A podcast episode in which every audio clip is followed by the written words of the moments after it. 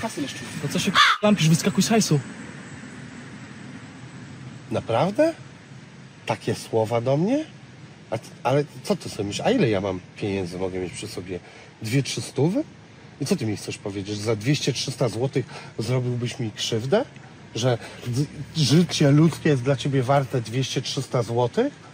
A może, a może ja kiedyś pomogę twojej mamie, jak zasłabnie e, na ulicy? Ale nie, nie pomogę jej, bo wiesz co, bo będę w szpitalu. Bo ty napadłeś na mnie, bo 200-300 zł było ci potrzebne.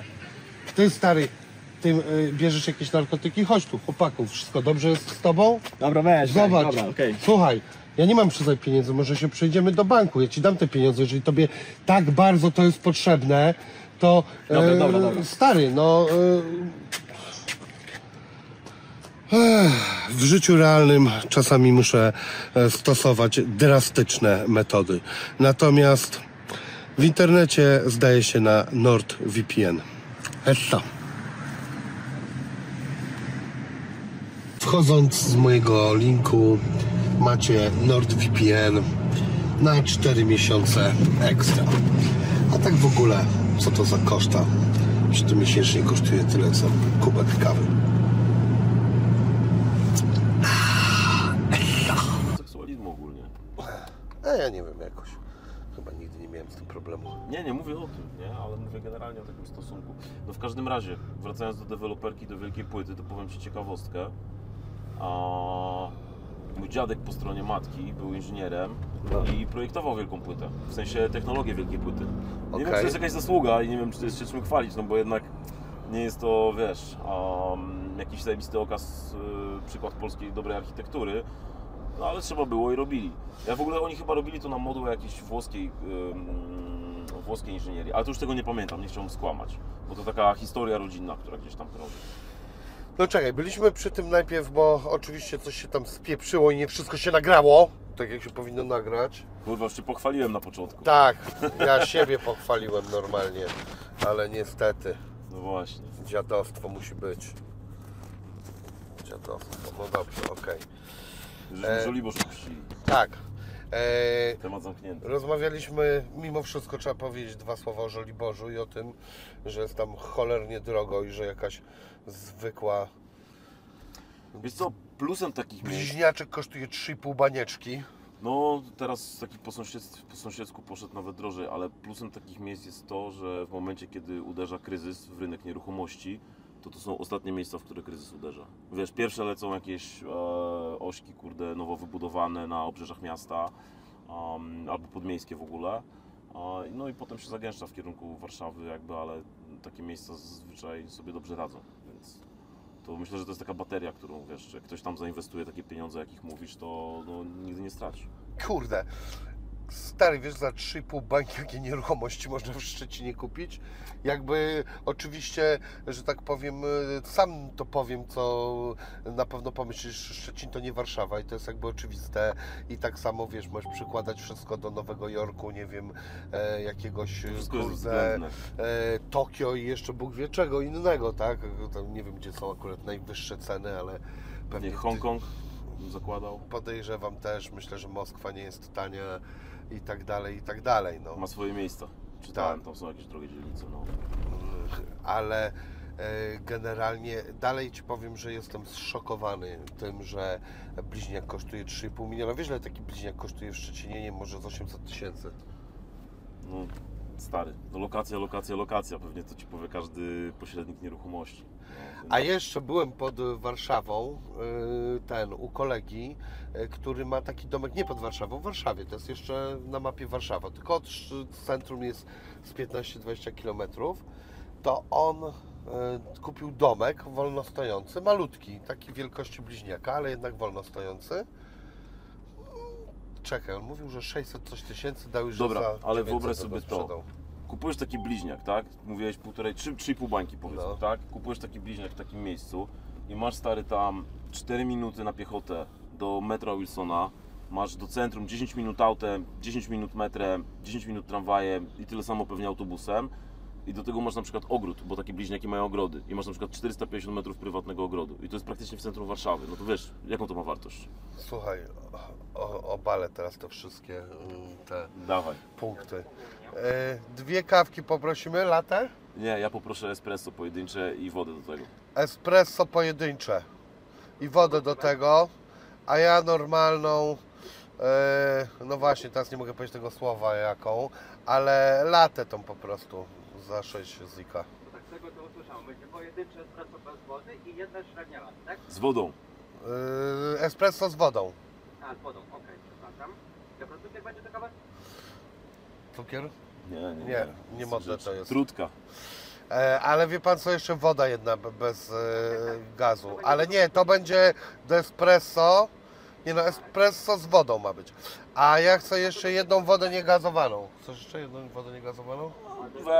Niegazowana, tak?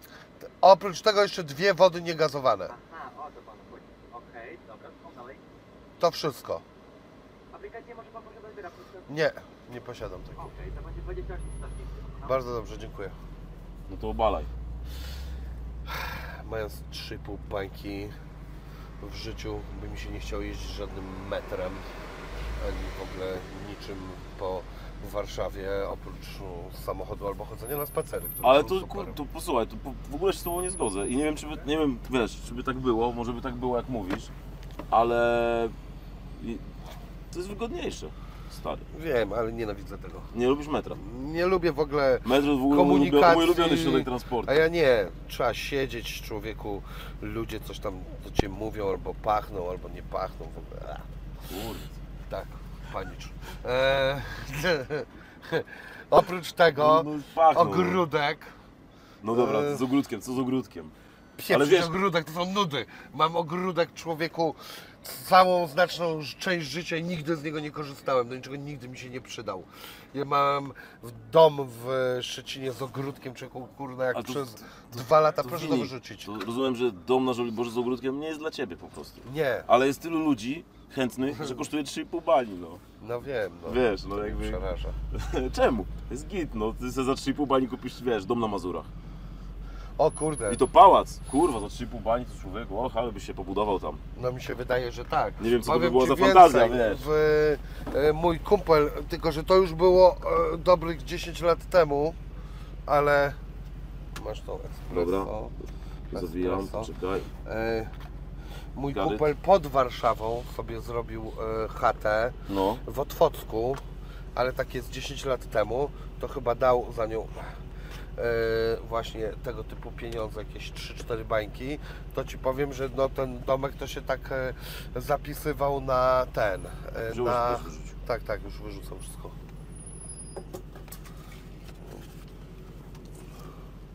Tylko tyle, dzięki. No, zapisywał, że... E, zapisywał No się. zapisywał się jako taki dom, wiesz co, do katalogów, do normalnego podziwiania w jakichś magazynach e, i zresztą przychodzili wielokrotnie do niego, żeby go pokazał, on jakby e, nie był na ten temat zorientowany, więc chyba go finalnie nikomu nie pokazywał, ale po prostu naprawdę bardzo ładny dom, bardzo stylowy, cegły Ile lat temu? No myślę, że z jakieś 10. No to stary, dzisiaj byś kurde zapłacił 70% więcej pewnie. Albo specjaliści mnie coś poprawią, ale myślę, że minimum tyle. To, co się wydarzyło przez ostatnie parę lat, jeżeli chodzi o koszty budowy takich rzeczy, to jest kurde koszmar. To też Masakra. uderza, uderza w ludzi, bo zobacz jakie są ceny mieszkań w Warszawie. Ty mówisz 3,5 bańki, kurde ten, ale stary, kupujesz to za 3,5 bańki, masz tam 300 metrów powierzchni i ogród. To sobie to podziel teraz. To co kupisz za takie pieniądze tak naprawdę? To znajdź coś fajnego w Warszawie, żeby kosztowało dychę z metra. Wiesz. Jeszcze żeby miał ogród. Nie? To te 3,5. Ja ci powiem, to co powiedziałeś, 3,5 bańki może za jakieś dziadostwo, ktoś tam, ale takie rzeczy to schodzą z rynku w moment. Takie rzeczy, które tam wiszą i szukają amatorów, to tam wiszą po 6. Ha. Wiesz. Nie? Więc. no, Ale wszystko jest względne, no. Każdy ma inne potrzeby i ważne, żeby znaleźć coś na swoje. Spoko, no to słuchaj, ponarzekaliśmy sobie, oczywiście gdzieś tam zawsze sobie przybieram taką lekką rolę oportunisty. To ty narzekałeś. E, wiem, dlatego specjalnie o to chodziło. Nie pociągaj mnie, ja nic nie E, na razie bez a ty no, broniłeś.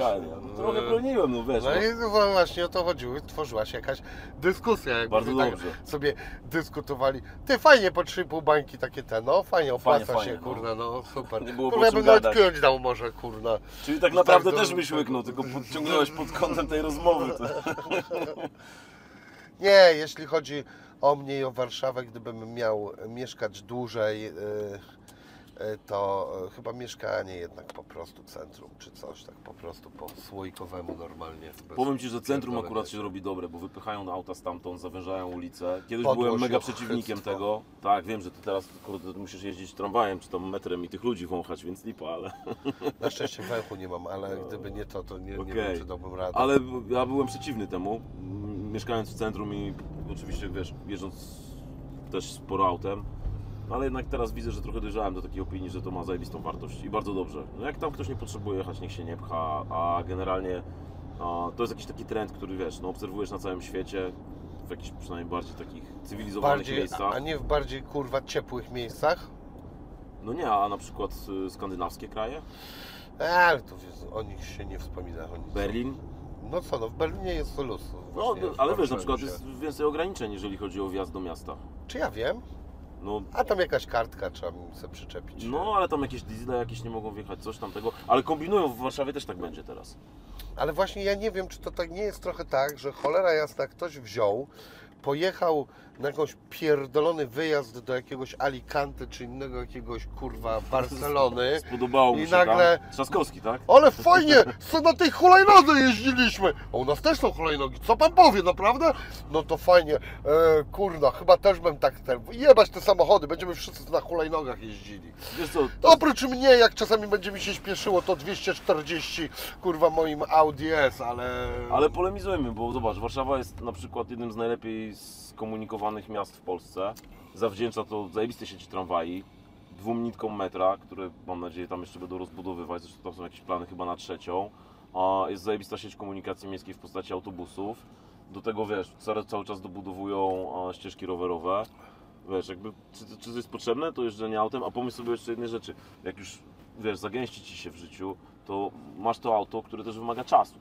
Że nie dość, że oczywiście płacisz za to, za tamto. Ja na przykład mam jedno auto, mam paru ziomków, którzy mają po kilka i no z tym jest jednak dużo roboty. Ale stary, to jest czas, pojechać jakiś detail, umyć to, ubezpieczenie załatwiać, wiesz, od czasu do czasu serwis. To ten czas kosztuje też, nie? Wiesz, Dlatego wtedy idziesz sobie do firmy cylidersi.pl i pożyczasz sobie taki samochód. Wiem, wiem, że się nie nagrywało na początku, więc musieliśmy, musimy jeszcze raz pozdrowić cylindersów. To prawda, to prawda. No to prawda, to, ale to jest ekonomiczne. Gdzieś tam, nie? Bo ile ci to auto jest potrzebne? Ja mam auto To i zastanawiam się, jest. czego, zastanawiam się, czego nie zgonić. Wiesz, Bo robisz czasem taki... drzwi, bo się pokazało, że nie są tak, bo tutaj musisz człowieku po prostu Ja wiem, bo to jest czołg. tak. Tak. Kiedyś to chodziło w memach takie klasy, to jak mieszkałem w Stanach, to było w takich memach Basic LA Beach Starter Pack. E, Czapeczka polno, coś tam, Okej. okay. i G-klasa od swojego faceta wypożyczona. Rozumiem. Więc wiesz, no takie auto, które ten em, ma swoje praktyczne zastosowania, ale jak się okazuje głównie w mieście. E, ale jak się okazuje, nikt ich nie stosuje. No ma stos- właśnie one są trochę inne niż by się wydawało, nie? To nie jest do końca miasto na teren, to żeby w mieście poszpanować. Nie no, to jest tylko samochód do szpanowania, natomiast to jest zajebista ta e, terenówka, tylko że nikt nie jeździ prawie z nią po terenie. Otóż to. A ja bym chciał mieć taki samochód, Ja w ale ogóle- ja bym chciał mieć w wersji terenowej. No to kurde, taką po niemiecką, bo G-klasy, bo chyba tam niemieckie wojsko ma G-klasy, tylko że wiesz, A. no takie... Ale ja bym nie chciał Słuszne. żadnej nie, tej wojskowej, tylko zwykłą cywilną, tylko po prostu z silnikiem malutkim, bo po jaką cholerę silnik, który po tak, z prostu... jakimś dużym momentem obrotowym, diesel, Amygy, nie? po, po co to? Zwykły kurna diesel i z wyprowadzonym wszystkim na górę. No słuchaj, tu możesz albo kupić mieszkanie w centrum i G-klasy, albo na Żoliborzu segment, więc rozumiem w którym kierunku to pójdzie. Nie, chyba nie do końca. A ile czekaj, mieszkanie w Nie, no centrum? Bańkę. Ba- Co jaką bańkę? Co za bańkę? Kupić 50 metrów teraz. No tak. No to, aha, no, No okej, jestem, no. wiesz co, mały, skromny, nie potrzebuję Ale wiesz co, powiem Ci, że to jest dobre, bo obserwuję dużo ludzi, którzy, wiesz, osiągnęli sukces. zarobili jakieś tam pieniądze. Większe, mniejsze, to wszystko jest względne, więc to sobie możemy oczywiście dyskutować, ale jest taki trend, że ludzie wraz z, ze wzrostem swoich dochodów obkupują się i otaczają coraz większym zobowiązaniem. Wiesz, stary, kupujesz y, na przykład, nie wiem, mają trzy auta w leasingu, dwa mieszkania w kredycie, jacht gdzieś, kurde, wiem, i tak dalej. I potem się znajdujesz w takim punkcie, że zapierdalasz tak naprawdę na te rzeczy, z których de facto tak nie korzystasz, jak z tego ogródka, o którym mówiłeś. Wiesz, bo to jest fajne na chwilę i tak dalej, nie? No ale potem jesteś więźniem tych wszystkich rzeczy, więc ludzie mają taki, taki chyba taki, em, wiesz, taki schemat wpadają, że maksują swoje wydatki wobec swoich dochodów. Nie? nie, nie wszyscy oczywiście, nie? Ale obserwuję to i, i wiesz, i zawsze sobie właśnie tak myślałem, że lepiej skromnie, bo wtedy twoje wymagania nie rosną za bardzo i nie masz jakiejś frustracji w sobie. A mi się wydaje, że lepiej tak jak komu lepiej, że nie ma jednego e, na to założenia i że mm, słyszałem na przykład o takim. Mm, zaczynałem czytać taką książkę, która po prostu była źle napisana i jej nie skończyłem, ale jej idea była bardzo dobra. No, E, była e, o tym, jak żyć jak miliarder, będąc milionerem. E, Okej. no i gościu podawał całą masę przykładów, że słuchajcie, na przykład takich nawet praktycznych, że tam i tam to są takie wypierdolone bungalowy, jakieś mieszkania nad takim morzem, że tam po prostu można e, po prostu na ileś metrów widzieć przez wodę i donoszą Ci po prostu wszystko, co tam tylko chcesz, czy alkohol, czy jedzenie, czy picie jest jak w raju i to kosztuje po prostu jakieś pieprzone grosze, gdzie indziej wynajmiesz takie coś i zapłacisz za to 20 razy więcej. Bo akurat tam to kosztuje grosze. aż wiedza jest cenna, co? I całą masę takich podawali przykładów i właśnie no najbardziej chyba buńczucznym takim przykładem No, jest po prostu jacht. Gdzie jachtu logicznie nie opłaca się posiadać pod żadnym pozorem, chyba że zrobisz z tego kolejną firmę wypożyczalnia jachtów. albo mieszkasz na nim. No tak, ale. To są dwie rzeczy, ale ja ci Tak. powiem, ja wiem, bo ja, ja żegluję trochę, wróciłem do tego, zresztą po latach, bo żeglowałem w dzieciństwie i miałem taki moment, że się zacząłem tak rozglądać i patrzeć w ogóle z ciekawości nawet, ile te rzeczy kosztują i to jest dokładnie to, co powiedziałeś, tak? Jedna rzecz to albo robisz z tego biznes i z tego korzystasz, ale z drugiej strony pewnie wiesz, możesz robić inne biznesy i sobie wynająć jacht, albo mieszkasz na tym jachcie. Potrzebujesz na miesiąc nawet. Miesiąc to dużo No, bardzo. no, robi jacht. To potrz...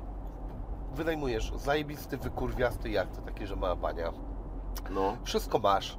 Potem kończysz i gówno ci to wszystko obchodzi, a nie, że jakiś silnik Rolls Royce'a za 3 miliony poleciał i chuj wie to teraz co. tak. Kurwa, jest jeden w ogóle taki pan, kurwa, z Anglii, nazywa się Robert, kurwa, i on ma roboty na półtora roku w ogóle, kurwa, Z z, tymi silnikami silnikami? Tak. i on do ciebie przyjedzie, kurwa, za, wiesz, za 100 lat. No tak jak wiem, że z SSL-em y, kiedyś y, opowiadali. Że? E, no, A, że konsole, tak? tak, y, tutaj do Stary, wąchać posłuchaj, winyl, kurwa, Posłuchaj, myśmy, myśmy kiedyś pitchowali taki projekt dla jakiegoś brandu alkoholowego. Chcieliśmy stworzyć im taką przestrzeń na rok, w której by się działy różne fajne aktywacje, ale w której by też było studio, mega dojebane, wiesz, super profeska. Mhm. I było takie studio, już mniejsza większość, y, które, ale było takie y, naprawdę zrobione z pasji, mega dojebane studio w Warszawie, które się zlikwidowało. No i wiesz, wszystko gdzieś jest popakowane, stoi w jakichś magazynach i oni tam mieli niwa, stół. I stary, okej, jakby gadaliśmy o tym, robiąc, wiesz, te- ten cały pitch deck, orientując się, jakie koszty by e, trzeba było ponieść, to samo odremontowanie tego stołu, wiesz, tam ściągnięcie specjalisty z Wielkiej Brytanii, żeby to zrobił, tam paru jest też w Polsce, ktoś tam to umie, to samo to, to kosztowało około 100 koła, nie? Poza No. tym, że musisz to przewieźć, poza tym, że musisz zapłacić za części, za coś tam i tak dalej. I drugą historię z takim stołem było studio Alvernia, nie wiem, czy kojarzysz. To była taka fantazja A, e, to co Tyci- takie Tyczyńskiego domki były chyba, śmieszne, tak? tak? Tak jest, No. tak. To zrobił gość, który sprzedał RMF i wpakował to chyba wszystkie pieniądze. Przynajmniej tak wyglądało. Mhm. Słyszałem, że w piku tam, wiesz, mieli po 100-200 koła rachunku za prąd miesięcznie. Aha. Jak to wszystko chodziło. No ale to jak, z jakiegoś z jakichś względów się ten biznes wysypał i tam też mieli stół.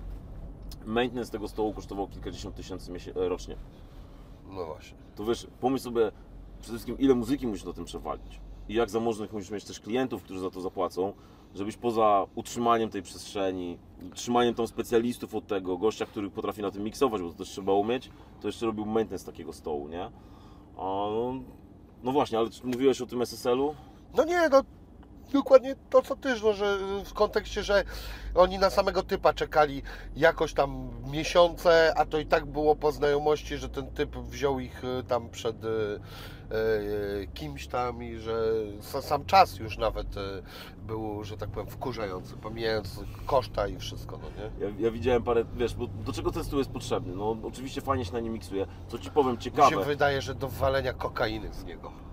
No słuchaj, to Nie tak, fajnie, każdemu, na pewno. każdemu wedle potrzeb. Ja nie mam takich potrzeb, ale wyobrażam sobie, że e, ten, że jest taki stół i że To, to, rapery tam to, se... to, to, to, to brzmi jak taka sesja właśnie w Los Angeles, w paru tam studiach, gdzie są te wielkie stoły i przychodzi ekipa, no, wiesz, raperska i tam producent, kimkolwiek on by tam nie był, do tego wielkiego stołu, pyta się tylko, gdzie jest kabelek i podłącza do laptopa Tak. na dwóch kablach i tam łupią przez, kurde, trzy Tak. dni. Inżynier tam mi pokazuje, gdzie co nagrać, walą nosy, kurwa, i tak się płyty robią, jak na przykład No. nie? Ale a, a propos tego, a propos stołu, to powiem Ci, historia jest, mi się wydaje, o tyle ciekawa, że mm, myśmy zrobili pierwszą naszą epkę z Oskarem, C30, C39. Mieliśmy taką zajawę, że zainwestujemy w to i zobaczymy, jak się robi w takim dużym studio i pojechaliśmy do tej Alverni. Ja tam miałem raz wcześniej okazję być, bo tam gdzieś mój ojciec kogoś znał a, i pojechaliśmy to obejrzeć i słuchaj, udało nam się tam zabukować sesję i pojechaliśmy tam na jakieś 5 dni, miksowaliśmy ten materiał i nie da się tego zrobić do końca dobrze z uwagi na to, że patrz, mamy 5 dni do zmiksowania 8 numerów, czyli powiedzmy tam z dwa numery dziennie trzeba robić, nie? I stary, masz pół dnia na to, żeby na całej tej konsolecie rozłożyć ten materiał, żeby go zmiksować, żeby go posłuchać, zgrać, wrócić do samochodu, posłuchać, poprawić i stary robisz zgranie i do widzenia, bo to ma jakiś zajebiście prymitywny recall, więc to jest wszystko analogowe, więc tak naprawdę nie cofniesz tej sesji następnego dnia, więc masz na zrobienie kawałka 6 godzin, na zrobienie drugiego kawałka 6 godzin. I teraz człowiek, Nawet który... zdjęć się jakieś nie robi? Stary, no to jest wielki stół, wiesz, jak to rozłożysz na No przykład... nic, no no, później bierzesz i tam... Zaznacza się, zaznacza się, klei się takie Ja plastry pierdolę, i jakie to zaznacza- gówno, po chuj to w ogóle ale- istnieje. Ale posłuchaj, posłuchaj.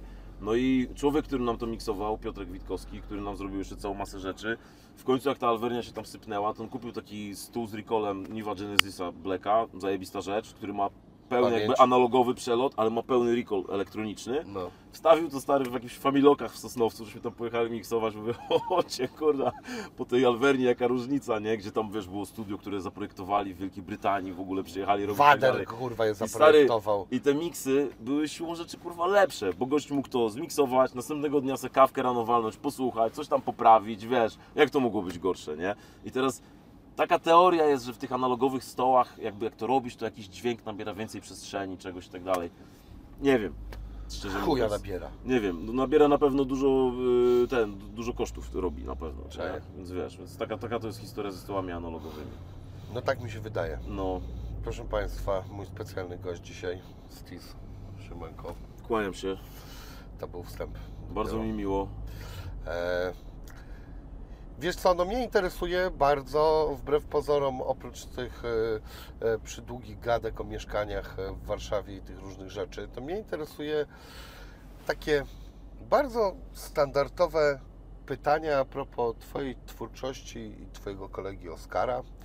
E, Zresztą nie tylko będę miał jeszcze a propos Twoich e, osobnych projektów pytania, ale zacząłbym od tego, na ile Wasz projekt od samego początku był świadomy i e, czy on miał jakieś założenia, bo jak e, wczoraj sobie wróciłem do Waszej ostatniej płyty mm, i e, no mam takie poczucie, że jednak jest to bardzo przemyślana sprawa. Oprócz tego, że Ty jesteś świetnym producentem, że Oskar jest świetnym raperem, ale wiesz, że czasami to nie wystarczy.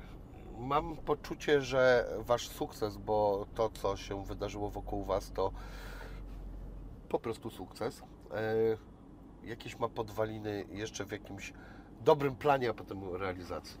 Wiesz co, no to na wstępie należałoby powiedzieć, że e, to nie jest tak, że myśmy się poznali robiąc rap, przynajmniej nie sensu stricte robiąc problem, bo poznaliśmy się zanim wyszła nasza debiutancka epka, poznaliśmy się 10 lat wcześniej, circa about, a, i po prostu mega się zaziomowaliśmy. I ten rap, który robiliśmy wtedy, to wiesz, były rzeczy robione z pasji. W ogóle nikt nie myślał o tym, że ktoś będzie z tego żył, kurde, zarabiał, robił kurde, jakieś agencje potem i tak dalej.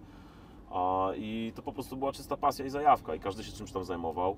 Ja akurat yy, z całej ekipy, bo tak naprawdę to genezą to jest taki skład Dobry Towar, taka osiedlowa nasza ekipa, która wiesz, gdzieś tam w undergroundzie coś tam kurde poszybowała Słuchaj, trochę. jest e, ten, jest teledysk No tego. słuchaj, jest teledysk, Cały tak, są dowody, są dowody, że to było. Tak. To są w ogóle mega zajebiści siomale i to są nasi kumple i po dziś dzień się przyjaźnimy i po prostu wiesz, sprawy tak się potoczyły, że gdzieś tam ludzie powybierali jakieś takie ścieżki bardziej klasyczne, zawodowe, ścieżki życiowe. Chociaż ja Ci powiem, że ja mam um, żal trochę, nie, że nie mam żal do chłopaków, ale może do siebie, że tego też tak nie popychałem, bo moim zdaniem jak na tamte czasy, wtedy kiedy to się działo, nie wiem, jakby to dzisiaj, dzisiaj jest zupełnie inna sytuacja, to, to miało potencjał, bo tam chłopaki w ogóle, wiesz, wszyscy mieli jakąś swoją fajną stylówę i mieli coś do powiedzenia, mieli jakieś pomysły na to, więc no ale finalnie stanęło na tym, że wiesz, że myśmy z Oskarem obrali taką drogę, więc yy, myślę, że wiesz, pierwszą rzeczą, którą należało powiedzieć, to to, że to nie jest tak, że myśmy tam się w 2010 poznali i stwierdzili, że sobie zrobimy płytę, tylko pierwszy taki folder w ogóle z jakimiś rapowymi takimi pomysłami nabity, to ja dogrzebałem, bo mam te wszystkie foldery stare, to mieliśmy już w 2005 roku.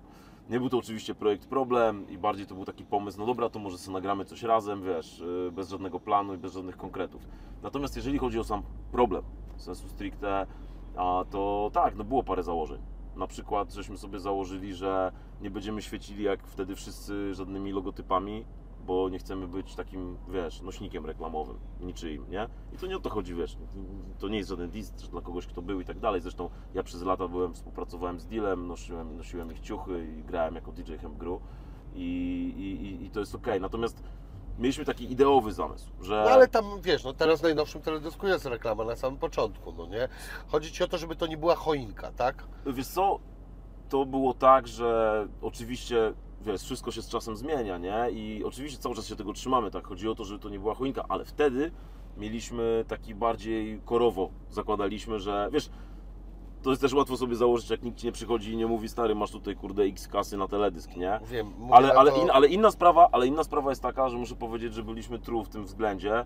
To nie jest tak, że też chodziliśmy, wiesz, do tam, nie wiem, Wojtka z SSG czy do kogoś i pytaliśmy o pieniądze na teledysk, nie? Po prostu stwierdziliśmy, że ten projekt ma być pod tym względem czysty a, i tak go wypchnęliśmy na świat. I to jest Dobra, jakby, jedno założenie. to jest jedno założenie.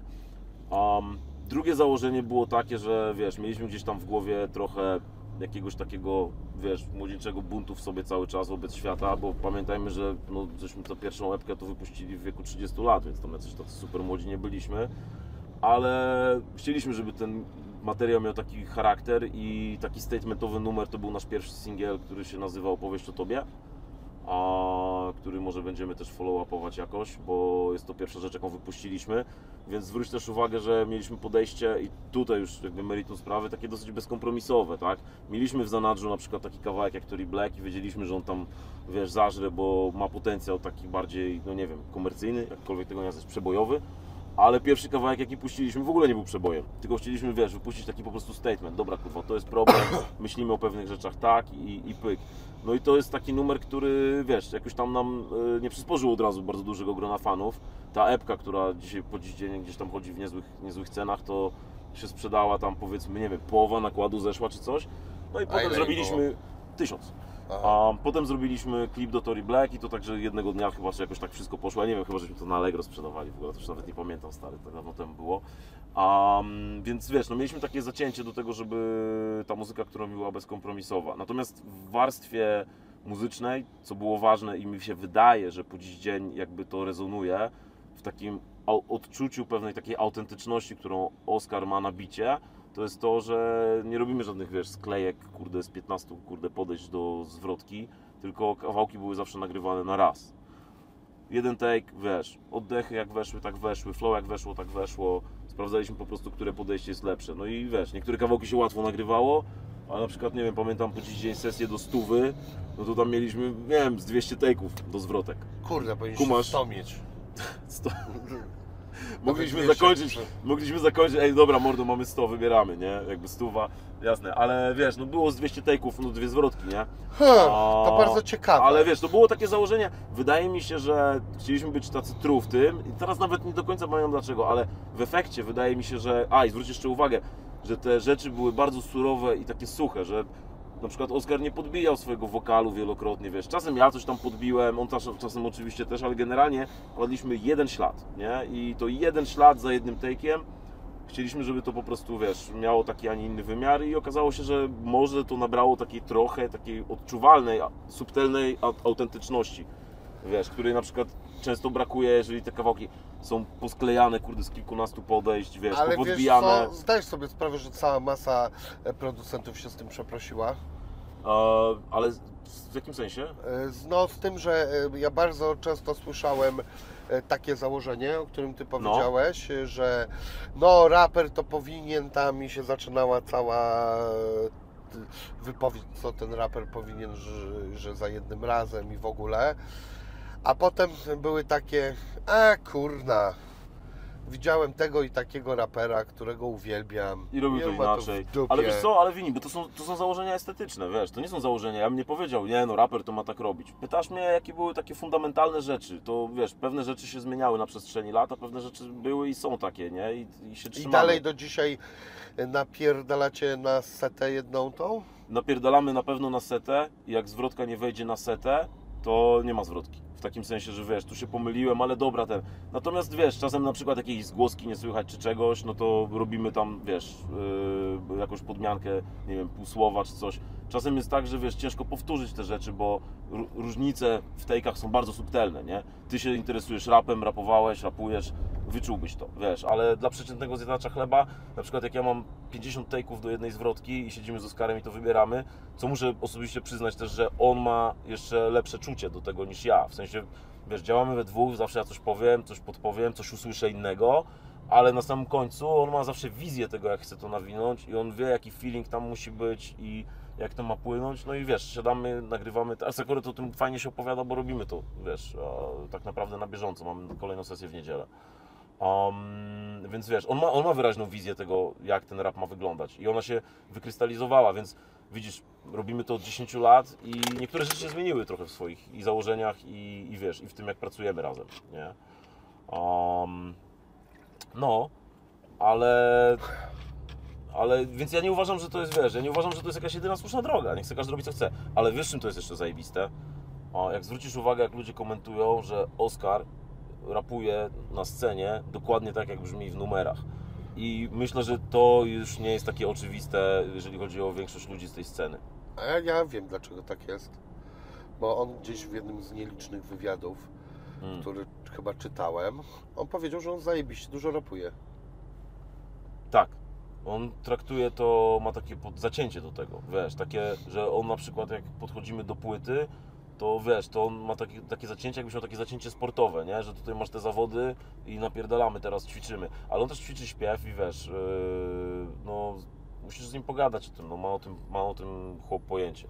No, Wiesz, większe niż zapraszam ja, jak większe coś, niż ja, no. ja tam mogę werbelki podkręcić i tak dalej, wiesz, No ale... już nie pierdol. Ale ten... E, e, no słuchaj, no jakby pff, Może jest cudo. e, fajne, a to jest Alpina, to jeszcze jakiś tam dopasiony Porsche, tak? Fran- Czyli- No to nie, to francuski sportowy wózek, teraz odświeżyli tą akcję, ale ten kurwa wyjątkowo zajebistej wersji widzę. Aha, to nie jest Porszawka w Nie, ogóle. nie, nie, nie, nie, to jest stare francuskie auto i oni robili takie legendarne. Alpiny? Tak, Alpin. Nie wiem, jak, nie wiem jak się, bo Alpina Kurwa, no to. nie wy- y- Alpine? Nie wiem. Też nie wiem. Jebać to, Lamborghini i chuj. To kurde nie jest Eee, tanie. Nie jest no. takie drogie, wiesz, to nie jest Aha. Lamborghini, ale to nie jest tanie. Lamborghini też. się mówi. Tak? Od kiedy? Od zawsze. W aucie. Tak. No. Eee, fajne, to ja nie wiedziałem to, bo w ogóle Alpiny, czekaj, jest, były BMW. w ogóle... BMW jest tunerem Alpiny. A, fabrycznym. tak, było jeszcze e, radia bardzo dobre, Znaczy, kiedyś jak Alpina były radia. No, no, no. i były kurwa zajebiste Alpiny. e, te, e, Alpine Clariony. e, były zajebiste okulary. Tak? Tak, Ja, które pamię- Rick Ross kupował na Pamiętasz, e, sesjach Hibaja. Pamiętasz stary, jak pod koniec lat 90. i na początku 2000 jak kurde, na potęgę kurwa walono radia z samochodów? No tak, no. Kompakt kasety, kurde. nawet mi wywalono w Warszawie. O panie. Tak? Jak Wywalono ci? Tak, jak szedłem do e, Tedego sprzedać mu płyty. Dobra rapowa historia. No i wiesz co się kurwa stało? Że mi kurwa wyjebali wszystko co było nieważne, te radio i chuj to w to wszystko. No. I tylko mi tych płyt nie ruszyli kurwa. A ja bym się popłakał w majtusie po prostu wtedy, bo to było moje po prostu no życie, mój zarobek i wszystko. Ale A ja, a oni tych płyt nie tknęli nawet. no, nie widzieli w tym wartości jakoś. Chyba tak. dlaczego. Na rapie się nie znali. No, wieśniaki A kurwa. widzisz, zobacz jak się to pozmieniało, nie? Kto teraz kradnie, jak kradnie z samochodów? No to chyba nikt kurwa. No. Słuchaj, ja A wyobraź ludzie mi sobie... mówią, o no kiedyś to było lepiej. Kurwa, gdzie było lepiej? Z czym było lepiej? Bo ja ju miałem te radia. A no. Teraz klientów nie ma na to. No. No, ale... Słuchaj, no wyobraź sobie coś takiego, kurwa, że jest pieprzona ta e, e, hulajnoga, kurwa, leży, ktoś ją kładzie i nikt jej nie zjuma do domu. Posłuchaj, to mało po covid jak przyjechałem, wróciłem ze Stanów w 2020, myślę, że był maj. Miałem taki mindfuck. Przyjeżdżałem, przyjechałem, wiesz, do Warszawy. Był ten moment, kiedy no, ludzi w ogóle nie było na ulicach. Było zajebiście pusto. Stary, jechałem gdzieś na jakieś spotkanie czy coś, wiesz, dwa dni chyba po przylocie. Byłem, mieszkałem w centrum przez chwilę. Kurwa, założyłem tą maseczkę, wsiadłem na tą hulajnogę i ruszyłem przez pustą Warszawę, której nie widziałem nawet tak pustej, nie wiem, jak papież przyjeżdżał czy coś. Aha. Kurwa, stary, wydawało mi się, że to jest jakiś sci-fi w ogóle, wiesz, jak Aha. to taki, co tu się dzieje, nie? No I to cała, cała, cała ta rzeczywistość, no tych hulajnogach no, 10 lat temu by nikt nie pomyślał. Ale a, a, propos, a propos ten, a propos tych historii, to Ci opowiem, że to mało. Kiedyś byłem z moją matką i z jej przyjaciółką, poszliśmy na pizzę, taka pizza Parma czy coś, ona jest gdzieś tam na, na, na krańcu, jedna z pierwszych pizzerii w Warszawie, gdzieś tam na krańcu Starego Miasta i koleżanka mamy miała Audi 80, piękne, czerwone, świeżo Aha. kupione. Ale weszliśmy na pizzę, zjedliśmy pizzę, a to trwało 25-30 minut, auta nie było. Wiesz, i tego też nie ma już, nie? Kradną te auta, ale Ale, wiesz, no, a to wydaje się, że to chyba jakiś, kurwa, jakaś mit. Że to, że kradną? tak. Nie, kradną, ale kradną, wiesz jakie auta? Kradną auta, które łatwo y, na części sprzedać, No może. Nie? Czyli wiesz, to takiego Znaczy czegoś, takie, kradną takie coś też e, takie wypierdolenie super wyjątkowe. do zamówienia. E, bo na przykład ja mam takiego kumpla, który takimi rzeczami się zajmuje, znaczy nie kradnięciem, tylko robieniem tych aut. A, okej, E. I ostatnio miał Bugatti e, takie, że jak je odremontował, to słuchaj, dyrektor Bugatti zadzwonił do niego mu pogratulować, jak auto zrobił. E, tak się chwalę nim, bo jestem strasznie dumny z tego. Okej, fajnie, E, fajnie. I e, jak ja byłem u niego, mówię, ty kurna, dawaj, ja tu fotę sobie robię. On, Spierdalaj wieśniaku, kurwa, jaką fotę? Chyba cię popierdoliło. Nie, nie Tu nie ma w ogóle, nie, dotykać wszystko można, tylko chodziło o to, że to jest taka fura, że nikt nie może wiedzieć, gdzie on to ma, e, bo po prostu w ogóle ubezpieczenie tego samochodu jest prawie niemożliwe, bo to nie jest furka za 2 miliony złotych. Ja wiem, zadychę. e, Może, No, czy 15, jasne, no, jasne, jasne. bo to jest po prostu trzy takie samochody są na świecie i e, ten szef kurwa Bugattiego nie z... dzwoni sobie do każdego kurwa kolesia i nie mówi, ale fajną furkę Ale to ktoś w. Polsce to ma? Tak. No już nie ma, ale Nie ma. miał. E, Okej. Dostał od Super Bogola super furę do zrobienia na tip top. Potem ona poleciała jeszcze do Okej. Bugattiego, że ją obejrzeli. Kurwa, powiedzieli tak, to jest kurwa. Ciekawe, że ktoś ma w Polsce Bugatti. Ale kurwa, co byś tym aut- autem robił? To nawet nie ma gdzie jeździć, nie? Na tory jeździsz. No na tor jeździsz, no. To McLarena można kupić, kurde, i po co się, wiesz, szarpać, to kupisz 5 razy taniej. Masz Pewnie petardę tak, na to, no ale senne czy jak coś tam. jesteś miliarderem, to nie interesuje Cię, że kupujesz coś 5 razy taniej. Nara, nieraz nawet interesuje Cię, że kupujesz coś 5 razy drożej. To sens, ma to sens. To raczej chyba tak ci ludzie myślą. Także no, słuchaj, ale wiesz co, byliśmy przy temacie, który nie jest wyeksplorowany, dla mnie bardzo ważny, bo ja Ci powiem jako słuchacz e. Waszego zespołu. Dla mnie Wasz zespół ma jedną e, taką bardzo ważną cechę, znaczy ma ich ileś, ale na którą chciałem zwrócić uwagę, to jest jednak pewna konsekwencja w robieniu muzyki. E, To znaczy, oczywiście, tam są czasami rzeczy samplowane, czasami e, nie. E, Jakby mo- może na pewno byś znalazł kawałki, które są jakby ekstremalnie stylistycznie różne od siebie, natomiast jednak dla mnie jest w tym jakiś taki jeden spójny duch. No, E, Co? Służewiec. nie, nie mówię psy stoją. A, psy. A, dobra. Myślałem, że podziwiasz tutaj. No, graffiti. E, No. no i e, on ma taki jeden spójny duch, taki mocno no, dekadencki i taki bardzo elektroniczny, jakby nie było. E, taki dźwięki niektóre są e, z pogranicza, bym powiedział, nawet jakiegoś mocnego techno, gdzie e, mi to czasami przeszkadza, bo mnie to dołuje, ale to, to nieważne, ale da- dalej jakby e, jest to dobre. Wiesz co, my Polacy, do czego zmierzam? No, dawaj, E, dawaj. mamy często taką potrzebę zamanifestowania wszystkiego naraz, chociażby z tego względu, że myśmy kurwa wszystkiego nie mieli. I myśmy Absolutnie. chcieli, e, ja pamiętam, to się przekładało na jazdę na deskorolce, jak byliśmy e, małolatami, ja jeździłem na deskorolce i kurwa każdy chciał, zobaczył film, o ja pierdolę jeszcze taki No trik, jeszcze jeździłeś, tak? taki, tak, tak, tak, ja jeździłem kurwa, nie wiem, kupę lat. Może powrót jakiś, ja teraz sobie powróciłem do deski. Jeżdżę. No nie no. Dzisiaj słuchaj, byłem, właśnie się poobijałem. Moim zdaniem taniej będzie kupić sobie sznurek po prostu i się kurwa powiesić niż kurwa. Słuchaj, nie od razu Rzym zbudowano, wiesz. Słuchaj, kurwa, nie, nie razu od razu dropo- szała rację. zbudowano, kurwa. No.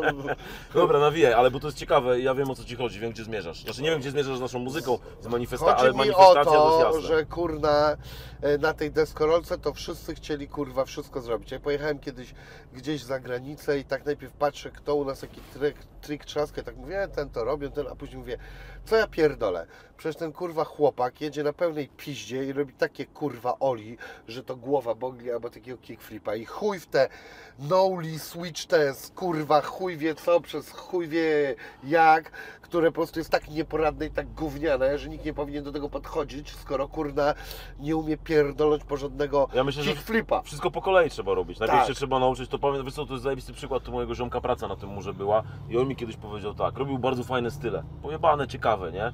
I nagle patrzę, kurwa, trzaska takie proste litery, nie?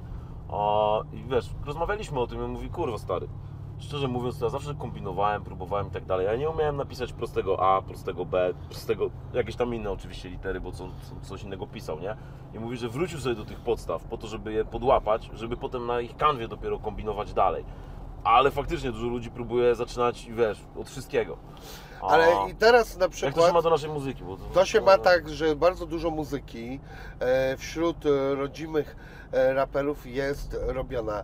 E, Jest część raperów, co się uparła na powiedzmy jakiś boom bap, czy taki powiedzmy już old school, old school No. i powiedzmy to robią i chuj wszystkim w tyłek i tyle.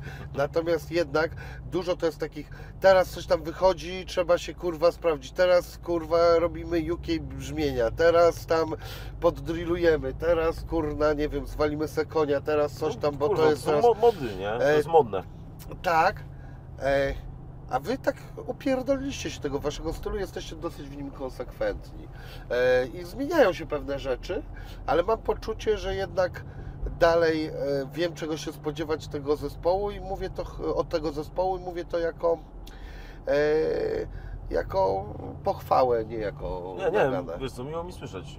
Ja myślę, że wiesz, nadal usłyszysz i na nowym albumie usłyszysz trochę takich inspiracji z rzeczy z zewnątrz, które są gdzieś tam jakoś bardziej teraz trendem, a trochę takich up-tempo bitów i tak dalej. Natomiast ja do tego podchodzę tak, że wiesz, ta muzyka musi ewoluować, bo uparcie się na jeden charakterystyczny styl, trzymanie się go po grób, w końcu sprawia, że zjadasz własny ogon, wiesz. I, I tak naprawdę tego się też nie da dobrze zrobić, bo w muzyce robiąc ją musisz mieć trochę takiej podniety, że o kurwa, co to będzie, sprawdzę to, robisz eksperyment, wiesz, i tak dalej, nie? I wiesz, jak nie zaczniesz robić czegoś innego, czegoś nowego, tylko będziesz tłukł w kółko to samo, no to nie, nie znajdziesz tej ekscytacji i tak naprawdę nie będziesz miał aż takiej frajdy zrobienia, więc mi się wydaje, że nie ma nic złego w tym, żeby robić muzykę, która odnajduje się gdzieś tam w jakiejś przestrzeni muzycznej aktualnej, tylko że wiesz, należy to śledzić we właściwy sposób. Patrzysz, działa? Czyli wiesz, na przykład ja, ja do tego podchodzę tak, że oczywiście widzę, co się dzieje na scenie rapowej, ale ja na przykład rapu za dużo nie słucham. Słucham dużo klubowej muzyki, takiej trochę bardziej wysublimowanej, trochę UK, wiesz, jakiś trochę techno, um, różnych rzeczy. Bitowych bardzo dużo rzeczy, wiesz, takich spod znaku, nie wiem, Lucky Me, um, tego typu historii. A, I po prostu tam się staram czerpać inspiracje i przenosić je na takie rapowe bity. I wiesz, te bity też są wypadkową tego, co ja mam jakąś fantazję i tego, co Oskar potrzebuje. I powiem Ci, że do nowej płyty mamy takie podejście, nie wiem, czy to będzie słychać, czy nie, a żeby też nie przeholować muzycznie. I najtrudniej się robi rzeczy, które są minimalistyczne i które mają stary prostą melodię, prosty bas, proste bębny, ale czujesz w tym, że tym jest szlachetność i zajebistość, nie? Ale one, wiesz, takie, że napędzają cię, że będziesz tego słuchał w kółko. I to jest trudne, bo łatwo się robi rzeczy, które, wiesz, podkręcają ludzi, ale są wieśniackie, nie? I oczywiście, wiesz, no też nie, nie mierzymy jakby z taką muzyką do nikogo, więc to nie jest jakiś nasz pomysł na nic, ale łatwo się robi takie rzeczy. Łatwo jest zrobić coś, co jest bardzo wysublimowane i takie, że znajdzie garstkę fanów, co tam powiedzą, o ten to tam zrobił w 2019, wiesz, co słuchało tego pięć koła ludzi, nie? Trudno się robi rzeczy, które mają potencjał taki komercyjny i są przy tym, wiesz, szlachetne i takie, że no nie ma obciachu. To mi się wydaje, i to, i to jest takie wyzwanie, wiesz, które ja sobie na przykład stawiam. Ja bym powiedział tak, problem, minimalizm, e, e, syntetyczne, e, wręcz metaliczne brzmienia, Tak. dekadentyzm, dużo przestrzeni w tym wszystkim i e, e, a, i bębny. Bębny, kurna, raczej chyba w większości przypadków, o ile pamiętam, e, z automatów perkusyjnych. Tak, tak, tak. E, Zdecydowanie większość. 1909 też używali? O, wiesz co, ja tak naprawdę korzystam z takiego, do, znaczy korzystałem, teraz to jest złożony proces. Mogę Ci o tym poopowiadać, ale nie wiem, czy Cię nie zanudzę. W każdym razie, generalnie nie, jeżeli no, chodzi po- o automaty to gadamy, perkusyjne, no. To y, korzystam z Tempesta. To jest y, syntezator, automat perkusyjny, syntezator pełny, w którym musisz wszystko od zera ukręcić. Jak chcesz mieć brzmienie z 909, z 808, to musisz wiedzieć, jak ktoś wymyślił to brzmienie, żeby je skonstruować na tamtych maszynach i to odtworzyć i to jest proces, więc generalnie to nie jest tak. Natomiast mam drugi automat, to jest analog rytm i tam sobie możesz grać w, wgrać w próbki, dołożyć do tego warstwę, powiedzmy jeszcze na to każdą próbkę warstwę analogową jakąś i wiesz, możesz jakby lecieć z tematem. I um, to są dwie maszyny, ale proces wygląda tak, że najpierw staram się stworzyć to coś, w co potem będzie warto inwestować czas. Czyli wiesz, powstaje jakiś beat, nie? I powiedzmy jest dobry, lepszy, gorszy, nie wiem, stwierdzamy, Oskar to dostaje, mówi ty dobra, napiszę pod to coś, nie? I zaczyna pod to pisać, widzimy, że coś z tego będzie, to wtedy wkładam w to czas, żeby może podkręcić bębny, żeby kurde, wiesz, spędzić trochę czasu na werblu, trochę czasu na tym i tak dalej. I co się okazuje, czasem wiesz, te rzeczy, które powstają jako szkice, wcale nie wymagają aż tak dużo pracy i wiesz, nie trzeba się nad tym jakoś super spuszczać i kombinować i tak dalej. Ja bardzo lubię samplować i wiesz, wszystkie bity, które robiłem o, jeszcze za czasów dobrego towaru, to były bity oparte na samplach. Wtedy hołdowałem takiej idei, że miałem takie wrażenie, że dobry producent to zrobi taki beat, że połączy sample z różnych numerów w jedną całość i to wtedy jest takie, wiesz, bardziej elevated, nie? DJ Premier. DJ Premier między innymi, tak, no to wiesz, i jeszcze umie skreczować, No. są tam katy do gra i tak dalej. Dzisiaj kurwa skreczenie modne, co? E, wiesz co? Nie. Nie? Znaczy, Wśród młodych, kurde, wiesz, ludzi składów, kurde, słuchaj, to nikt nie tam skreczuje. na tym, tym cały y, refren wyskraczowany. Ja to E, lubię osobiście, e, wiesz, Natomiast ja uważam, że... O Boże, kurwa. ale... No, Ja akurat spędzam dużo czasu z różnymi młodymi ludźmi, e, bo też chcę wiedzieć, o czym oni gadają na przysłowiowym szlugu na dłuższej przerwie. no, no. Ale generalnie e, tak, e, te skrecze są mniej modne, ale e, ja obserwując jednak, e, podobnie jak i Ty, dosyć no, dłuższy kawałek muzyki, no to jak ja na przykład słyszę słowo old school, to ja mówię, "E, ale kurwa, który old school? No Bo, tak, no, bo no, nie no. wiem, o którym mówisz, bo tak, słyszałem to etapów. 10 razy. Dużo etapów tego różnych było. I, New School też nie wiem, o którym mówisz. Natomiast jeśli chodzi o Scratch, moim zdaniem Scratch będzie w chuj modny, jest chwilę mniej Myślisz, modny. Ja nawet nie uważam, że on odszedł, tylko że są tacy ludzie, którzy zapomnieli, że to w ogóle jest i w którymś momencie ktoś im to przypomni. No A macie ja- na ja- ja swojej ci- ja ci płycie powiem, że- cały refren w Scratchu. No E, słuchaj, mamy, na, mamy wiele razy, tylko że te refreny, które są wyskreczowane i się rymują, najlepszy kurde jaki zrobiłem, to jest chyba w kawałku 2.13 zepki, stary z miesiąc nad tym siedziałem, żeby znaleźć wycinki, te fragmenty, żeby one pasowały tempem, żeby układały się w jakąś treść ciekawą i na końcu, żeby się zrymowały, to jest stary taka jak filibrystyka, żeby to poskładać. E, Chwiałek jest w tym zajebisty, Returnersi, oni też zrobili dużo takich kurde refrenów. Ale A, ja i lubię teraz- i teraz- zajebiście podbicia e, A- skreczami, że Tak. idzie koniec czwórki i nagle jeszcze typy, bębny, typy, typy. tak, e, bębny e, A, to takie to mam, się na ten i nagle jeszcze dochodzi do... Co, wpa- wpadliśmy, no ja, kurwa, mi to nie muszę tego reklamować, wpadliśmy na taki pomysł z Oskarem, żeby, żeby w końcu wykorzystać że jakiś tam mój skillset taki, wiesz, który muszę odświeżyć, nie, bo nie robiłem tego długo. I żeby zrobić jakąś taką rutynkę minutową na koncerty. I no, mamy tam jakiś pomysł, może coś się wydarzy, ale powiem Ci, że mi się wydaje, że to nie jest tak, że... Mi się wydaje, że sketche się zdewaluowały z kilku względów. Po pierwsze, dla nas, nawet dla mojego pokolenia, wiesz, był pewien etos hip-hopowy, który polegał na tym, że producent też miał gramofony, umiał katy dograć i tak dalej. Dzisiaj to jest w ogóle nieistotne, bo te- skrecze, wiesz, za oceanem, w świecie, do którego wszyscy tam, wiesz, w jakiś tam sposób uzurpują i, i przypatrują mu się, to, to tam też jakby zniknęło. I druga kwestia jest taka, że to jest taka moja obserwacja, wiesz, jakby z, z poziomu jakby świata DJ-skiego, że zdewaluowała się mocno ta instytucja DJ-a rapowego. Ja powiem Ci, że chwała za to na przykład, wiesz, yy, takim ludziom, którzy no, gdzieś tam na tej scenie są długo, jak, nie wiem, Hemp Gru, które mnie wciągnęło kiedyś, dało mi szansę współpracować, czy, czy właśnie Soku, bo to jest tak, że oni mieli też zakorzenione to, że jednak ta instytucja DJ jest zajebiście ważna, jest to jeden z elementów, jest to część tego show, a to jest przede wszystkim postać, jakby DJ w ogóle, no DJingu się wziął, hip-hop, to od tego należy zacząć, wiesz, jakby taka jest geneza, czy tam muzyka rap, jakkolwiek tego nie nazwiesz, nie no hip-hop, bo to cała kultura od tego się wzięła powiedzmy, nie? Więc wiesz, jakby gdzieś tam e, widziałem, że było to kultywowane, natomiast wśród młodego pokolenia, no nie jest żaden zarzut ani nic, ale często jest tak, że no dobra, dawaj, kurde, ziomek tam twój z podwórka będzie DJ-em, no to on taki kontroler plastikowy tam weźmie, coś tam się nauczy i stary, ludzie, którzy grają naprawdę duże koncerty, wiesz, którzy, no, którzy przyciągają, wiesz, tysiące ludzi i tak dalej, no często to show nie jest aż tak dobre, no bo ktoś tego tak nie prowadzi. I mi się wydaje, że też ludzie sobie nie zdają sprawy, jaka to jest rola, nie? Tego prowadzenie tego koncertu na końcu, wiesz. Pamiętam, graliśmy, wiesz, tyle lat przecież z HG, tyle lat z Wojtkiem. To zawsze jest taka forma prowadzenia tej narracji. Tu się ktoś rozgada, ty trochę puścisz szybciej beat, wiesz, tu coś zapauzujesz, nie? Wyłapiesz dobre momenty, przecież to jest twoja rola, żeby wyłapać te momenty, kiedy publika zna słowa, je skanduje, a ludzie lubią to usłyszeć, więc wyciszasz to wtedy, wiesz. I jest cała masa takich niuansów, tak? Które... Mm, trochę mi się wydaje, że y, się zdewaluowało to wszystko. No. I, i, i ja to takie, te, takie, takie mam teorie, ale wiesz, może się to mija z prawdą, ale no to są moje obserwacje, a jeżdżę trochę i widzę tych koncertów. E, Wiesz, ja patrzę na to w taki sposób, że po prostu te wszystkie rzeczy, jakby nie były, są swego rodzaju fluktuacją i że jeżeli teraz czegoś jest mniej, to zaraz będzie tego więcej. No, chociażby stary, jak nie wiem, moda na baggy jeansy aktualnie, no przecież jak ja Wróciła. czasami widzę e, dzieciaki, to mówię, kurde, no przecież to jest normalnie ja i moi kumple 20 coś lat temu. Ale fajnie, nie? E, zajebiście. Fajnie, ale teraz, ale teraz nie dostaniesz za to w pierdol. E, A kiedyś można było. można było. Kurwa, ktoś ostatnio przywołał mi, wysłał tam, nie wiem czy pamiętasz, taki był materiał, jakieś tam dzieciaki, kurde, z zakładu poprawczego i tam koleżka mówi, no tak, ja to najbardziej lubię dresiki, to jest najlepsza stylowa, tam Nike, Adidas, coś tam, a jak widzę takiego skate'a, to od razu bym mu wpierdolił. Ale to takie były czasy, nie? Ja pamiętam, wiesz, ja chodziłem w szerokich spodniach, ale takie środowisko bujaliśmy się w takich ekipach mieszanych, trochę skate'ów, trochę dresów. Wesoło było. Dresy też są Wiesz, fajne. multi, multikulti, Tak jest.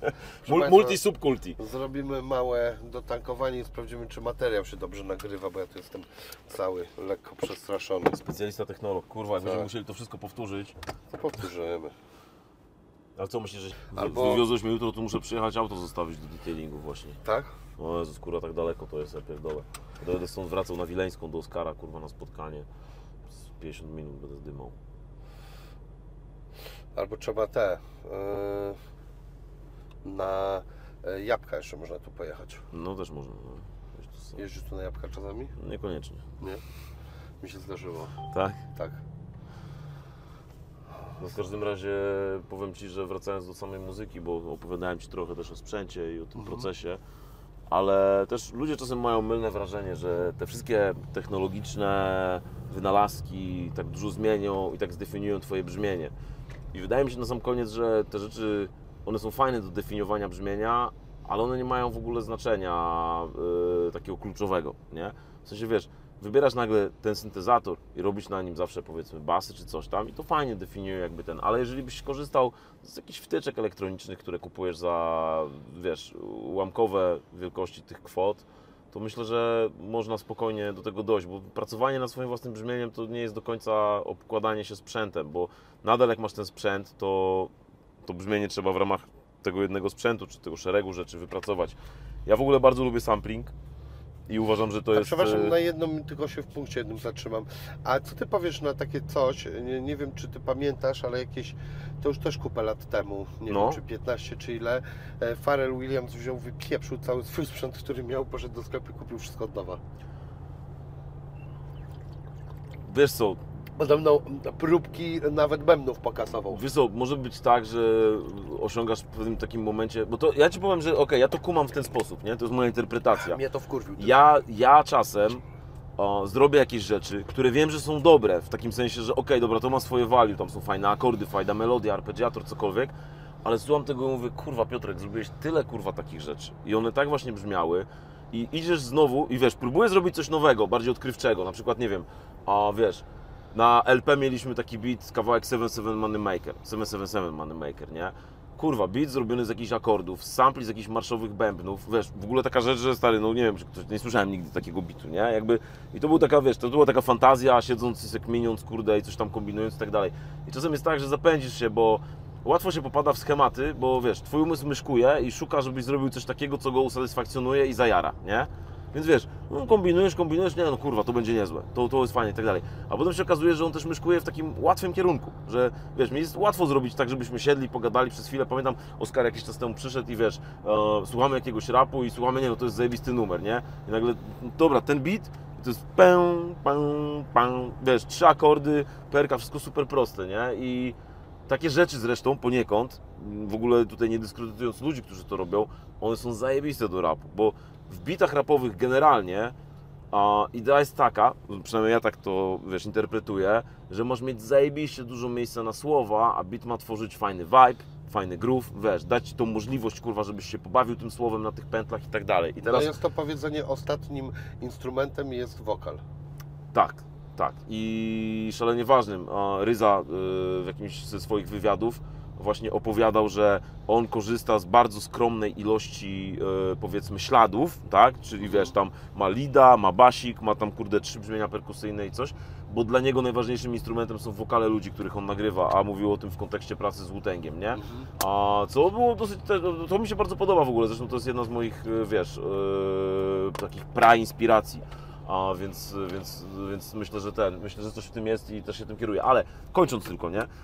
Że te bity, które ja robię, one nie są wcale takie łatwe do rapowania. I często się zdarza, że teksty są napisane na inny nawet bit, nie? Który bardziej jest taki, wiesz, przystępny i tak dalej.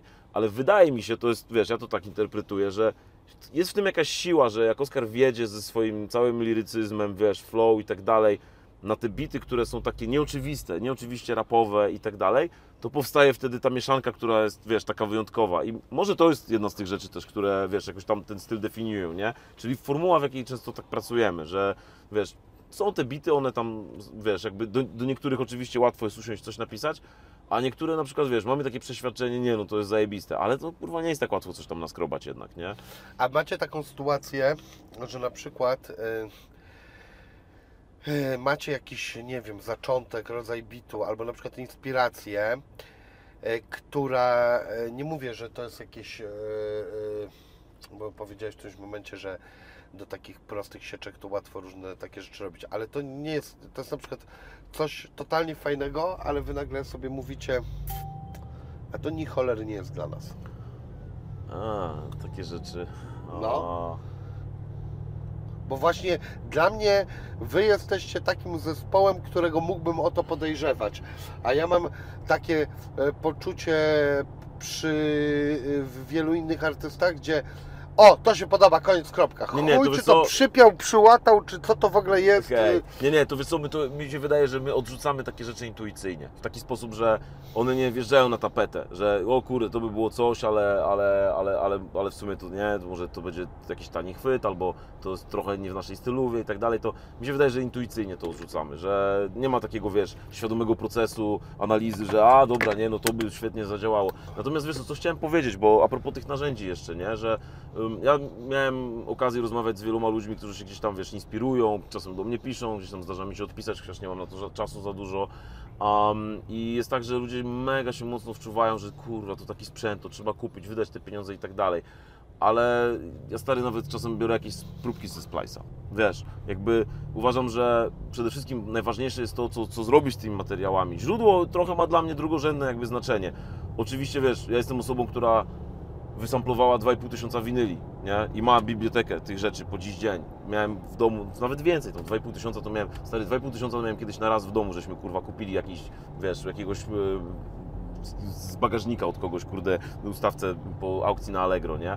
A, wiesz, ja przerobiłem też to wszystko, nie? Ja sa- samplowałem. To była, wiesz, ja wyszedłem w ogóle z takich bardzo mm, podstawowych, kurwa, wini w ogóle, gdzie nas żeś wywiózł? Na jabłka. Na jabłka, dobra. Bardzo wyszedłem stary z takich, wiesz, korowych, rapowych założeń, takich truskulowych, że mają być sample, że najfajniej jest połączyć z różnych kawałków, bo to jest dobra stylowa, że fajnie zrobić skrecze, że bębny to też super wysamplować, chociaż wiadomo, że to już, kurde, wiesz, wyższa szkoła jazdy, Nul zresztą to robił na swoich, wiesz, materiałach, że on brzmienia perkusyjne, kurde, jeszcze z sampli, które gdzieś wysamplował z winyli, składał, no kurde, to był majstersztyk.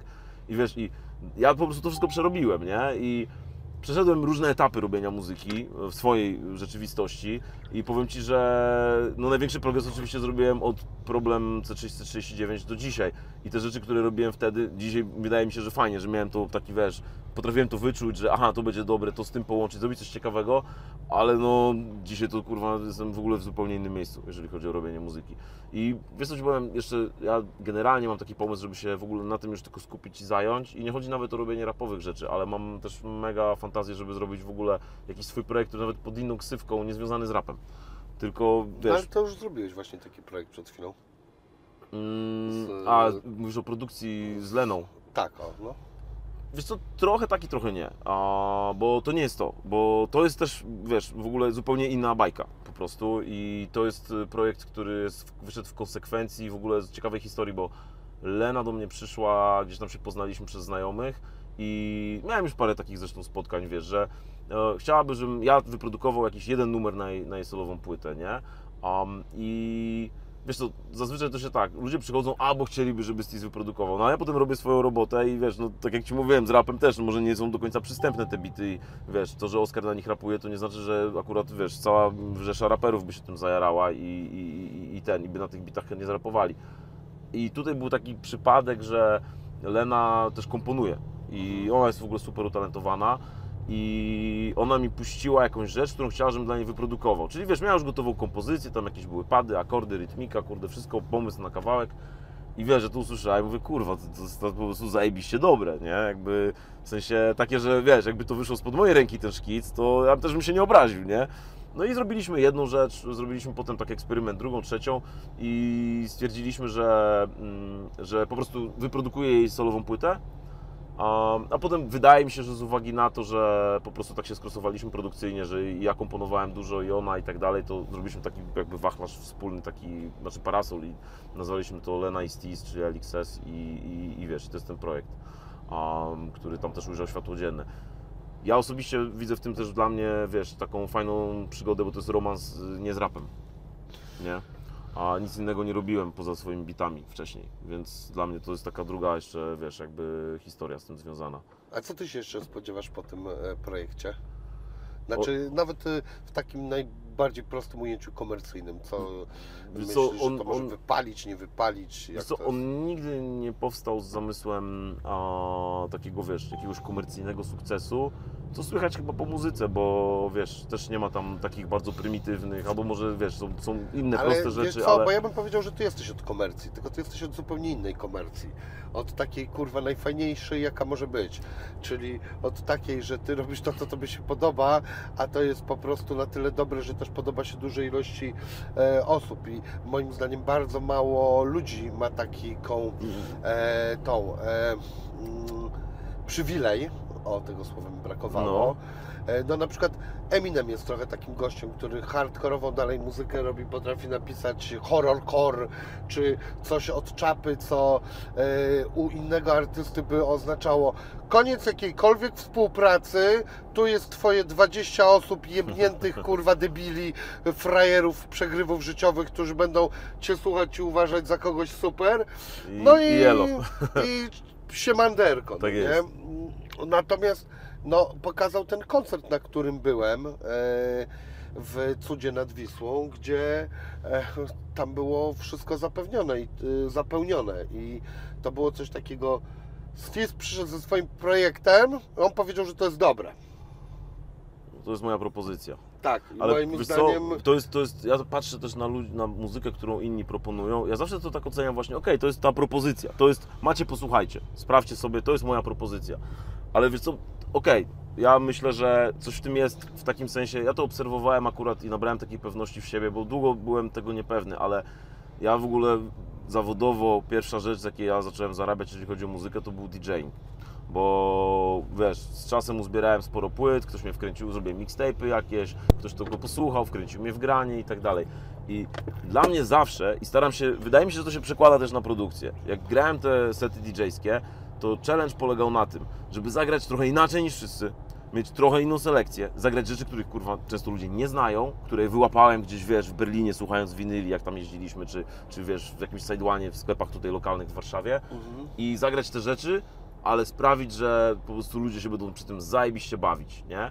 Bo wiesz, no puść i zagrać wszystkie hity, jakie są po No kolei, tak, no, no. to, to, wiesz, no fajnie, nie? No. I, to jest, i, I powiem Ci, że miałem do tego dryk i miałem dryk do dobierania sampli, bo też miałem do tego ucho, że wiesz, na te produkcje nawet dobrotowarowe, pamiętam stary, kiedyś zagraliśmy koncert, kurwa, w Nowym Sączu przed Hemgru, w ogóle się nie znaliśmy z chłopakami i tak dalej i podbili do mnie, kurwa, wiesz, że stary, zajebiste bity, kto tu bity robi w ogóle i tak dalej, nie? Um, I wydaje mi się, że wiesz, miałem po prostu taki kurwa słuch jakiś, który sprawiał, że wiedziałem, a dobra, ta pętla jest fajna, a ta nie jest fajna, nie? Jakby ta pętla, z tego coś zrobimy, z tego może niekoniecznie. I kurwa, no to jest taki zmysł chyba jakiś, który trzeba sobie wyrobić w sobie po prostu, no. Tak, I- ale i- też y, y, fajnie jest y, dojść y, może jakimś ewolucją do tego poziomu, w którym e, możesz z tego żyć i nie musisz sobie e, nie musisz, Nie musisz robić muzyki do reklam, na e, przykład. wiesz co, do Wiesz, reklam jest- to już tam chuj, ale O kurwa, wiesz jak mnie to męczyło? tak, e, O, moim zdaniem gorsze Próbowałem jest parę e, razy, ale... robienie rapu, kurwa, cały czas trendowego na siłę i kurwa myślenie non stop, co teraz będzie, żebym kurwa ja był młody. I mam poczucie, że e, dużo raperów gdzieś e, poszło w e, takie coś, że kurwa, co tu teraz tam na zachodzie wymyślili, żebym ja e, mógł e, ten Wiesz co, e, najgorsze- zaistnieć. Bo jeszcze, No. przepraszam, z- No mów, zamknę, mów, mów. kurwa, niestety Dawaj, trochę kurwa, jedziesz komplementów jest za dużo, ale e, zasługujecie na nie. E, wy macie taki zespół, że jak się kurwa chce komuś e, puścić z zagranicy polski hip-hop, to to się powinno puścić. Że i chyba zdajesz sobie z tego kurwa doskonale sprawę. I to jest na takiej zasadzie, że nie teraz ci pokażę kurwa jak u nas e, robią to, co kurwa u was też robią, tylko ja wam pokażę jak u nas to robią e, po Po swojemu. No tak i co, ja miałem akurat taki weryfikację tego, bo przez chwilę rozmawialiśmy o jakichś tematach publishingowych z bardzo fajną ekipą w ogóle, z którą akurat y, nie udało się nawiązać współpracy, ale kto wie, może w przyszłości.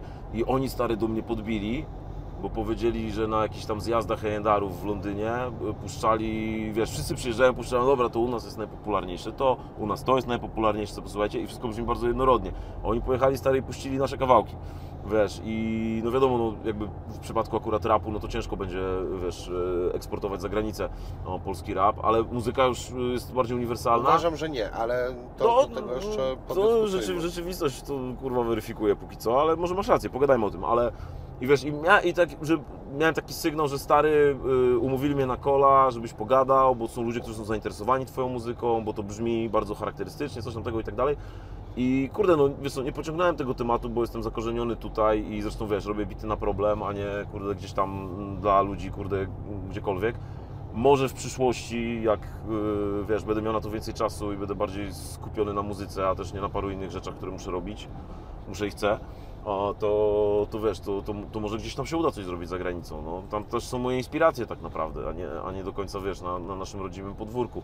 Ale. Um, kurwa, tak się rozgadałem, że zgubiłem myśl. Bo Myśmy mówiłeś- gdzieś zahaczyli o to, czy w ogóle polska muzyka mogłaby tak wypłynąć szerzej. Też był gdzieś tam taki... No słuchaj, były próby, nie? No to wiesz, mogłaby? Były próby, no to, W to, mojej opinii by mogła. ale polski rap? Tak. Mi się wydaje, że ciężko to ocenić z perspektywy osoba, osoby, która jest native, y, czyli mówi po prostu, wiesz, od urodzenia po polsku. Bo my nie rozumiemy tego, jak odbierany jest nasz język w krajach na przykład anglosaskich, nie? Wykurwiaście jako najpiękniejszy, idealny język. e, O, Wszystkie inne z- Słyszałem, słyszałem różne opinie. pochodzą od niego, a to były tylko takie nasączone, że tak powiem, e, całą masą kompleksów e, błędne Myślisz? informacje, tak. Okej, ale nie, bo no dobra, ale skoro polski język jest taki piękny i tak, wiesz, jakby ja, ja uważam, że jest bardzo piękny, to żeby nie było, nie, ja tutaj nie kredytuję, tylko ja mówię, jak to odbierają ludzie na przykład na zachodzie, gdzie potencjalnie byłyby te rynki, no bo możemy też oczywiście pogadać o jakiejś ekspansji na wschód, nie, to jest inna sprawa, albo nie wiem, wiesz, w Czechach, zresztą, kurwa, polska scena tam się y, przecież bratała kiedyś z czeską sceną, pamiętasz, były te East Side Unia, jakieś takie historie, Miały się zajebiście. no, A teraz też jest jakaś taka unia z, w, klima, w e, kierunku wschód? e, nie, bardziej takiego naszego postkomunistycznego południa, czyli jakiejś Rumunii, Bułgarii. Tak? Tak, e, chyba Frosty Reggae coś działa w tych e, O, no tematach i z tego co słyszałem, bardzo dobrze mu idzie. Kurde, no to kciuki. I że oni A. jeżdżą na jakieś festiwale, e, na których oni są tam kurwa duzi, bo oni sobie nagrali parę hitów z różnymi Tam artystami. lokalnymi Tak. artystami, kozak. No. I tak należy robić, po to też jest rap, wiesz. Ale wiesz co, bo ja patrzę e, po prostu jedną rzecz, że e, taka muzyka mogłaby wejść na różne sposoby. Mógłby być jeden mały ukłon, czyli na przykład e, refreny jakieś angielsko-polskim lingo, jakimś popierdolonym, kurna, e, i, e, czyli The Antwoord mniej więcej to robiło Okej, trochę. No, no, no, no, no. E, Druga rzecz to jest.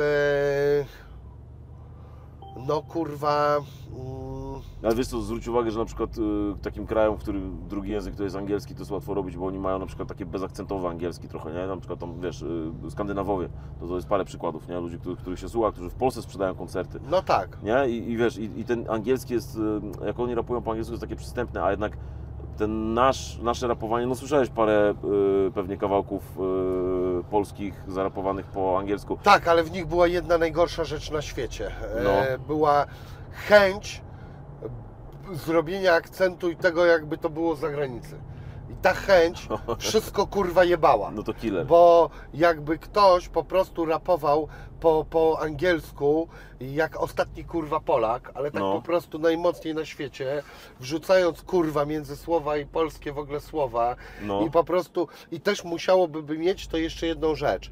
Pewną, w mojej opinii, jednak podstawę e, logiczną, że dlaczego ktoś to robi. Okej. Czyli taką, że na Kumam. przykład, kurwa, chuj, ja mieszkałem w Australii ileś, tam też jest angielski, ja pierdolę polsko-australijsko, chuj wie jakim. Albo wiecie co, e, kurwa, teraz e, będę prostym angielskim napierdalał, dlatego, że mam wielkie przesłanie, e, bo byłem, kurwa, ostatnio na górze i twórca wszystkiego powiedział mi wszystko i teraz ja Wam chcę to powiedzieć, a najbardziej popularny język to angielski, więc ja używam angielskiego i chuj Wam, kurwa, do tego używam go w najlepszym wydaniu, czyli w polskim, bo tak brzmi on najlepiej, bo tak mi powiedział twórca wszystkiego. E, Ale to ja myślę, że tam paru takich harpaganów z ulicy, którzy, wiesz, robili też y, sporo zamieszania w, w Londynie na przykład, to jakby oni ponagrywali po angielsku rzeczy, to oni by tam mieli, kurwa, y, jakiś posłuch. Nie wiem, czy by się to, wiesz, sprzedało dalej, bo jednak... Słuchaj, Popek miał duży posłuch, kurwa, No, na angielskich ulicach między na innymi, przykład. E, natomiast jednak, no e, słuchaj, e, z całym szacunkiem dla popa nie jest to tak wyrafinowane jak wasza muzyka, kurwa. E, gdyby ona niosła taką siłę, to też byłoby łatwiej. I ostatnia rzecz, która dzisiaj już jest trudna, a była jeszcze łatwa 15 lat temu, to jest kurwa klip.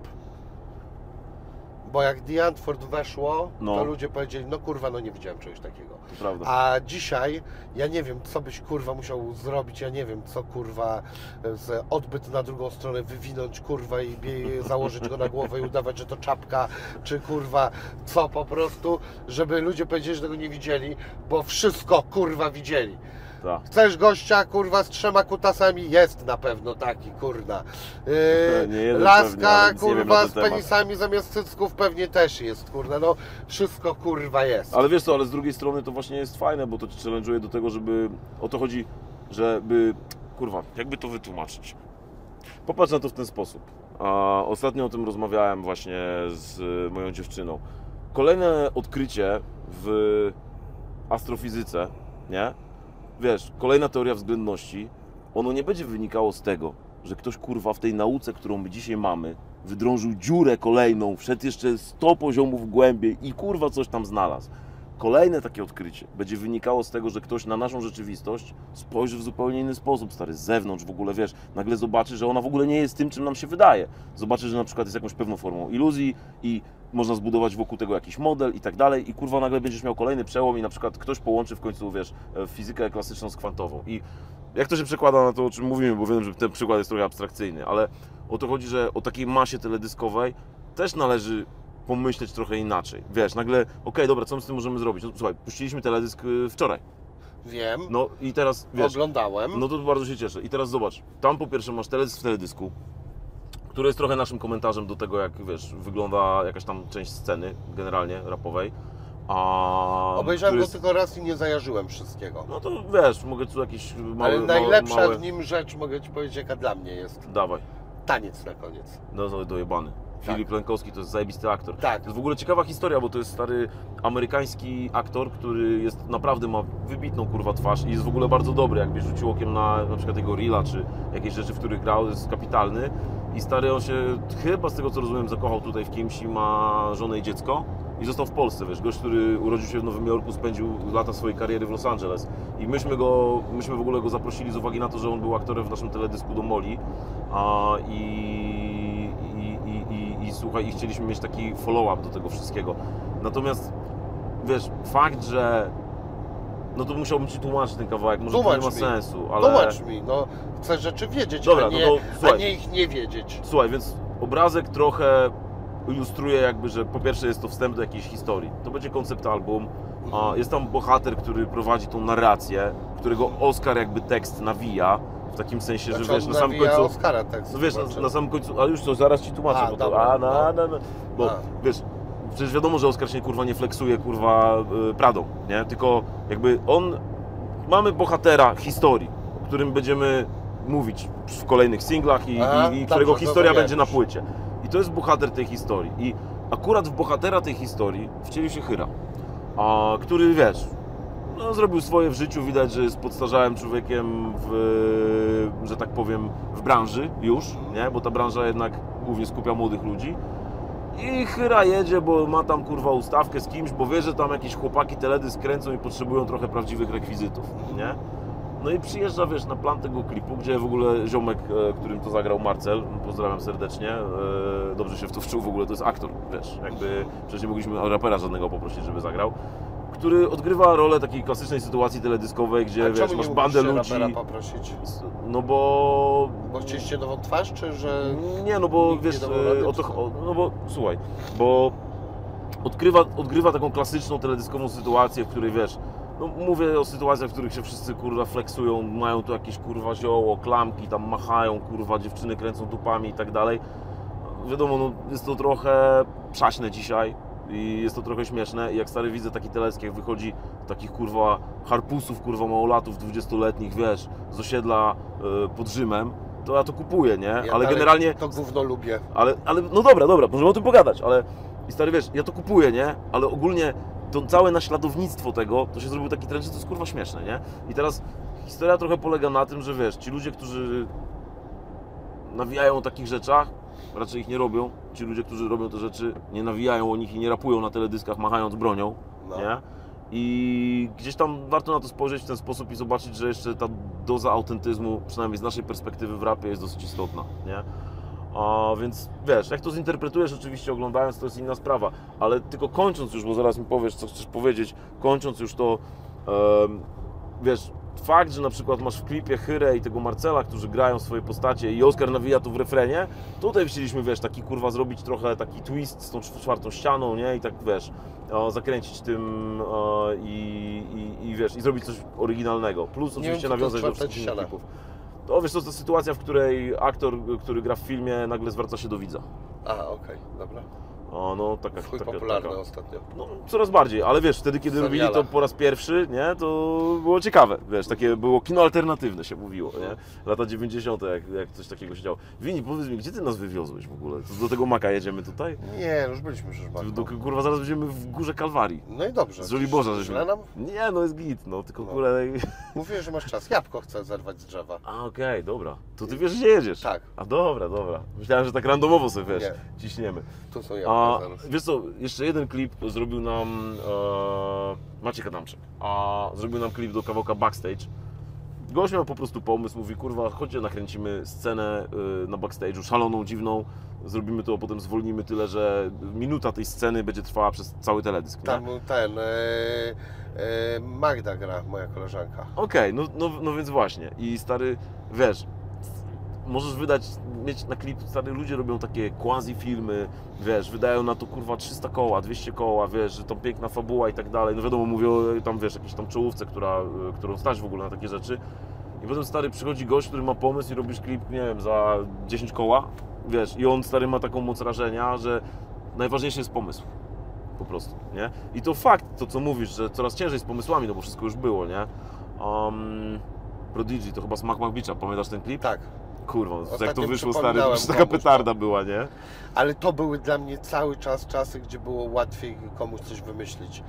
No kurwa, dzisiaj po prostu jest super obrazujący to chyba odcinek Family Guy'a, gdzie on po prostu za każdym razem wymyśla jakąś taką historię najbardziej e, popieprzoną, że wiesz, tam nie wiem, ktoś se uciął nogi, dołączył rakiety, poleciał w kosmos, złapał jabłka Adama, coś i e, w, e, zawsze skwitowanie. W Simpsonach już to było. Aha, dobra, to sorry, to zrobimy i on znowu podaje takie super zawulowane coś. W Simpsonach już to w było. Simpsonach było. E, Było w Rick and Morty. W Rick and Morty już wszystko było. Wszystko było, ale kurwa obejrzałem ostatnio stary to całą, całą kreskówkę, bo nie widziałem tego wcześniej. E, Nie no, to jest taki rozpierdol, jak się... Wiadomo, są lepsze i gorsze odcinki ogólnie, ale zobacz co oni tam robią. Oni wybudowali coś na kanwie różnych bek popkulturowych, różnych nawiązań i się tym właśnie bawią, nie? I wiesz, jakby ta beka też nie polega na tym, że tylko, że to jest śmieszne samo w sobie, ale też, że nagle czytasz to w ogóle jest to wielopłaszczyznowe i teraz pytałeś też o muzykę naszą i też nie zawsze, nie? Bo są takie kawałki, że wiesz, no whatever, nie? Jakby to jest kurwa czysta rozrywka, posuwaj sobie śmieszny tekst i tak dalej. Nie ma jakiejś, wiesz, wybitnej głębi, kurwa, w wielu z tych numerów, ale wiele z tych kawałków, które zrobiliśmy, one mają drugie i trzecie dno jeszcze. I wiesz, ktoś to rozwikła, spoko, nie? Plus dla niego. Ktoś tego nie rozwikła, wystarczy, że tym pierwszym layerem, powiedzmy, takim, który jest bardzo czytelny, może się nacieszyć i też jest okej, nie? Ale ba- bardzo mi się to podoba właśnie, żeby ukrywać trochę jakieś znaczenie jeszcze głębsze e, w rzeczach, które robisz, nie? No, w tekstach oczywiście, bo to Oskar to robi, bo w muzyce to wiesz, Słuchaj, nie fajne, bardzo można. ja pewnie rozwikłałem żadne dno, e, natomiast e, ten... Nie bądź taki surowy wobec siebie. Nie, no nie wiem, czy tam rozwikływałem drugie czy trzecie dno, kurwa, po prostu No, no. jakby, nie wiem, no. O, no to dla mnie super wasz kawałek, który mi się, tak, i teraz patrzę jak tu zjechać gdzie.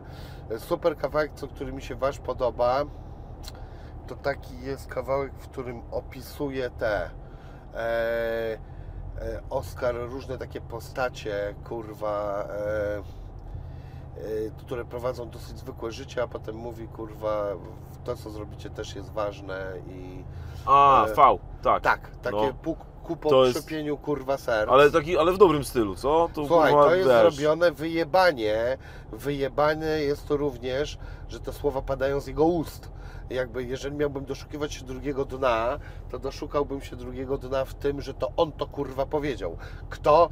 Ten koleś, który wam wyruchał wszystkie najlepsze laski, który kurna był na najlepszych imprezach, którego okrzyknięto 100 tysięcy razy najlepszym raperem, który przeżył prawdopodobnie 100 żyć.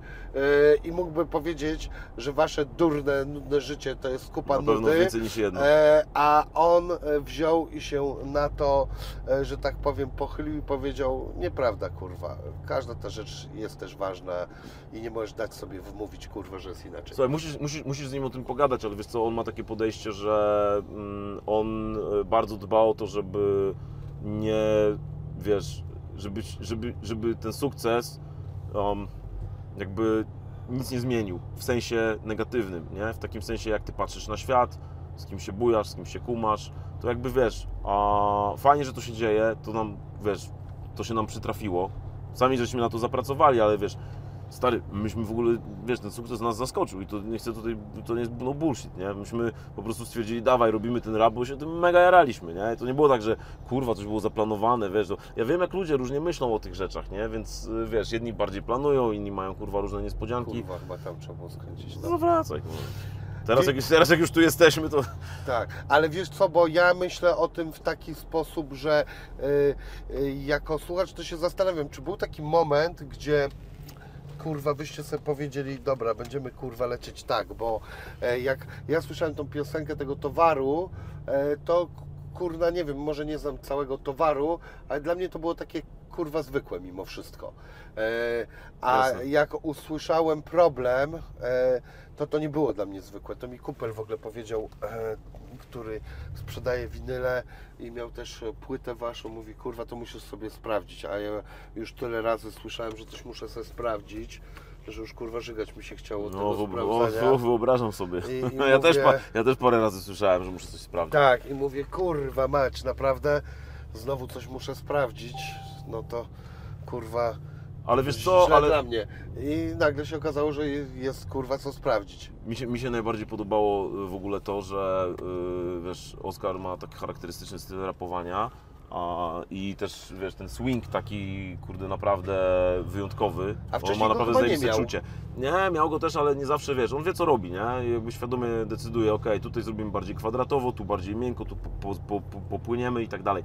I powiem Ci, że a, bardzo mi się podobało to, że ludzie mówili, bardzo wiele razy słyszałem, że mówili, kurwa, za pierwszym razem słyszałem, że mi się mega nie podobało, ale teraz tak wjeżdża, wiesz, że jest taka bariera, którą trzeba przełamać, nie? I to jest takie trochę się zrobiło takie, kurwa, wiesz, dla koneserów w którymś momencie, nie? Co akurat no, jest dobre pod kątem... jest od chuja i ciut ciut. Jak się okazuje, jak się okazuje, no. Teraz już nie jest dla koneserów. Wiesz, są jeszcze w ogóle takie trendy i to obserwuję i to nie tylko wokół naszego zespołu, ale wokół każdego zjawiska muzycznego, które jest nowe, świeże i które jest y, póki co zarezerwowane dla wąskiej grupy, nie? No. Jest takie coś, że obok ludzi, którzy są twoimi fanami, zdarza się taka grupa takich przylep, które No. się jarają, pałują tym, dlatego, bo to jest mega teraz hype, trendy, kurwa i tak dalej. Nienawidzę I tego. stary, ja też nie. I ci ludzie są z tobą, wiesz, także przychodzą, są z tobą, nie wiem, rok, dwa potem. Jak jakikolwiek, wiesz, y, chwytasz nagle jakąś popularność i kurwa zaczyna ci wypływać to na szerokie wody, to oni już nie są fanami, Tak. wiesz. To oni byli fanami, ale to oni teraz, to nie, to już nie jest takie Oni fajne. bo oni już, oni, już, no, oni już to odkryli, oni teraz już chcą mieć swoje zasługi, wiesz, że oni tam znaleźli, Tak. dają teraz coś nowego. Znaczy, wiesz, no nie, nie, nie, nie, nie, nie powiem, że nienawidzę może bez przesady, nie, ale, ale zauważyłem też takie zjawisko na y, przykładzie naszego bandu właśnie, nie. Słuchaj, że... ja tego bardzo nie lubię, bo ja na tej zasadzie, jak kiedyś sprzedawałem winyle, To na pewno zerwiemy. e, tak, ale patrzę, żeby komu nie wjeżdżać za tą siatkę. Aha. E, jak sprzedawałem winyle, to miałem taką e, Warszawa 42. tak, e, zasadę, że e, mówiłem komuś, słuchaj, jak już coś się w ogóle nie chciało sprzedać, to mówiłem, mam taki zajebisty undergroundzik z Nowego Jorku, kurwa, nikt tego nie słyszał. I, Nikt tego nie ma. I już kurwa było paru kurwa chętnych natychmiast, rozumiesz? Oni już to wciągali, kurwa. Gdzie żeś te winyle gonił? Miałeś sklep? A, Słuchaj, w Warszawie dużo ich goniłem. Tak? Oho. Ale co, sprowadzałeś to i sprzedawałeś w Warszawie? Taki biznes robiłeś? czy- Tak, jeździłem do Berlina, kup, przywoziłem tego No, całą stertę, jechałem do Hip-hop vinyl D. tego, e, też, ale jeszcze był jeździłem Groove Attack, e, Też, wiem. e, dużo było Nie. tych gówien, chyba od tyłu Czy zajdziemy. wiesz co, jeździłem to za duże słowo. Parę razy byłem. Nie, no, nie, nie to, jeździłem cały czas, z tego No, żyłem. no, no kurwa, wyobrażam sobie. E, I przyjeżdżałem tu do Warszawy i latałem od DJ-a do DJ-a i... Falcon też chyba gonił winyle, nie? Miał jakiś sklep, tak mi się wydaje. No nie Coś, wiem, może i miał. coś mi się wydaje, że miał takiego, kurde, że mieć, kupowałem. nie? Nie pamiętam, czy, czy dobrze myślę, czy nie. W każdym razie, wiesz, no mieliście tą, ten przywilej akurat, że Szczecin jest daleko od Warszawy, ale blisko Berlina. Słuchaj, nawet wyobraź sobie, że ten przywilej i do dzisiaj trwa. No, nic się nie zmieniło w tej materii. No, jest tak No, samo. ale wtedy, ale wtedy było tyle, yy, o tyle fajne, że rzeczy w Berlinie były bardziej niedostępne w Polsce, a teraz się Tak, wszystko schomogenizowało, tak, świat się globalizuje tak, tak. i wiesz, no nie ma bardzo tego. dobrze i Nie? te kurwa szpanowanie, kurwa, że ja mam YouTube'a, a ty nie, albo że mam jakąś płytę, a ty nie, to jest dla mnie chuja warte wszystko. Są jabłka. To jest takie płytkie, kurwa, tylko czemu takie kurwa. Ale są git, co ty kurwa? Tak? No, taki Takie wymagający małe? jesteś? Ale, co- co- Duże co- takie chciałem. Duże takie chciałeś. No kurwa. dobra, weźmiemy Dawaj, Wini, nie, ma- nie ma czasu, jesteśmy 42 km za Warszawą. Dobrze, dalej się nagrywam. Weźmiemy po dwa. Gadać. Weźmiemy po dwa. Tak. Chyba się nikt do nas nie przypierdoli o to. Nie są takie złe.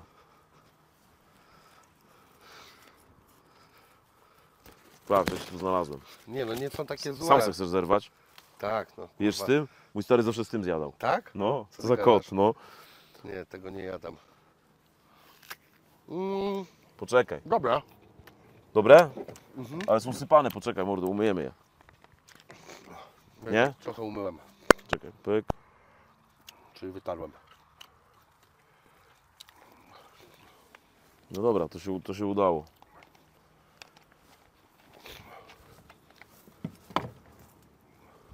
O, kurwa, miękkie.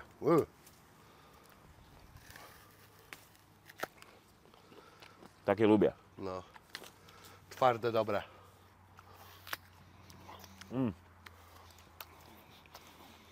Spoko, że takie klasa ma prawie 30 koła, 25 koła przejechane, ale fuliki nadal leżą. Ale wiesz co? Ja na przykład takich rzeczy czasami nie zauważam. I potrafię mieć coś kurwa 5 lat z jakąś folią. Nie z powodu miłości do bycia białym murzynem, tylko z powodu e, po prostu, bo zapomnę. E, bo nie wiem, czy zauważasz, co mieliśmy wspólnego z czarnoskórymi. To na przykład w Polsce piloty kurna do e, tego, do telewizora się trzymało w folii, tak jak oni kanapy Mordo, chodź, folii gadamy, trzymali. gadamy o tym, bo to jest moja trauma z dzieciństwa, chodź. Gadamy i tak to się nagrywa. A. Słuchaj, ja ci powiem tak. Ja kiedyś słyszałem twój wywiad, jak mówiłeś, że kurwa to z wędką było, czy Tak. coś tam. Stary, tą historię z wędką, ja miałem tak. ja mówię, ja pierdolę. U mnie w domu było to samo. Ale wiesz co? Nikogo za to nie winię, bo ten system był taki skurwiały. Aha, ja, e, Wiesz, na sam koniec. Jaruzelskiego i Stalina. A no nie, no to, to, to jest inna sprawa. I paru jeszcze tam by się znalazło. Tak. Bierutów, kurwa. Ale, ale wiesz, nikogo nie winię, że tak powiem, rodzinnie za to, że to było takie rycie bani. Ale kurwa, stary, no całe szczęście, że kanapy nie były w folii. Tylko pomyśl, jak ten system wkurwił ludzi w taki sposób chory, że stary musiałeś jechać kurwa do innego miasta i stać w nocy w kolejkę po pralkę. Tak. Nie? To nic dziwnego, że ty dobre te jabłka. No jasne, że dobre. Kurwa, Tak za- zerwać samemu z drzewa. mnie zabrał. No ale co, to jest jabłka. coś. Ja Kurwa. nie no, elegancja. Nie jakieś tam kurwa nudy. Mm. I teraz będę eksplorował ten temat przez 10 wywiadów. Jabłek? Aha. Będziesz musiał dłuższe wywiady robić, bo to jednak kawałek drogi. To można jakąś mapę? No jakąś że zawracam. A, bo... A powiem Ci, to skąd znasz to miejsce, kurwa? Ja bym tu nie przyjechał. Jak to możliwe? Tam wcześniej są sady. Słuchaj, ja znam to miejsce, bo ja jestem taką osobą, że jak jakieś nowe miejsce eksploruję, to je kurwa eksploruję. Ja na przykład w nocy No to górę Kalwarię? jeżdżę po Warszawie, po różnych obrzeżach, po różnych dzielnicach, oglądam sobie, wychodzę, robię zdjęcia, kurwa. Ja się tym wszystkim interesuję. Jak idę na spacer, to mm, ten, mówiłem Ci, nie lubię metra i takich rzeczy, ale lubię spacerować. Ja na przykład spaceruję 10 km, 15 po Warszawie i chodzę po Bardzo różnych, dobrze. kurwa, jakichś winklach, kurwa, dziwactwach, jakiś znajduję budynek stary. Ja Ci mm, potrafię czasami wyskoczyć z czymś takim, że lokalasa, lokalsa za, zagnę, kurwa, że No powiem, słuchaj, patrz, pa- a widziałeś takie zdjęcie? Mówi, kurwa, nie, a gdzie to jest? Mówię, u Was w centrum Warszawy, kurwa. Jest parę, w ogóle tak, niektóre rzeczy na zdjęciach w ogóle wyglądają ciekawe. Ja pamiętam, że jak robiliśmy Problem LP i byliśmy w studiu chłopaków z Full Metal Jacket, którzy robili okładkę, to wisiał tam taki projekt, który jeszcze nie wiem, czy to się ukazało, czy nie, ale to była Ameryka w Polsce. I to Aha. były stare zdjęcia, które były zrobione z takich perspektyw, punktów, że tak wyglądały jak kurwa trochę Las Vegas, trochę Los Angeles, trochę coś tam i tak dalej. A wszystko, wiesz, nie zrobione specjalnie, tylko przypadkiem pozbierane jakieś różne wycinki, więc, a, więc czasem rzeczywistość kurwa nie jest tym, czym się wydaje. No. Myśmy tak zrobili Mm. kiedyś reklamę piwa e, w ten sposób, że, wszyscy, że wyglądała jak w Kolumbii nagrana e, i wszyscy mówili, gdzie myśmy pojechali, czy do Kolumbii, czy gdzieś do Hiszpanii to nagrywać. Myśmy to nagrali w- w Szczecinie i pod Szczecinem. Znaleźliśmy typa, który mm, wyglądał jak e, e, ten Pablo i do tego jeszcze wszystko przetłumaczyliśmy na kolumbijski, e, nie na hiszpański, także wszystko podstawiliśmy w ogóle jak gadają ze sobą o, osoby, no i wyszło to całkiem nieźle. No to kurwa, widzisz, Chyba- branży, branży reklamowej coś liznąłeś. E, trochę tak, no. Mój stary, mój stary był producentem. Ja w dzieciństwie stary siedziałem, spędzałem czas w studiach. Reklamy No. głównie robili. Jestem teledyski, jakieś dłuższe formy, ale on przez wiele, wiele lat pracował, kurde, tej branży i tłukł po prostu rzeczy jako producent. Tam prowadził jakieś studio w Warszawie. A w latach 90. co dosyć... W ogóle to ciekawa historia, bo wyobraź sobie, że on pojechał stary w 89 roku do Stanów, jak się tu otworzyło. Co prawda tak quasi legalnie, no ale wiesz, zapakował się, mnie tu zostawił z moją siostrą i mamą a, i tam podłapywał różne prace. Zaczął od tego, że mył skyscrapery, kurde, w Nowym Jorku. Co mył? Skyscrapery, czy Niemcy wie- też? wieżowce, e, A, okej. wiesz, te duże, bo, No. bo był, wiesz, z Mazur, z Olsztyna, umiał dobrze liny wiązać, żeglarstwo, Okej. te sprawy. I stary, pierwsza robota jaką dostał, nie? Mówił, że stary z jakimś Indianinem z Komanczów, czy z kimś tam ten, którzy ponoć w ogóle nie mają lęku wysokości. Słyszałem o tym. No to mówił właśnie, że z kimś takim starym, pomyśl sobie, lecisz kurwa do Stanów Zjednoczonych, pierwsza robota, wiesz, 40 piętro kurwa w Manhattanie i zmywasz szyby. A, I tam się wkręcił, wkręcił i w końcu pracował w jakimś takim projekcie Video Fashion, czy taka telewizja, która mm, zajmowała się modą. No jak tu wrócił, to podłapał robotę w jakimś dużym studio właśnie. A, I kurwa w sumie nie wiem, czy to ma jakieś znaczenie dla naszej historii, ale trochę Ma. bo powiem Ci, że ja spędziłem też bardzo dużo czasu w takim trochę obiegu i tak poznałem trochę tego świata. W ta- latach 90., wiesz, w centrum, w centrum Polski to myślę, że to może miało jakieś dodatkowe value. Chociaż, kurwa, Uważam, teraz że miało powiedzieć. w chuj. Mm. Ej, słuchaj, a propos tych reklam, to co powiedziałeś wcześniej, że nakręciliście Kolumbię. Ty co jest? A, dobra. Nakręciliście, słuchaj, Kolumbię w tym, w Pod Szczecinem. pod Szczecinem, ale wiesz co się normalnie robi? Kręci się na przykład reklamy żywca, czy tam jakiegoś browaru, krystalicznie czysta woda i kurde lecą wszyscy do Chile, gdzie masz na pewno gwarancję pogody i się nie musisz z niczym pierdolić. Wiem. No i takie tak. cuda też się robi. Ja zjem sobie to drugie jabłko, bo są niezłe. Kurde, te jabłka były za darmo, nie wiem, chyba je komuś ukradliśmy. Tak. Dlatego nie przytujemy od nich. A, no, to No po to, to- po to mnie tu wywiozłeś. No tak, mogę sobie kupić na rogu Komuś jabłka, sobie w żabce to. sobie kupić. kurde. Ale to są specjalne jabłka, kurde, One odchudzają. mnie w ogóle. tuczą. Także ja zawsze takich na ją mam, potem mówię, teraz mogę jeść. Ma to sens. Ma to, absolutny. A to co w tych reklamach robiłeś? E, Nie no, nie, no, reklamę piwa to akurat robiłem, e, piwo Stopro robiłem. No, A, no pewnie, Stopro, Wszystkie pamiętam. reklamy, które robiłem, to były związane z działalnością, którą mm, ja robiłem. Agencji reklamowej nie prowadziłem nigdy żadnej. Jasne. Niczego takiego. Kurwa, dobry przedsiębiorca jesteś. Winylami żeś handlował z Berlina. No, 100%, wiesz co, 100% duży projekt to był w którymś momencie, nie? Był Taki znaczący naprawdę. Teraz wraca. e, Tak? I e, mocno pracujemy nad nim. To kurwa trzymam kciuki. żeby, wrócił w pełnej krasie. E, słuchaj, a jeszcze jak myśmy gadali o tym rapowaniu, to e, był moment, że jakoś diametralnie Oskar zmieniał sposób rapowania, czy ty tego w ogóle tak nie zauważałeś? Jedyny taki przełom, jaki ja zauważyłem, to był taki, że zaczął śpiewać Aha, i wiesz, on, on też do tego nie podszedł tak, że a, bo to kurwa wszyscy śpiewają, to ja też tam będę coś ten, tylko po pierwsze się tego nauczył i umie to, i umie naprawdę zajebiście, a, a po drugie, wiesz, no, robi to wciąż po swojemu, nie? Nie tak jak wszyscy inni, a, przynajmniej jeżeli chodzi o rapowe kawałki, tak? Bo to mówię tylko jakby w kontekście, wiesz, polskiego rapu. Wydaje mi się, że to jest taka rzecz, która jakby się pojawiła i doszła, bo czy rap się zmienił? Wiesz, nie wiem, na pewno jest lepszy niż był, no bo kurwa stary robi to 10 lat, nie? Wiesz, jakby, jakby szedł w dół, to kurwa trochę, nie, to, to moje produkcje były coraz gorsze. Ale powiem Ci, że teraz robiąc płytę na dziesięciolecie, to kurwa nie będę oszukiwał, to jest kurwa trudne. Bo nie o to chodzi, że wiesz, mierzysz się z oczekiwaniami że są ludzie, którzy czekają na ten album, że oni chcą taki, sraki, owaki. Ja na to nawet nie patrzę, stary, bo są ludzie, którzy mówią, najlepszą waszą płytą to było Art Brut 1, nie? Kurwa, słucham tego, mówię, nie no spoko, fajny to był pomysł, w ogóle zajebiste zwrotki i tak dalej, ale no myślę, że zrobiliśmy parę lepszych rzeczy, nie? A, I- e, To akurat, tu moim zdaniem fan jest bardzo ważnym papierkiem latmusowym. E, Ale, ale dlaczego o to mówię? No to musisz zrobić wielką próbę statystyczną, żeby nagle się okazało, dobra, 70% Twoich fanów uważa, że to było najlepsze. Ale jak to zrobisz, stajesz się więźniem tej opinii trochę. To myślisz, aha, dobra, no to kurwa, teraz będę robił takie. To jest, wiesz co, to jest to samo, co Ty mówiłeś, do czego chciałem nawiązać, o tym, jak wszyscy próbują teraz naśladować trendy, nie? Na tym to się też trochę skupia, tak? Że ty nagle próbujesz podążać jakąś ścieżką, bo widzisz, że ona jest bardziej akceptowalna przez ludzi, do których potem ta muzyka trafia i tak dalej.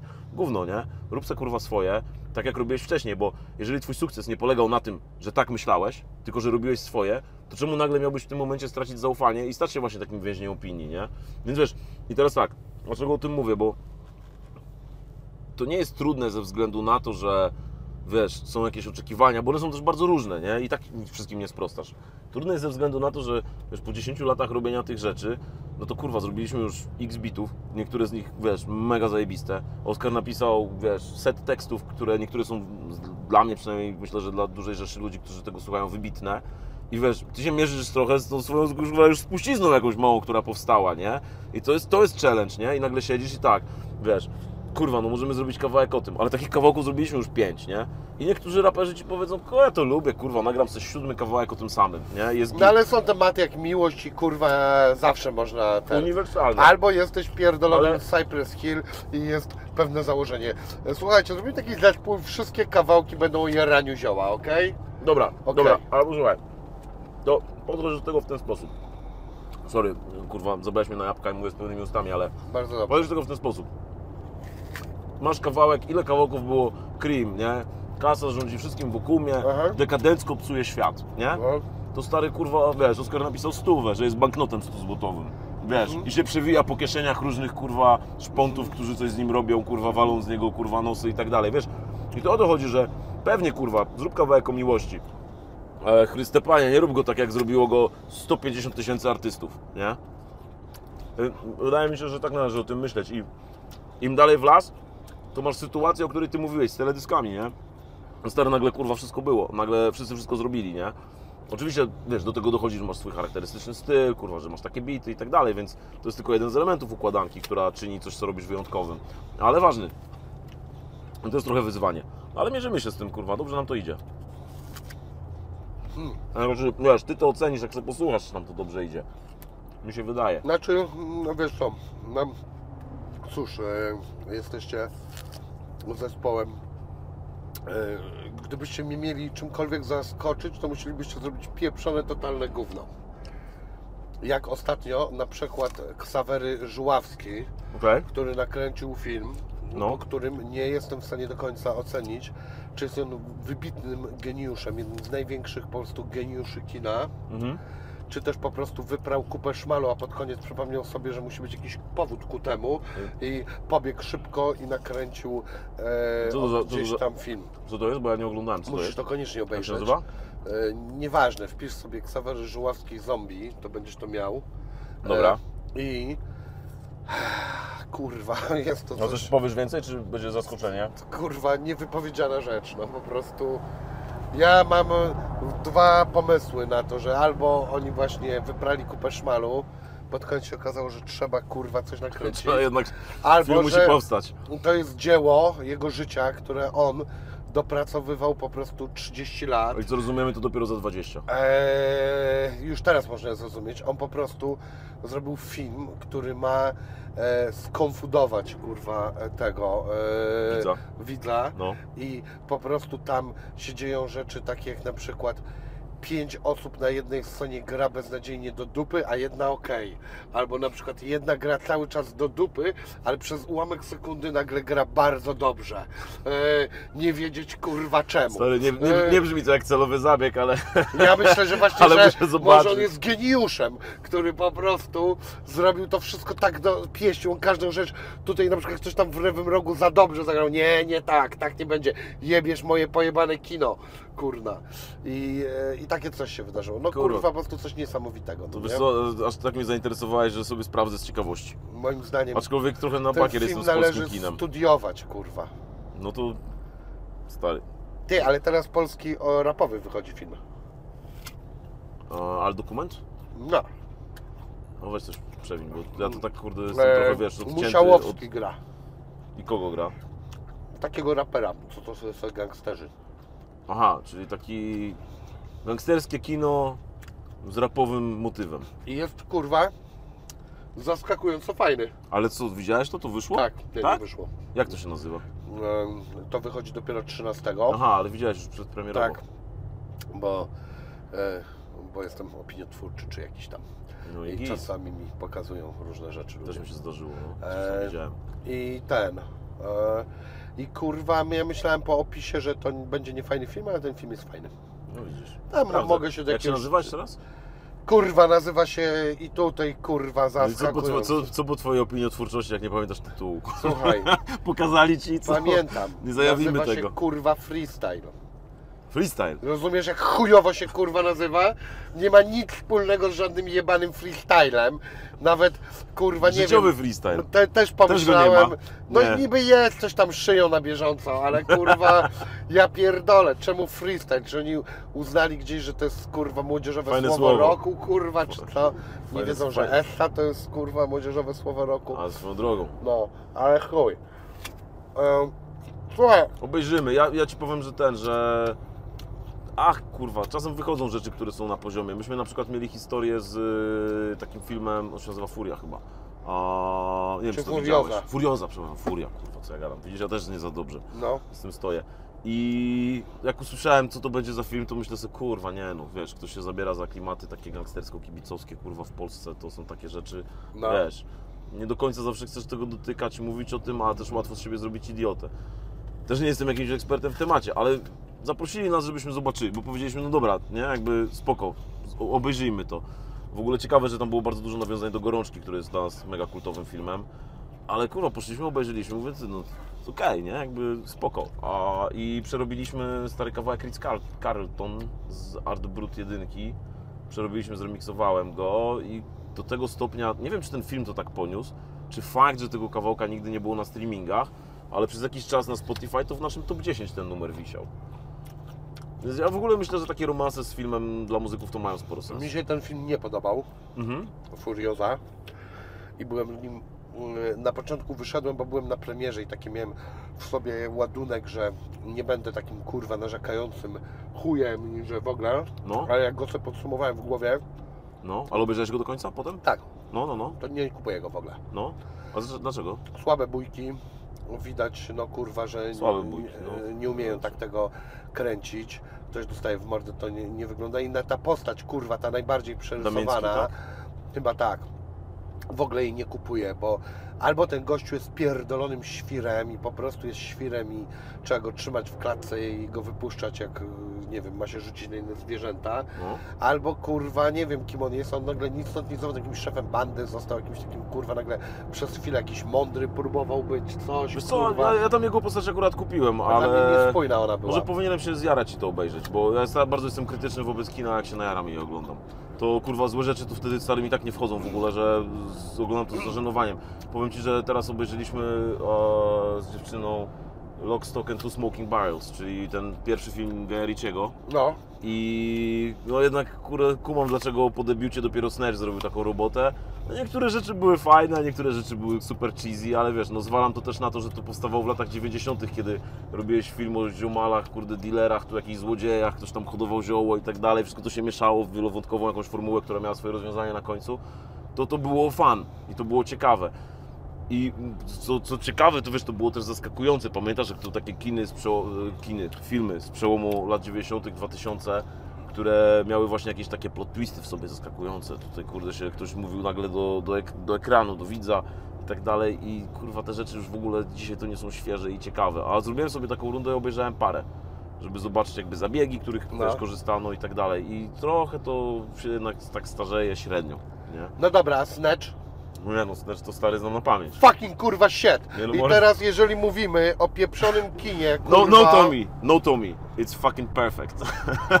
kurwa tam po Nie no, prostu stary. wszystko się tak zgadza. Sorry, tutaj tak mam Jedziesz. no, o, e, Elegancko. Zobacz, nawet, Ale S- Snatch, mordę, Snatch znam na pamięć, także możemy o tym gadać, ja to widziałem 20 razy. no właśnie. Wiesz. I teraz o co chodzi, Bullet to kurwa, bo ludzie mi mówią, o chłopakach nie płaczą. Ja uważam, że chłopaki nie płaczą. To jest słaby film, żebym nie używał gorszych tych. Nic z tego nie kupowałem. I w Snatchu też y, oczywiście, bo kurde, no nie jest tak, że gangsterzy, ci co walą w mordę cały czas y, y, dają jakieś super poetyckie przemówienia, y, pełne kurwa śmiesznych kurna zwrotów akcji i tak dalej, ale mam to gdzieś, bo to jest kino, mam je rozerwać, ale jak patrzę na tych bandziorów tego Snatcha, to ja to kupuję, że ten cygan Ale tam stary, go raz w i bullet po to w Tony wszystkim. to jest naturszczyk, on wiesz, że on grał w jakiejś y, brytyjskiej lidze, nie wiem czy tam w Premiership czy gdzie, ale on stary i go zdyskwalifikowali na stałe za to, że on tam kurwa, wiesz, po, w sposób ludzi? poważny faulował ludzi, wiesz, na patentach swoich, nie? I tam y, ten, kto, y, Bricktop, też jest jakimś chyba naturszczykiem, on zagrał co prawda w tym poprzednim jego filmie, o, tam Ziomka Ojca, którego grał Sting chyba, ale y, na, na pewno grał Sting, ale też, też jest jakimś naturszczykiem i on takich, wiesz, wziął trochę kurwa ludzi z ulicy, nie? Trochę też to, co zrobił Vincent Cassel, nienawiść kręcąc. Zresztą, znaczy nie Vincent Cassel, Boże, Matthew Kasowic. Cassel tam grał. Nie? Też był ogryskiem wtedy, kurwa, młodym aktorem w ogóle, który, wiesz, no, kurde, epicką rolę kultową, kurwa, na cały świat po dziś dzień jakby zagrał. Słuchaj, wyobraź sobie, że nigdy nie widziałem tego filmu. Nienawiść? Tak. To stary, Wiem doskonale o czym dla to mnie to film. był taki kultowy materiał, że Wiem, myśmy to na VHS-ie na osiedlu mieli, kurwa, już tak kultowy, że postanowiłem, że go będę Pierdolisz. tak zajebisty, że go nie obejrzę. Ej, to chujowo, bo wiesz co, to chujowo. Postanowiłem być takim hipsterem Jesteś, wtedy. jesteś chuj hipsterem, naprawdę. Ale to wiesz co, to wtedy jakbyś go obejrzał, to on był mega sztosem. Ale ja teraz byłem- jest, ja prze- ale teraz jest już stary trochę. Wtedy hipsterstwo do tego stopnia, że wszyscy moi kumple hipsterzy się tym jarali, więc ja im pokazałem, co to bycie z prawdziwym Że nie, hipsterem. nie, nie obejrzałeś Nawet nienawiści. tego nie obejrzałem. Ja pierdolę, szanuję to. szanuję to. Wydawało mi się, że właśnie wszyscy hipsterzy to, ale hipsterzy, to e, prahipsterzy. tak. Prahipsterzy, to jeszcze nie byli, wiesz. Nie no, ogólnie to wszyscy to oglądali, skejci, dresiarze, kurwa, no tam po prostu i hip-hop, nie? Bo to był taki film, który, wiesz co, bo dla ludzi, którzy się wychowywali w tamtych czasach, um, którzy, wiesz, przesiąknęli rapem, z, głównie z zachodu oczywiście, ale którzy też byli świadkami tego, jak ten rap kiełkował w Polsce, to był taki film, czegoś takiego nie było, bo nikt nie robił kina z jakimiś raperami, z jaraniem zioła, kurwa, z jakąś awanturami z policją i tak dalej, z takimi rzeczami, które były stałym jakby tego rapu elementem. No idzie trochę. Zapierdalamy budką telefoniczną. Pod, a, budką telefoniczną, no. No tak się mówi na ten samochód. No. No kurwa, to, to, to wózek to musi mieć mocne opory, a ci ludzie nim cisną po trasach po 100, 180. Bezsensowne. Lepiej kupić CS. Ja tego nigdy nie prowadziłem w ogóle. Ale nie mam zero zajawy w sumie na, na, na, na Słuchaj, nie no fajnie dodaje gazu, no i jest. Wiesz co jest fajne? To jest dobre auto na mieście pod jednym względem, że siedzisz wysoko i widzisz co się dzieje przed To jest tobą. zajebiste, słuchaj, do szpanowania na mieście jest wykurwiasty i e, pożyczyć sobie takie auto zajebista sprawa. E, a no wiesz, jak gdzie ma kupę kasy, to jeden z nich ma i tak, ja bym No wolał tak. terenówę. Słuchaj, no ale wracając do tego e, kina, mi się wydaje, że jest czas, że teraz nadejdzie takich rzeczy coraz więcej i również naszych lokalnych i one będą Dobre. coraz lepsze i ten, no ten słuchaj, Musiałowski to jest naprawdę dobry aktor i kurde, no... A co no, myślisz o ślepym od świateł? E, lubię e, i e, no, ja miałem problem duży z głównym bohaterem, e, ale potem gdzieś tak trochę może kupiłem tą przemowę, że on miał być taki trochę, wiesz co, no e, jakby Luke Skywalker w Gwiezdnych Wojnach to też pierdolony nudziarz, tak? Chodzi ci o to, że taki introwertyczny trochę w tym był. Taki kurwa nudny, no Luke Skywalker, kto to jest? Kto chciałby być Luke'em Skywalkerem? No nikt, nikt Kurwa. taki, ale akurat, no nie, wiesz, dwie różne postacie, ale Luke Skywalker to bardziej dla mnie taki laluś trochę. No tak, Nie, no a taki- tamten też taki laluś, laluś dealerki, kurwa. Eee, jeździł, dealował, nic Kurwa, kurwa fajnego nie zrobił. Bardzo dobra twarz. A, E, twarz miałem- dobra, ja nie mówię, że ten, ale Ja, ja, miałem, ja miałem okazję czytać scenariusz, e, bo żeśmy coś tam współpracowali przy tym i powiem Ci, że to jest tak, że to jest mieszanka zajebistych rzeczy i trochę niestety nieco gorszych, i bardzo szkoda, bo wydaje mi się, jak to oglądałem, nie przebrnąłem przez całość, ale jak to oglądałem, to wydaje mi się, że tych nieco gorszych można było trochę uniknąć. Ale to jest taki dobry kierunek, że ktoś w końcu, wiesz, zrobił e, serial o tym, jak wygląda ten taki półświatek warszawski. A nawet jak się- on tak do końca nie wygląda, to my wyobrażamy sobie, że tak może wyglądać. I w No, związku z tym... e, Co, wiesz co, no dobra, wiesz co, to może inaczej. Do końca nie, bo to jest kino i kurwa musisz trochę podkręcić, tu trochę ciekawiej zrobić, wiesz, to kurwa nic do końca nie wygląda. Ponoć ten serial o Wu-Tangu to jest jakaś bzdura. To tam, wiesz, chyba Ghostface się wypowiadał, bo gdzieś tam to czytałem, Tak? że tak, że stary, na przykład tam są takie, wiesz, że nigdy nie rzeczy, widzieli broni. nie, nie, nie, nie, no, to, to, to nie, ale że wiesz, że jakieś poprzekręcane są fakty historyczne, na przykład Ghostface nie miałby nigdy bifu z Rekłonem, a w serialu mają, wiesz, i tego Aha. typu rzeczy. I takie rzeczy się robi, no pewnie po to, żeby to się dobrze oglądało, nie? Może się na końcu okazało, że historia Wu-Tangu jest trochę nudna. Że oni tam przyszli się z rap Przyjdzie się tam, kurwa, wiesz, ryza i Niby tam... bida była, bo nie mieli kurwa od razu butów za 2000 dolarów. No właśnie. Trzeba było chodzić w jakichś frajerskich A- a- Nike'ach a- a zwróciłeś- za 150 dolców. A z, zwróciłeś uwagę, stary, w ogóle, jak to dla mnie był ciekawy, to, to się trochę też y, tyczy mm, tej historii z nami i z tym, jak stwierdziliśmy, że nie chcemy, nie chcemy takich, wiesz, być takim nośnikiem reklamowym sensu stricte, czyli mieć na klacie, kurwa, jakiegoś napisu, który coś sprzedaje komuś, nie? Ale zobacz, z czego się geneza w ogóle tego, tego nie? W Polsce w latach 90. na kanwie tej fali oczywiście teledysków, jakichś MTV Rapsów i wszystkiego innego, pewne marki stały się takie synonimiczne dla takiej dobrej rapowej stylowy, wiesz, i nie wiem, tam Tommy Hilfiger, czy wiesz, tego typu rzeczy, nie? Które akurat nic z tym nie miało wspólnego. O, ale bo, o co chodzi? Bo wiesz, wzięło się to wszystko z tego przecież, że te biedne, wiesz, czarnoskóre dzieciaki z amerykańskich osiedli aspir aspirowały do middle upper class, białych ludzi i po prostu oni, wiesz, dla nich to był synonim luksusu, że ktoś takie ciuchy nosił, jakiś tam Stary, wiesz, polo, wiesz, polo, Tommy. chwilę czasu rozkminienie, o co w tym wszystkim chodzi. Jak ja kupiłem sobie Tommy Hilfigera, No. a e, robiło się to mniej więcej tak, że jechało się do Berlina, do e, tak zwanych czarnuchów na Europa Center. E, I po prostu było takie coś Europa Center i tam były takie kurwa dziwne przesmyki w tym Europa Center i czarnoskórzy, kurwa, e, różni, jacyś, nie wiem, zazwyczaj chyba Afrykańczycy w ogóle. Pewnie tak. Ten. e, Raczej nie Amerykanie. raczej nie Amerykanie, raczej nie Niemcy. E, sprzedawali e, różny szajs, który był akurat modny. I on był, mógł być modny, że były faktycznie firmy pochodzące od raperów, czy od ludzi z tym związanych, jak nie wiem, Fubu, Karkani, czy A, no to e, właśnie, to jeszcze jest inna akcja, bo to były inna. typowo rapowe rzeczy. Tak, a były też takie, kurwa, Tommy Hill. I ja, kurwa, mówię tak. Kurwa. To ja myślałem, że to jest dla raperów jakaś zajebista firma. Przecież, kurwa, mają, kurwa, A widzisz. Ghostface Killa. A ja potem oglądam ze Source'a, a tam jest reklama, a tam jakaś banda, kurwa, białasków leży na jakiejś gównianej trawce przed Tak jakimś gównianym w uniwerkiem. W Sorsie? Tak! Takie oni reklamę też- mieli. Też źle trafili. I... Nie. A może dobrze właśnie. Oni dobrze. No, I... bo to był aspiracyjne jeden, ciuchy. jeden ich kolega, kurwa, czarny. Ten fajny czarny kolega, którego oni mają. Ci, kurwa, zajebiste białasy. No i takie coś No, napierdala. no i stary, no i pomyśl sobie, jakim to, jaką to pętlą trafiło do nas i sprawiło, że myśmy utożsamiali te rzeczy z zajebistym rapem. A wynikało to tylko i wyłącznie z tego, że ktoś tam próbował to tam, pochodząc z jakichś niezbyt kurwa zamożnych, wiesz, części społeczeństwa, próbował, e, e, wiesz, aspirował do wyższych, nie? który I, finalnie i tak stary, był w chuj wiesz. bardziej bogaty niż przeciętna u nas. A pewnie, a, No jak? A, a wiesz co, ale to jest, to jest, ja Ci powiem, to jest inna kwestia, bo ja mieszkałem w Stanach i widziałem coś takiego, to jest stary wszystko względne, wiesz. Tak, masz kurwa dom, który jest co prawda z kartonu, bo tak się w Los Angeles buduje, bo tam jest w ogóle taka, wiesz, sytuacja, że wszystko budują na drewnianych szkieletach i z drewna z uwagi na potencjalne trzęsienia ziemi. Jest to Mhm. tańsze i bezpieczniejsze, bo to jest elastyczna konstrukcja, ale i wiesz, mieszkasz w domu takim kartonowym, tak stary, masz auto, być może kurwa nawet ludzi czasem nie stać tutaj, żeby utrzymywać, może masz dwa, ale nadal mieszkasz, nadal wiesz, bieda tam jest, w takim sensie, że masz, wylewa ci się po prostu tyle, że obserwujesz świat, do którego aspirujesz, który jest pomiędzy tym, gdzie jesteś, a tym, do czego aspirujesz, jest, jest taka przepaść, że tak naprawdę czujesz się biedny.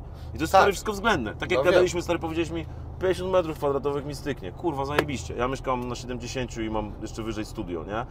Ale ja Um, mieszkałem na 400 i, i chodzi mi o to, no. że na 400 i No. chodzi mi o to, że to jest stan umysłu i pewnych rzeczy, które w danym momencie ci są potrzebne. Tak jest. I jakby yy, ja umiem sobie te rzeczy, czasami one mnie bolą, a czasami sobie je przestawiam w takim znaczeniu, że no nie, ale teraz przyjechałem do Warszawy i są inne super rzeczy i ja i tak kurwa kimam w tych 40 metrach, jak mam, nie wiem, wynajęte 40 czy nawet nie wiem. Cokolwiek, cokolwiek. E, I po chuj mi więcej, jak ja chcę zrobić pompki, to wyobraź sobie, jest miejsce na zrobienie pompek, kurwa. Nie, to, Spacery, pompki, dbasz o siebie. ten. Nie, no robię brzuszki, taki czasami starter dnia, no nie? Bardzo dobrze. E, i, I jest na to miejsce, mam siłownię w domu, kurwa. Nawet o 400 metrach. E, Tak, ale co chciałem powiedzieć o tym, co ty mówisz, to jest takie coś. E, moja babcia mi to kiedyś powiedziała. No. Jak nie ma mowy o głodzie, nie ma mowy o biedzie. Ja to zapamiętałem, bo babcia przeżyła zesłanie na Sibir, na Kazachstan dokładnie. E, No I właśnie. ona mówi, kurwa, Wszystko jest względne. Jaka kurwa bieda w ogóle? Nie ma żadnej kurwa biedy. I troszeczkę uważam, że jednak ludzie powinni czasami się odbić z tym, co mają w tym momencie, tymi ich kurwa aspiracjami, bo e, mi się wydaje, że jednak w dużej części w Stanach, e, to co oglądam z tych masowych mediów, e, no to jednak robi, tą biedę robi patologia, a nie bieda sama w sobie.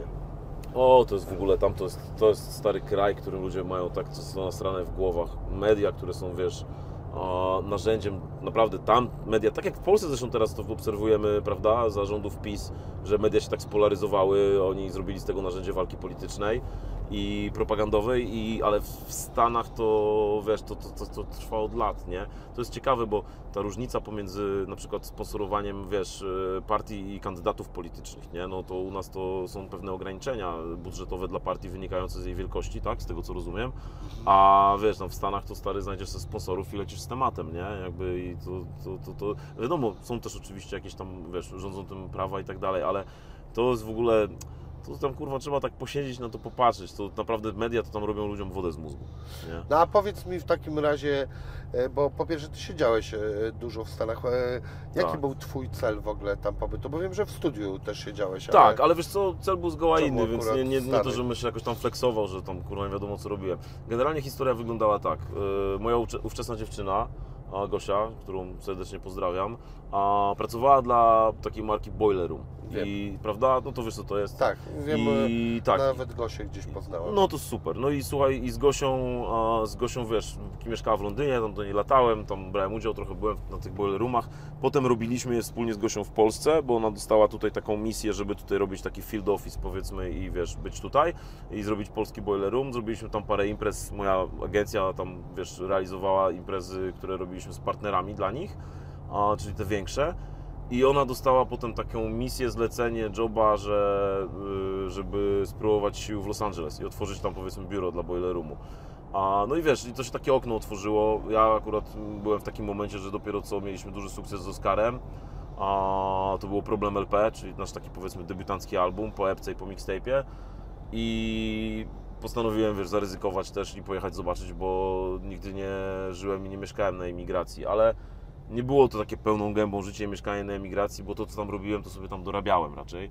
A w praktyce, wiesz, siedziałem, robiłem muzykę a, i pracowałem nad rzeczami związanymi z Revolium, a, z agencją, która jest tutaj. Więc y, tak wiesz, starałem się to jakoś zbalansować, żeby no, nie robić z siebie kompletnego idioty i nie żyć z, z polskich pieniędzy w Ameryce a, i coś tam robiąc. Posiedziałem tam w różnych studiach, coś tam popracowałem też, ale to nie był, wiesz, jakiś full time, nie robiłem u nikogo, wiesz, etatu w studio. Miałem zawsze takie aspiracyjne myślenie o tym, żeby zacząć tam pracować z ludźmi z branży, w takim sensie, żeby zrobić trochę bitów dla, wiesz, znanych nazwisk. Kogoś tam mi się udało poznać, jakieś kontakty nawiązać, ale stary, szczerze powiem, nigdy nie miałem na to czasu, żeby tak się w to zagłębić, bo tu musiałbym po prostu, wiesz, sobie zrobić rok wolnego i, I się tylko to. wpierdolić. Tak, bo to, bo to tak nie da, bo wiesz, takich ludzi, co tam polecą, stary, i aspirują, i mają talent, i mają jakieś środki, i wiesz, mogą robić, to nadal jest napęczki, nie? To ty Wiem. musisz jeszcze się wyróżnić, wiesz, jeszcze tak mi musisz być powiedział mocniejszy. kiedyś producent z Niemiec, ja się go zapytałem. A Stany, Samo. on powiedział, po co z Dresdenem do lasu. O, I to jest racja. Musisz, musiał, i wiesz co, i tak naprawdę twój sukces tam ja, ja w ogóle miałem w życiu zawsze inne podejście, co być może, wiesz, no jakby sobie to ocenię z perspektywy czasu, może to był dobry pomysł, ale widziałem ludzi, którzy progresowali w takich, wiesz, powiedzmy e, biznesowych, biznesowo-artystycznych tematach szybciej, czyli na przykład, nie wiem, granie jakichś imprez, robienie komuś, kurwa, bitów i tak dalej, bo stary, oni po prostu nachalnie wpychali swoje rzeczy ludziom. No. A wiesz, a zawsze miałem takie podejście, kurwa, nie będę się nikogo o nic prosił, ja sobie robię swoje, będę to robił na tyle dobrze, że w końcu się do mnie zgłoszą, nie? Pewnie wiesz, najlepiej to to wybalansować też i gdzieś tam po środku tego funkcjonować. I w Stanach, żeby osiągnąć ten sukces, to nie dość, że musisz mieć zajebisty talent, żeby być naprawdę, wiesz, skillsy interpersonalne bardzo dobre, dobrze język opanowany, albo przynajmniej na tyle, że komunikatywnie dobrze, to jeszcze, wiesz, no musisz się tam poprzepychać, musisz popoznawać ludzi, zainwestować w to środki, spędzić czas. Ja stary poznałem gościa, który um, ogarniał grupę pięciu producentów. On był takim, wiesz, że labele do niego uderzały i artyści. I on nie produkował sam, ale ogar- ogarniał przez wiele lat grupę pięciu producentów. Stary, wiesz, poznałem u mojego ziomka, przyszedł, jak tam miesiąc akurat u ziomka mieszkałem, przyszedł na grilla, bo był bratem sąsiada. I wiesz, i, i on mi stary nagle, wiesz, wyciąga, najebaliśmy się tam, kurwa, na tym grillu, beka była oporowa, wiesz, on nagle, dawaj, kurwa, wyciąga maila, odpala, masz, unreleased, Kanye West, unreleased, Travis Scott, kurwa, to nasza produkcja, to coś tam, wiesz, i puszcza te rzeczy i mówi, dawaj, Peter, kurwa, wiesz, wysyłaj, ja mu puszczałem tam jakieś bity, wiesz, wysyłaj, rób i tak dalej. Nigdy do niego nie wróciłem, bo nie miałem czasu, wiesz, żeby usiąść i nagle tak, zrobić paczkę, wiesz, dla kogoś. pamiętał, kurwa, że istniejesz? Wiesz co, inna sprawa, że wiesz, no była do niego koneksja, więc no, tak, aż tak się nie najebaliśmy, ale nie wiem, może wiesz, to była fantazja i może wiesz, nic by z tego nie wyszło. Nigdy nie podjąłem tutaj, wiesz, tematu. Więc... Mi nie chodzi o to, żeby to umniejszyć yy, yy, ty, z Twojej strony, tylko chodzi mi o to, że kurwa też z tymi ludźmi, e, z tego co słyszałem właśnie o takich rozmowach, to jest straszny temat chwili, że jakby się kurwa akurat zdarzyło najlepiej, żeby był ten gościu i żeby był jeszcze ten Travis Scott czy ktoś i żeby oni w czasie tej najebki nagrali ten numer i okazało się, że ten numer to jednak kurwa jest e, jeden z lepszych ich numerów ostatnio nagranych. Tak, I wtedy to, coś jest, wielkiego by się to- kurwa wydarzyło. To dobrze, to, to, to, to, to wiesz co, to dużo pewnie historii się tak potoczyło, na pewno, ale słuchaj, to nie jest jedyna ścieżka, wiesz, pracowałem w studio, a, w którym tam no sporo się ludzi przewijało i, i, i pojawiało i, i tak dalej. Ja miałem nawet taki pomysł, a, żeby zebrać trochę polskich producentów, takich naprawdę, wiesz, topowych i żeby mieć, bo Swoją pomyśl grupę. sobie, jak pójdę ze swoimi 10 bitami, to dla mnie największym sukcesem jest to, że w ogóle udało mi się znaleźć kogoś, że tego posłucha, nie?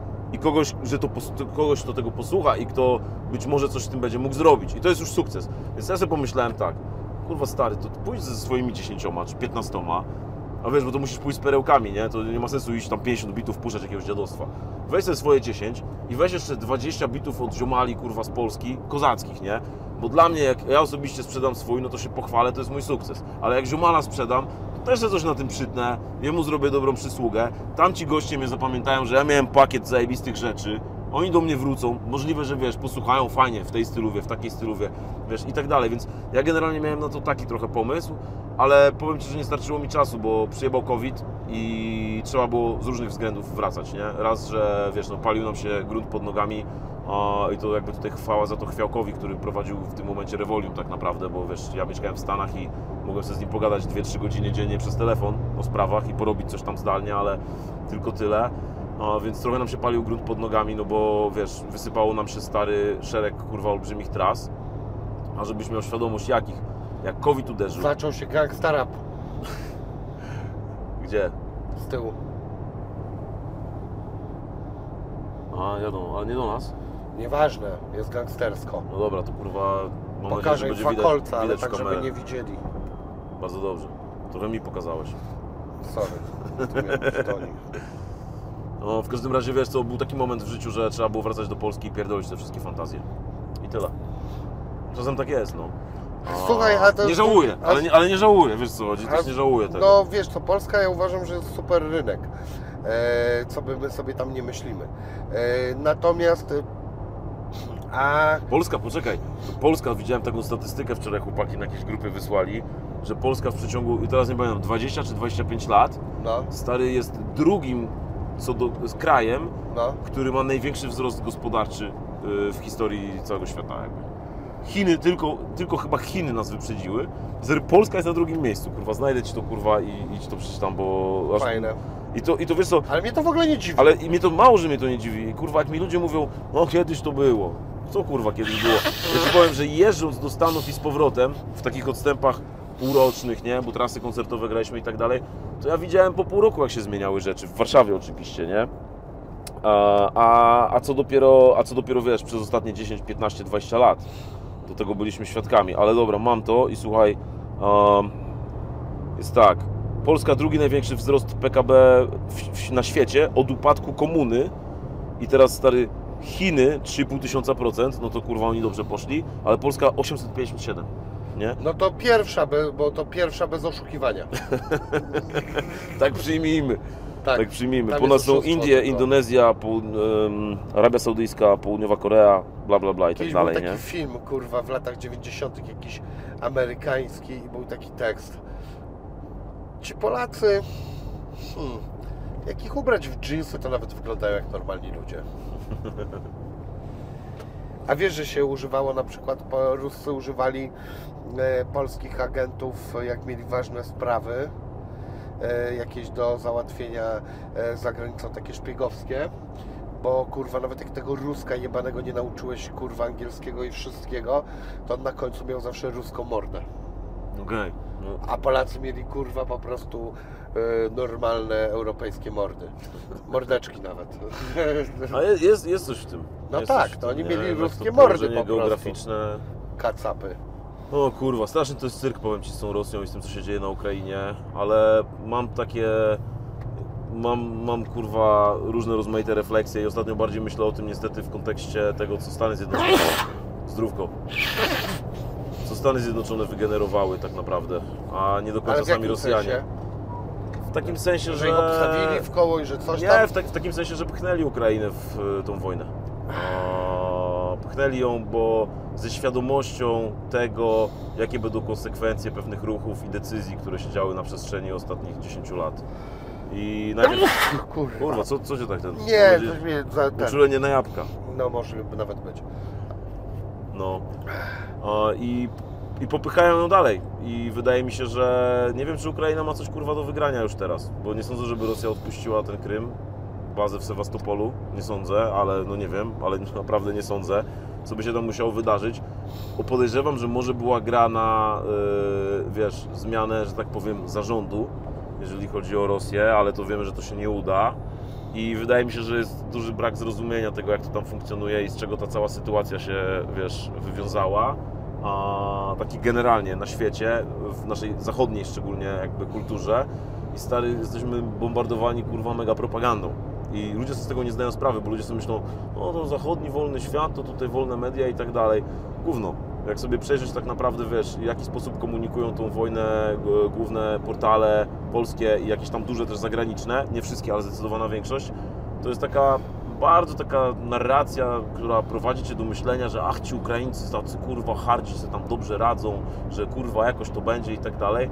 A prawda jest taka, że oni kurwa ten kraj niszczą, wykańczają. Jakby wiesz, nie, nie ma Ukraina żadnej szansy, żeby to kurwa wygrać w jakiś taki konwencjonalny sposób. I dla nich moim zdaniem szansą to jest pewna jakaś forma dyplomacji, którą jednak no, należałoby prowadzić no, w momencie, kiedy kurwa wiesz, walczysz z olbrzymią potęgą militarną, jesteś kurwa słabym, biednym krajem, nie? Um, I żeby nie było, ja wiem, że to co się dzieje tam i to co wiesz, Rosja tam robi, to jest czyste kurestwo. Ale wydaje mi się, że Stany Zjednoczone z dużą dozą świadomości zaprojektowały ten proxy war. I to jest tak naprawdę ich wojna, a nie Ukraińców w tym momencie. Bardzo możliwe, tylko że to się dla mnie sprowadza do paru prostych rzeczy, bo są takie różne kurwa dywagacje historyczne, co kurwa czyje było, a czy Mhm. to Tatarzy, a czy to kurwa piździarze, a czy to ktoś inny i w ogóle e, i komu się co na, e, Należy. bardziej należy. Dla mnie No. wszystko się kończy na jednej rzeczy. U Was, tam na wschodzie, żyje się chujowo, bo nie umiecie niczym zarządzać, a tu się żyje dobrze. Zobaczcie, co się stało z nami, świetnymi kurwa Polakami. Otóż, kurwa, przestaliście nas okradać, kurwa, to sobie ułożyliśmy fajny, I niszczyć kurwa, nasze głowy. tak, yy, fajny kurwa ten yy, no, Kraj. kraj. Zapierdalamy sobie tutaj kurwa G-wagonem, kurwa, z producentem rapowym, kurwa, zajebistym i sobie, kurwa, zrywamy jabłka. Jest, kurwa, zajebiście. Czujecie to? A, kurwa, w studiu tam pizda. Są mugi, chuje i muje. Kurwa, i dziewczyny są ładne, kurwa, i w różny fajny, wymyślny sposób się kochają, kurwa. Kurwa, Jest- podoba, kurwa, ty to potrafisz, Kurwa, kurwa, tą wizję, latę- wizję wylać, kurwa. Latę, kurwa, z mleczkiem owsianym, bo już krowiego, kurwa, to nie chcemy. Tak jest. Jest, kurwa, zajebiście. A wy mi tu pierdolicie o jakichś swoich strefach wpływu. Po chuj wam jakieś strefy wpływu, wy nie umiecie niczym zarządzać. Macie największy kraj na świecie, który się kutasy, no. Ale to wiesz co? To mi mój stary powiedział, kiedy z nim o tym rozmawiałem, i on powiedział tak, Piotrek, ja wiem, że Amerykanie to są kurwa terroryści, ale ja wolę tamtych terrorystów niż tych, a jaki mamy wybór, nie? No tak. Wiesz, no na samym końcu, bo oni coś zbudowali i coś zrobili, nie? I wiesz co, tylko trochę chodzi o to, że to, co się kurwa dzieje nie u nas, to jest yy, już nie nasza sprawa w tym momencie. Znaczy, wiesz, w tym sensie oczywiście jest nasza sprawa, jakby kryzys humanitarny, nie? Dobra, nie o tym mówię. Chodzi mi tylko o to, że e, wiesz, to trzeba by już teraz wejść w temat głębiej, nie? Ale ja na przykład miałem takie podejście, że tak, chuj was to kurwa obchodzi. Czy ten kraj będzie w NATO, czy nie będzie, bo to jest kurwa suwerenny kraj i to jest kurwa ich prywatna sprawa, nie? Nie obchodzi. Ale, ale poczekaj, poczekaj, poczekaj. Mówię tak, wiesz, w kontekście jakby Rosji, która jakby, wiesz, no jednak yy, czuje się zagrożona, A, nie? no. I teraz, wiesz stary, ale co by zrobili kurwa Amerykanie, jakby nagle kurwa Rosja w Kanadzie instalowała, wiesz, systemy rakietowe, które mogą zdjąć kurwa cały, wiesz, zarząd. Chuj w to zarząd sobie zrobili. Jebać, już był. Kuba poczekaj, była, no. ale, ale poczekaj, no właśnie, no, ni- nic by się nam nie wydarzyło i teraz my sobie możemy tak wszystko myśleć tak, wiesz, w prosty sposób i sprowadzać takich prostych rzeczy, tak? Chuj was to obchodzi, my sobie tu kurwa NATO teraz wprowadzimy, my tu będziemy mieli kurwa patrioty, to, tamto, sramto, jak będziemy potrzebowali, to mamy Moskwę w zasięgu ręki, nie? I chuj was to obchodzi, bo tak naprawdę jesteśmy obronnym sojuszem i tak dalej. Ale wiesz, Rosja, która kurwa w swojej historii była dojeżdżana kurwa przez Mongołów, przez Napoleona, kurwa, kto, kogo tam nie było pod tą Moskwą, wiesz, to oni kurwa pewnie myślą trochę inaczej o tym, nie? I teraz, czy oni mają fajny kraj? Czy oni kurwa, wiesz, wymyślili najfajniejszy możliwy system, w jakim można żyć? Pewnie nie. Czy my byśmy go chcieli? Pewnie nie.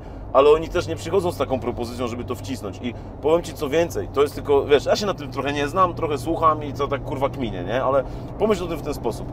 Czy naprawdę Rosjanie chcieliby też, żeby Ukraina była rosyjska? Ni chuja. Oni by nie chcieli z tego względu, że oni wiedzą, że ich tam kurwa wschód nienawidzi i kurwa to by było nie do pogodzenia, wiesz. I oni stary, jakby oni chcieli tam prawdziwą wojnę zrobić, to by tam kurwa posłali rakiety na Kijów, oni by zniszczyli całą infrastrukturę, oni by to kurwa wszystko zmietli. Oni mają swoje cele polityczne i one po prostu, no, wydaje mi się, że pró- próbują desperacko, bardzo desperacko i brutalnie je osiągnąć, nie? I, i w kurewski I sposób. dlatego fajnie by było, jakby wszyscy wzięli i umarli.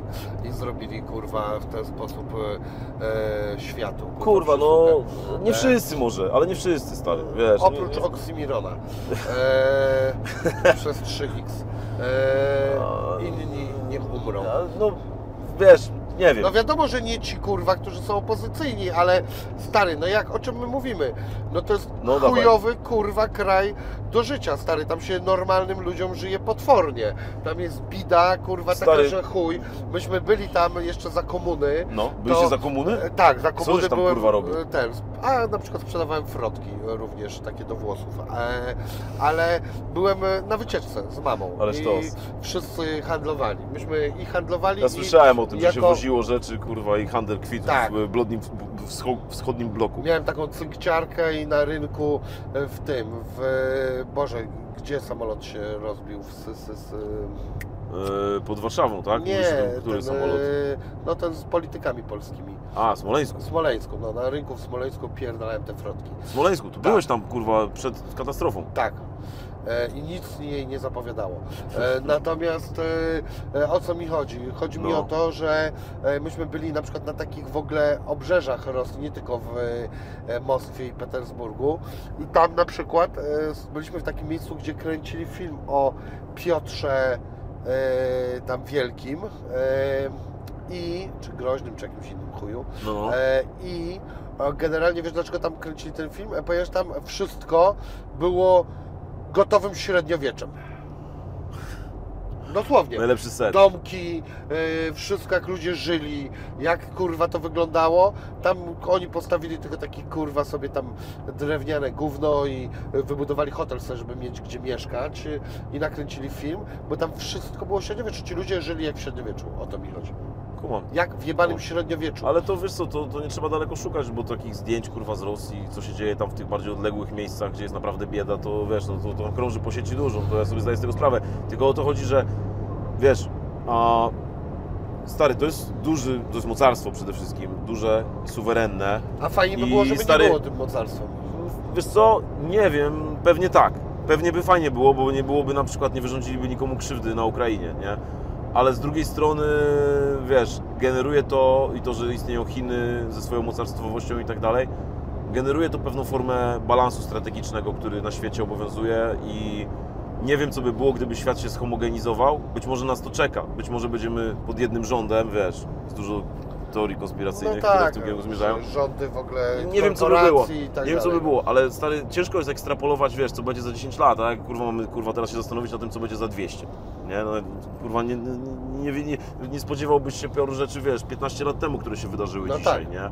Więc wiesz, teoretycznie świat zmierza w tym kierunku, jak patrzysz na te wszystkie ruchy, e, paktowość, prawda, pewną, nie? To BRICS, ten układ teraz, czy Unia Europejska, e, te, ta Unia pomiędzy, e, pomiędzy Kanadą, Stanami Zjednoczonymi a Meksykiem, bo oni też mają jakąś taką ekonomiczną Unię, to wiesz, to, to widać, że powoli, powoli, powoli to się tak zacieśnia, homogenizuje, jest coraz większy, wolniejszy przepływ ludności i tak dalej.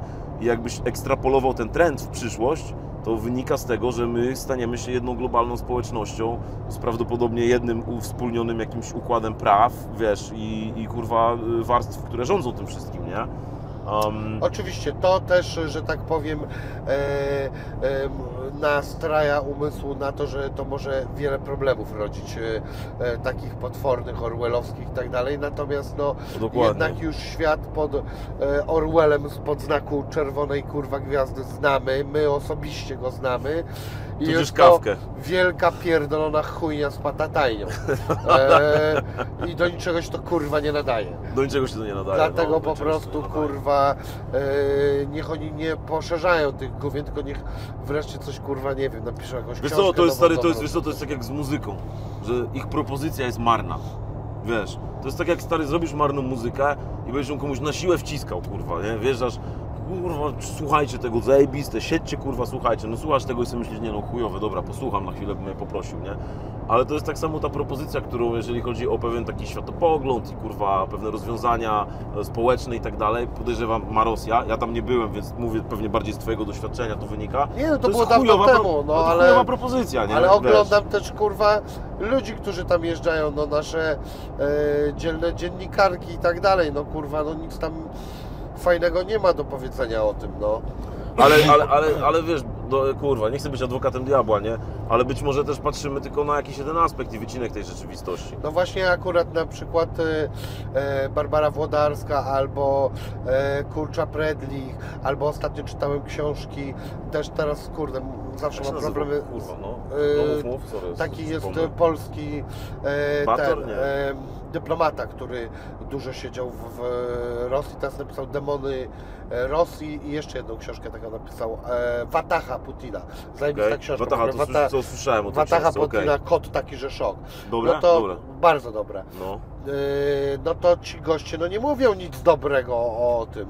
no tym nic no. dziwnego, no. Poza tym wiesz, no ile wymienisz marek, kurwa, jednak niestety z przysłowiowego zachodu. Ale stary, najlepszym, stamtąd, najlepszym no. przykładem jest to, że Polska jest kurwa na drugim miejscu pod kątem wzrostu PKB od czasu upadku Związku Radzieckiego. No, Nie? no to jest najlepszy przykład. No, No. to kurwa, to co my robiliśmy przez kurwa y, kilkadziesiąt lat PRL-u? Wyobraźcie sobie, Wiesz. że normalnie, porządnie zaczęliśmy chodzić do pracy e, po tym wszystkim i się nagle okazało, A kurwa, trudny był ten okres transformacji. trudny, dla jednych trudny, dla innych bardzo łatwy, bo to można było wtedy miliony zarobić, o tak, no nie? Tak, tylko że wydaje mi się, że ludzie przez to, że byli nauczeni kurwa pracą w komunie, kombinowaniem ciężko i im tak było. dalej, ciężko im niektórym się było przestawić chyba, nie?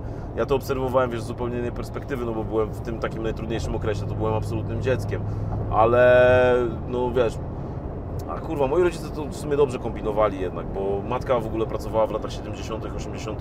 we Włoszech.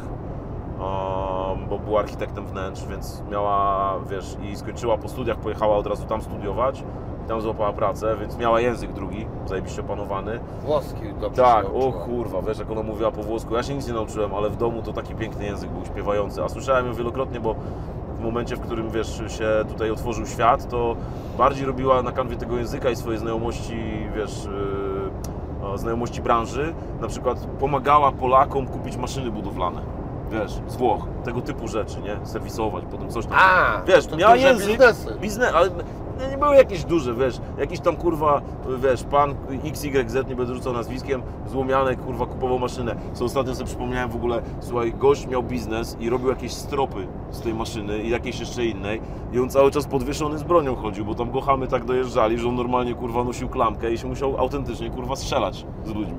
W Polsce. W Polsce, w 90, Warszawie. może 91 rok, nie? Czy drugi, czy W drugi. Szczecinie chyba aż tak nie było. Wiesz, to może był jakiś jeden przypadek, Aku- akurat pamiętam, bo mi dał, kurwa, wiesz, do ręki ten pistolet, żebym sobie potrzymał i byłem małolatem, to mi zapadło w pamięć, nie? Swoją drogą, słuchaj, na Sienkiewicza tam... A on o, potem wziął e, za ściereczkę pyk do Ściereczkę foliowego tego, do foliowego woreczka i dzięki. Mogło być, ale co by, co, co by potem powiedzieli? Dziewięciolatek go zastrzelił. Tak, co? O, Jak w Brazylii. ale, ale mieliśmy, słuchaj, mieliśmy ten, mieliśmy, ja miałem na, naprzeciwko mojego, mojej bramy na Sienkiewicza tam w centrum, mieliśmy, kurwa, jeden z pierwszych e, sklepów z bronią w ogóle w Warszawie. Też O. takie, kurwa, się chodziło, wow, tam, wiesz, wejść, pooglądać, tam, to się nazywało jakiś Kinpol czy coś takiego, kurwa. Kimpol. No, Kinpol, dziwną nazwę mieli, to pewnie jakiś skrót Jak? był dziwny. Kurwa. Gościu się nazywał, nie wiem, jego ulubiona dupa to była Kinia, a on był z Polski, kurwa, no i był Kinpol. Tak się nazwy wymyślało. No stary, e, przecież albo Pol, albo X. No, Kurwa, e, wiesz, Najłatwiej. no kurwa, a już najlepsze to było po, Polix. A jak żeście y, patrzyli na Warszawę w latach 90. Bywałeś często? Rzadko. Rzadko. E? A jakie robiła na tobie wrażenie wtedy, jak bywałeś? Robiła na mnie super wrażenie, bo był skate shop. E, Smolna? e, tak, No, Smolna kurwa, legendary. 8 nawet chyba, o ile dobrze pamiętam. No, no, no, coś takiego może, już nie pamiętam numeru, ale miejsce pamiętam, bo tam kupowałem. No Smolna, zaopatrywałem się kurwa, tam. rozpierdol po prostu. No. Potem jednak szybko odkryliśmy, że kurwa ten, że jednak e, skate, e, że jednak e, mamy w chuj bliżej do Berlina. Do Berlina, gdzie są skate shopy, nie jeden. Tak, i jest ich dużo. I co?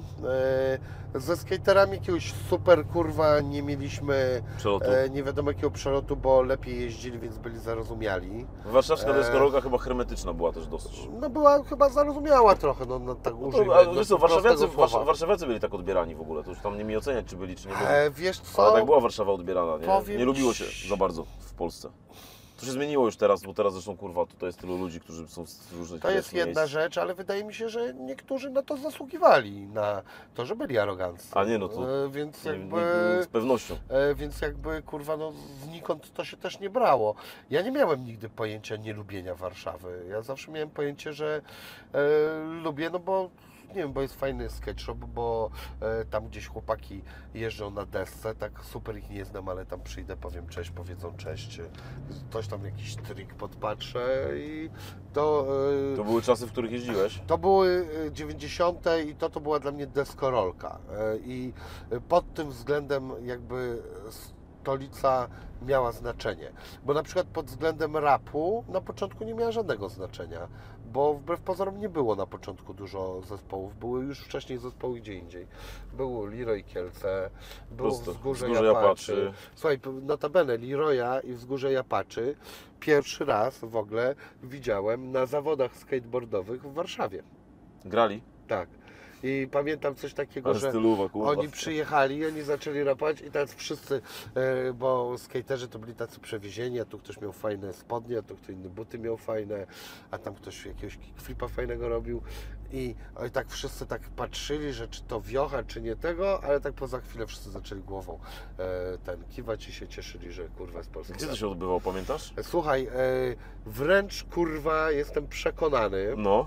że jak się jedzie e, alejami ujazdowskimi do Łazienek, No. to jest taka kurwa droga w dół, taka e, e, do jakiegoś takiego parku, czy chuj wie czego No jest, tam w kierunku tych, Jezus, no na dole Agrykoli. No może, Pewnie, w dół no. taka kurwa droga jest. I myślę, że to było tam. Myślę, że to było na Grykoli w takim razie. Mogło być, No. mogło być, no. Na Agrykoli, w sumie idealne, ideal, idealne miejsce. A, się tu ładnie wpierdalasz. Dawaj na to.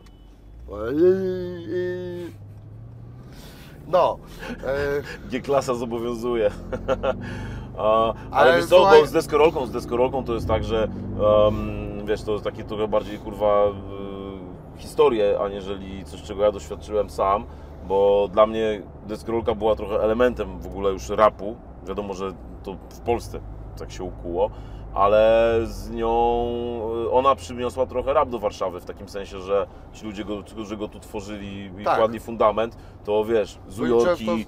Wiesz, to po prostu był rap, którego słuchano w film, filmach deskorolkowych?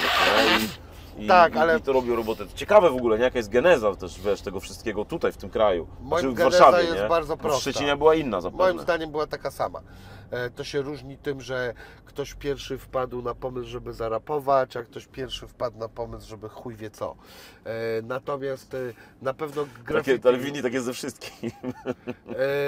No w dużej mierze tak, ale chodzi o to, że mimo wszystko dalej to się tworzyło w tych samych czasach i jakby e, ja upatruję w jednej rzeczy to wszystko, No. że szczególnie ja, gdzie jestem troszkę starszy, myśmy byli tym pokoleniem królików doświadczalnych.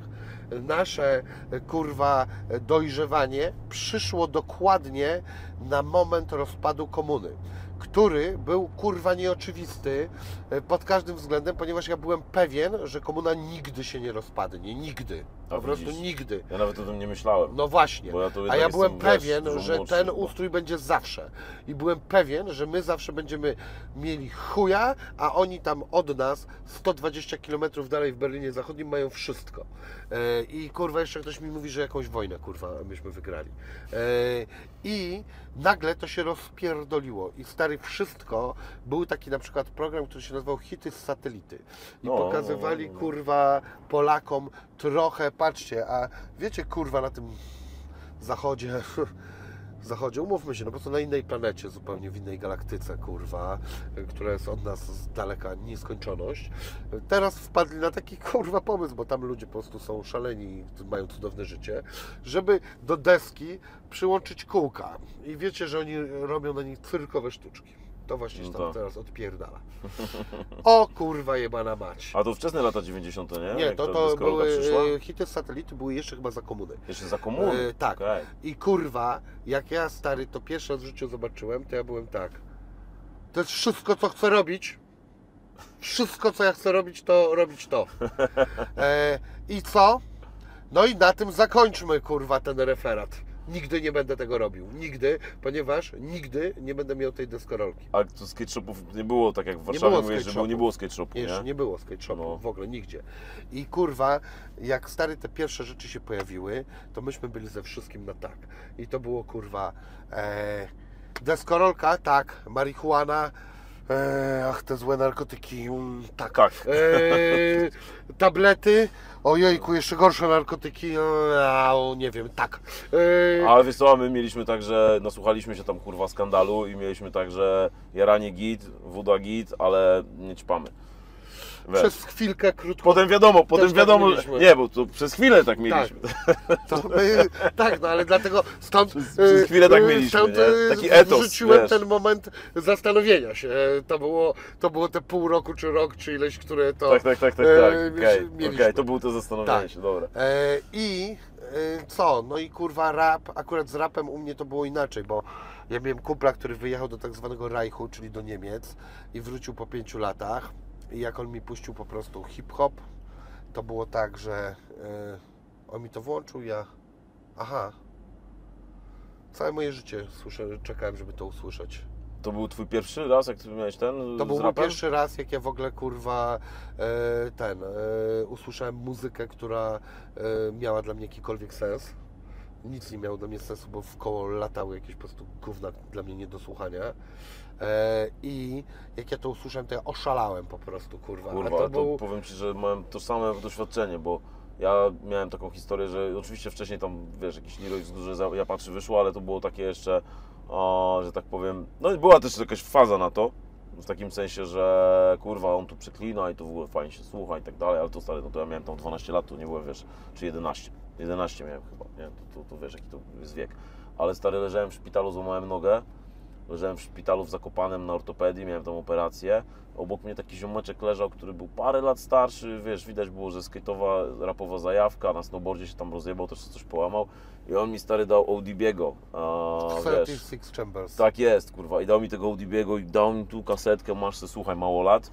I stary, wiesz, a ja miałem tam trzy kasety na krzyż, to wiesz jak się wtedy słuchało. Leżysz w szpitalu, to przesłuchałem tego ODB'ego, kurwa, w skrosi wszerz, nie wiem, 50 razy. Tak. A, I po prostu, wiesz, i, i to był taki przelot, że nagle ten amerykański zagraniczny rap do mnie dotarł. Nie MC Hammer, co wcześniej gdzieś tam w telewizji było widać, czy jakieś gówno. Znaczy gówno w takim sensie, że wiesz, to nie było w ogóle coś, co trafiało gdzieś tam w moją duszę, tylko to. I to kurwa, jak usłyszałem stary wtedy, to miałem tak, okej, dobra. No a potem oczywiście, wiesz, okazało się, że po polsku to można robić, nie?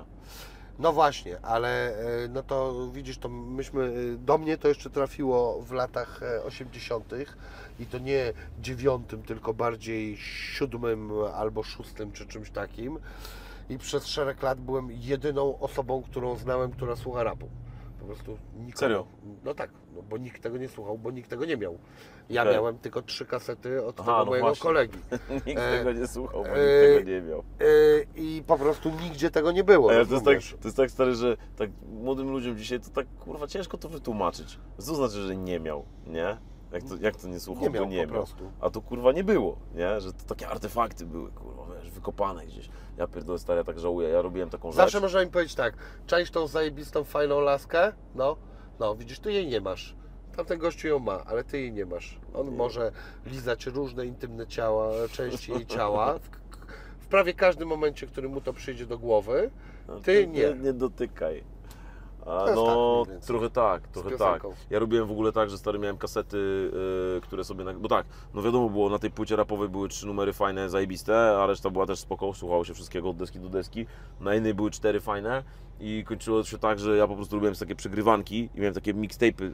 To były kurwa mixtape'y, tylko No nie tak. zmiksowane, ale to były kurwa prawdziwe mixtape'y. I ja słuchałem tylko muzyki z takich płyt, które sobie po prostu układałem, bo kurwa, tu mi się podobał kawałek Rage'ów, tutaj kurwa Utengu, tutaj ODB'ego, tu coś tam i wiesz, łączyłem to jakoś w jedną całość. Ja słuchałem też jakichś takich rzeczy, trochę techno jakiegoś, wiesz, jakichś takich różnych wygrzewek, więc mieszałem to, wiesz, yy, po prostu w jedną całość i miałem takie kasety i wyjebałem je kurwa z 10 lat temu i po dziś dzień tak żałuję, miałbym takie kapsuły czasu, wiesz, takie Szkoda. rzeczy, których widziałem, że to, to, były, to były moje gusta muzyczne, nie?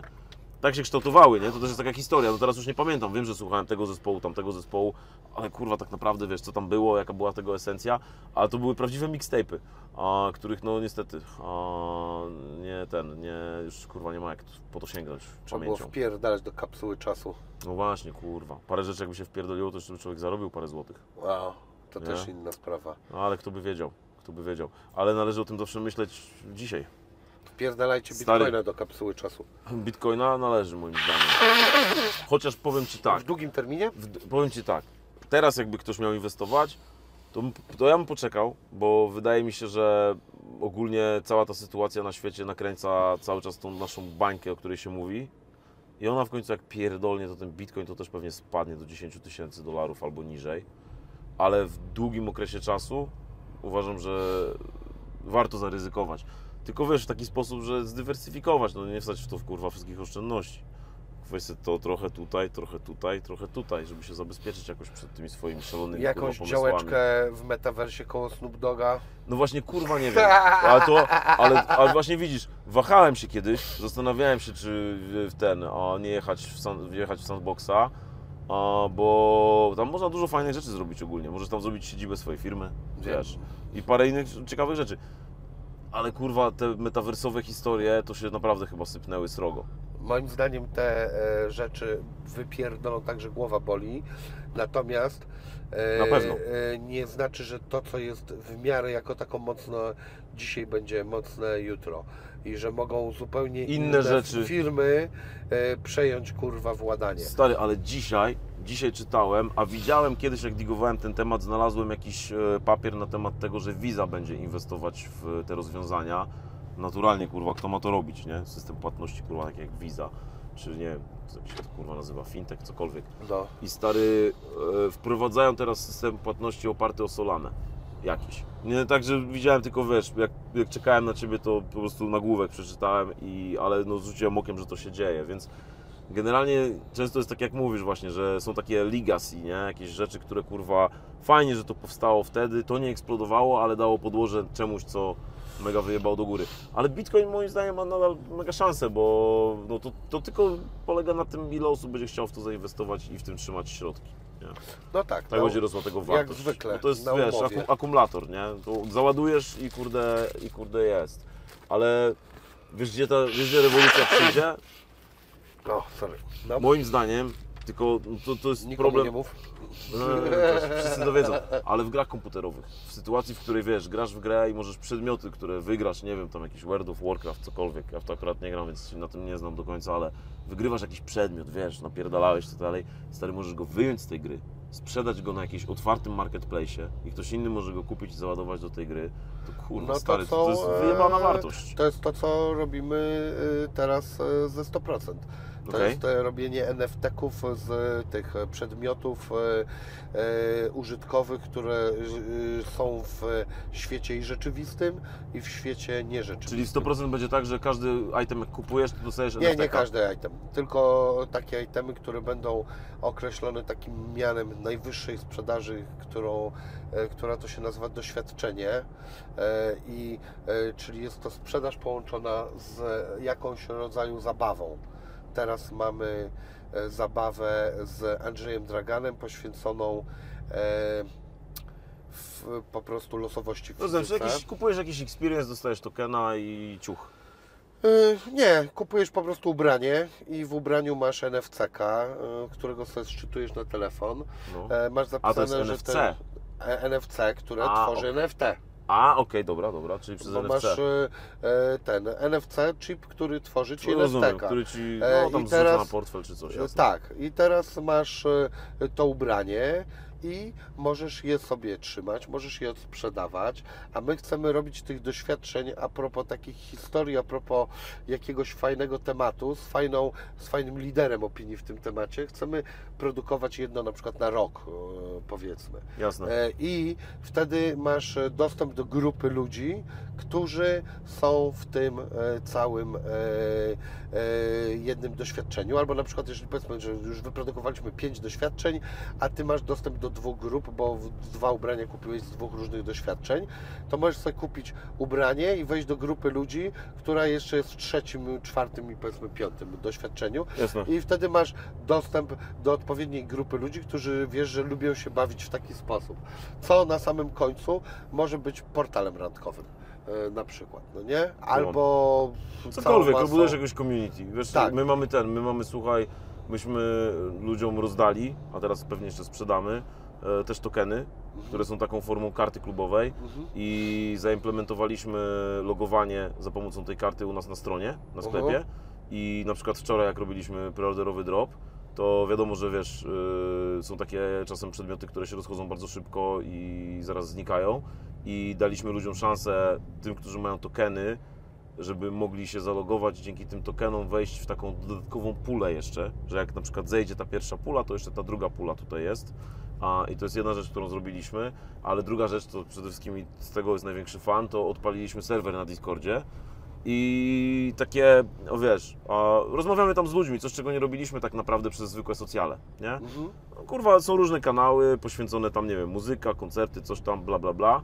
I wiesz, to się kurwa faktycznie dzieje i ludzie, którzy mają tokeny mogą tam wejść. Zaraz y, tych tokenów jeszcze więcej, że tak powiem, rozdamy.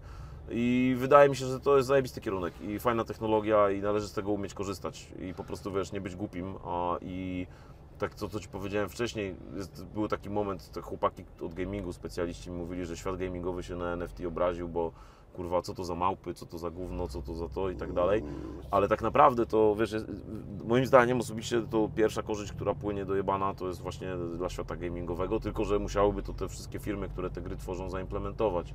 Gadałem kiedyś z Sokołem, który miał bardzo zajebisty pomysł i był tam przez chwilę zaangażowany w coś. I on mi właśnie zwrócił uwagę, że niestety, ale niektóre rzeczy się nie wydarzą, dlatego, bo na samym końcu jest to w interesie graczy, a nie w interesie twórców gier. Czy tam firm, twórców to par 6, nie? Firm, które operują tymi produktami. Ale to ciekawe, że to robicie w ogóle. Ja jeszcze siedzę w tym trochę, wiesz? Mamy tam jakiś też projekt y, startupowy. No to widzisz, A, może coś i sobie jeszcze stary- porozmawiamy potem o tym. No, bo to, bo to powiem Ci tak, że konkretnie. Ale wiesz, temat. to co wy mówicie na przykład, no nie, e, właśnie też kontakt e, z e, bezpośrednią społecznością, to robi też takie rzeczy, że na przykład no e, dajmy na to na tych waszych grupach sobie oznajmiacie, że w pierdolony wtorek o pierdolonej 4.58 w tym pierdolonym parku, który przed chwilą minęliśmy z dupy najgorzej, kurwa, nie wiadomo jakim w ogóle. Będziemy nikt sprzedawali kurwa z bagażnika, kurwa, wiesz, płyty, których I nikt będzie nie ma. koncert trzech numerów, których kurwa nikt nigdy nie słyszał. I wiecie co? I trzeba kurwa, nie wiem jak, ale wziąć i się kurna jakoś dać radę i wstać na I- tą i wiesz co? czwartą 59 i przyjść tam. I, I to chcemy robić, ale nie wiem, czy widziałeś, żeśmy puścili stary preorder. Jeden z tych kurwa preorderowych itemów, bo tą grupę Discord, bo to będziemy to animować w ogóle, wiesz, to jest jakby temat, który się, no, który wierzymy. Bo my też Wiesz. na Discordzie najpierw No to robimy, ale Stary, potem chcemy... A potem się rozwi- Ale wiesz, to, powiem Ci, że też Discord się bardziej spopularyzuje też jako platforma, bo jest fajny i, i, i, i zarówno wiesz, Wy wyjdziecie na zewnątrz z tym, jak i dopłyną Wam ludzie na kanały Discordowe. Ale co Ci chciałem powiedzieć, stary, żeśmy zrobili wczoraj ten preorder, były trzy przedmioty, jeden to jest tam płyta w wydaniu preorderowym oczywiście, więc jest w miarę specjalna.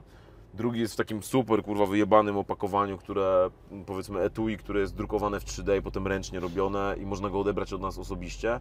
A przededniu premiery w Warszawie będziemy, kurwa, na jakiejś ustawce to robić. I trzeci, stary, zrobiliśmy preorder na takim burnerze, na telefonie 2660 Nokia Flip. Aha. Taki telefon, co wiesz, kupujesz tam za parę stów i Aha. wiadomo, że kurwa się go pozbywasz, jak już kurwa... Na cwaniackim telefonie, no. No, sportowym to nazywamy, ale widzę, że wiesz, mniej więcej wiesz, wiemy o co chodzi. I stary, na ten telefon, wiesz, lekko go customizujemy, bo tam się nie da jakoś poszaleć. Wpierdalamy tam, wiesz, w kartę SD muzykę, zdjęcia, w ogóle jakieś fajne materiały, których, wiesz, inni nie mają, ale przede wszystkim stary, co zrobiliśmy. Każdy, kurwa, dostaje kartę SIM czeską i jak ją wsadzi i tam zaloguje się do sieci, to ma w książce telefonicznej numery do wszystkich innych ludzi, którzy te telefony kupili.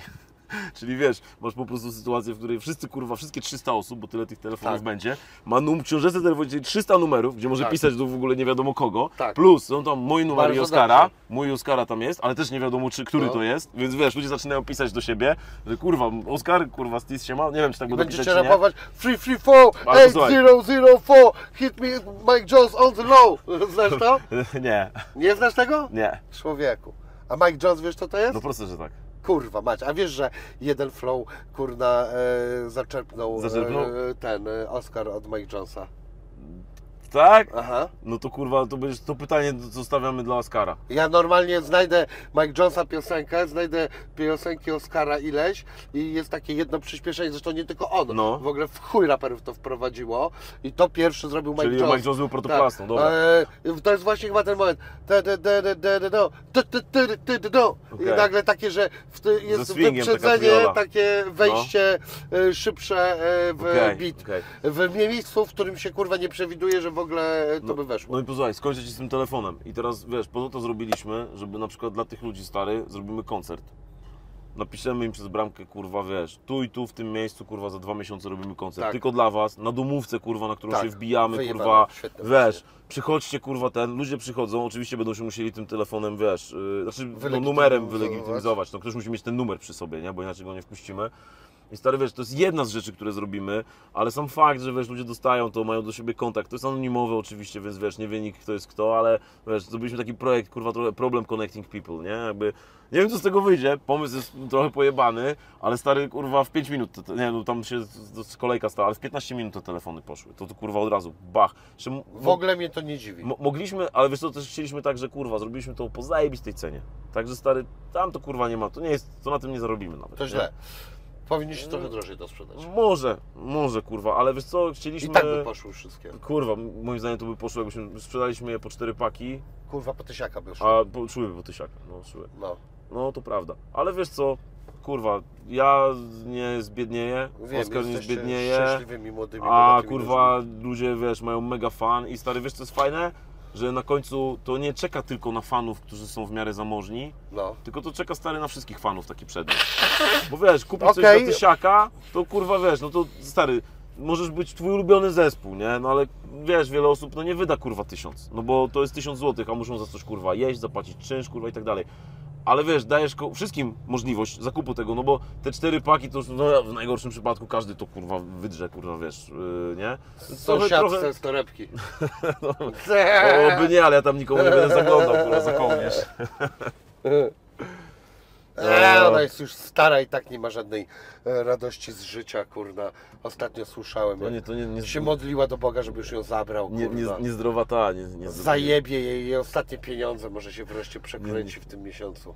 Kurwa, no widzę, że Ku chwale problemu. chwalę problemu. Robi, robimy to.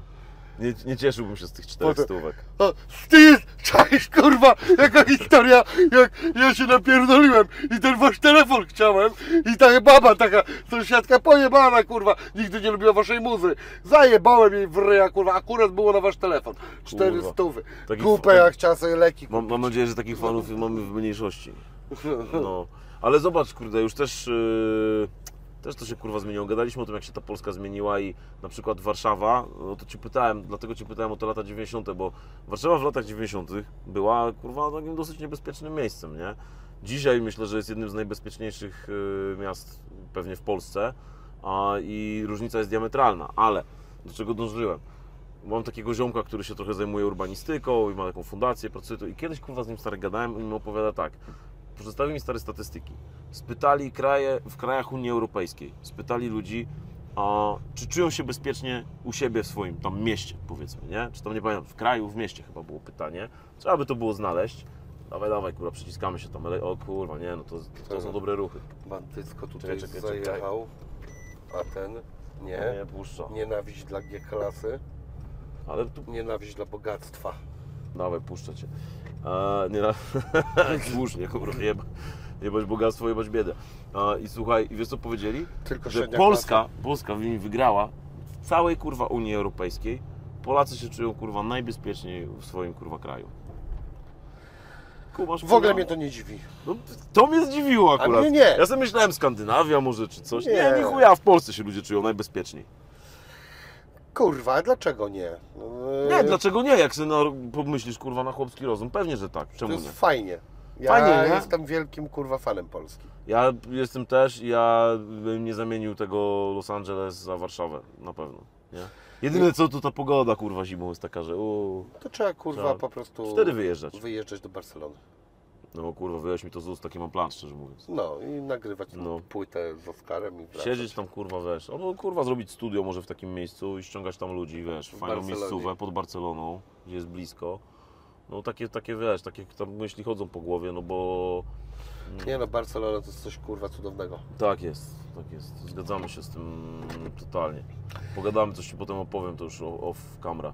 Dobra. Um, Słuchaj, jeszcze takich parę szybkich kur... tematów, ja pierdolę. Czekaj, nagrywa się dalej. Kurwa, nagrywa jednak tak myślałem, że tą technologię lepiej, kurwa. Bo Samsunga nie mam, wiesz? A, okej. Mam dziadostwki ten. Poczekaj, poczekaj, Czekaj. Ja, ja tu mam. Słuchaj, to, to musisz odlepić. Dobra, to poczekaj, kurde. Nie to, nie to. Tym? O, to, To. przyłóż jeszcze raz. W tym miejscu? No, troszkę wyżej może. A, już jak jest z tym to. Dobra, no. I teraz to ten. Dobra, mamy to. Tak, i teraz czekaj, jest na półweczce elegancko. Leci? Tak. Uważam, że to jest tylko dodatkowy super element rozmowy. Mam taki nie do pobicia teraz e, rozmowę z Kastą, jeszcze nie publikowaną, gdzie cały czas nam to spada. Kupiliśmy takie gówno, że non stop to spada. I po prostu połowa e, rozmowy jest o tym, żeby to w ogóle działało. To Okej. jest świetny dodatek, uważam. Okej. okej. E, e, słuchaj, co? Revolium. E, No. To jest e, w ogóle czekaj, to jest jakaś jedna firma, to się rozbiło na parę, czy e, bo jest jeszcze, e, jak ma się 20-20 do tego? Tak, I- tak. Wiesz co, to jest tak, że... Po co ci to w ogóle wszystko? Okej, no pff, po co mi to wszystko, wiesz? No to dobre pytanie. Słuchaj, musisz brać pod uwagę też to, że ja w ogóle zaczynałem od DJingu, jak wcześniej mówiłem. Tak. I w momencie, kiedy zobaczyłem, że fajnie się gra, jak się robi dobre imprezy, trochę ludzi przychodzi, to zabrałem się za promotorkę też. Gdzie jedziemy? A, Gdzie jest prosto, twój- cały czas prosto. Jedziemy kurwa prosto, tak, Tak? jak jechaliśmy przed, pewnie. Ale ja myślałem, że jedziemy jeszcze na twoje stare śmieci. A, no to kurwa, to w prawo. Dobra, prawo. to pojedziemy tam. skręcisz tutaj. A jest coś po tym? Słucham? Jest coś po tym? E, wiesz co, mam, jadę odwieźć, tak, tak, bo mam Dobra. z dziewczyną ustawiony. Eee, tu w prawo, tak. jak dasz radę, to, to będzie git. No i słuchaj, a więc wiesz, geneza jest taka, ja w ogóle zaczynałem od DJingu, a potem od promotorki, zresztą największy sukces z Kosim, kurwa, gościem, który był chyba u Ciebie, nie wiem, raz albo dwa razy. Tak, bardzo lubię- serdecznie, lubię kurwa, mój ziomek, oczywiście, pewnie też pozdrawiamy.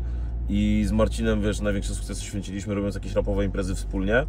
A, I Kości nazywa się Marcin?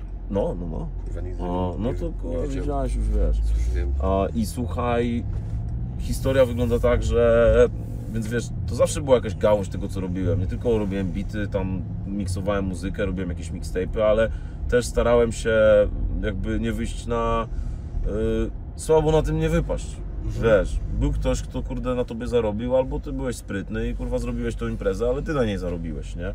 Umówmy się, to też nie są jakieś kokosy, ale więc wiesz, zawsze miałem taką jakąś kurwa smykałkę do tego, żeby to jednak sprytnie kurde wszystko rozgrywać i w którymś momencie pojawiła się okazja za sprawą Wojtka Sokoła, który zaproponował mi, żebym został jego DJ-em i menadżerem.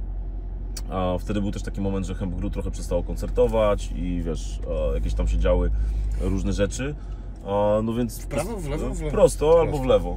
To w lewo będzie. No, możemy w lewo jak chcesz, bo tam widzę, że coś się dzieje. Tak. A to idealnie wylecimy, pokażę Ci fajną okolicę. A zaraz. I słuchaj, i wiesz co, i Wojtek Sokół mi zaproponował, żebyśmy działali, ale nie tylko, żebym został jego DJ-em, ale też menadżerem, ogarniał mu koncerty i tak dalej. A ty wtedy do niego powiedziałeś e, Soku, ale tylko zgadzam się, jeżeli już nigdy nie będziesz o sobie mówił Wojtek Soku, tylko już tylko zawsze Soku.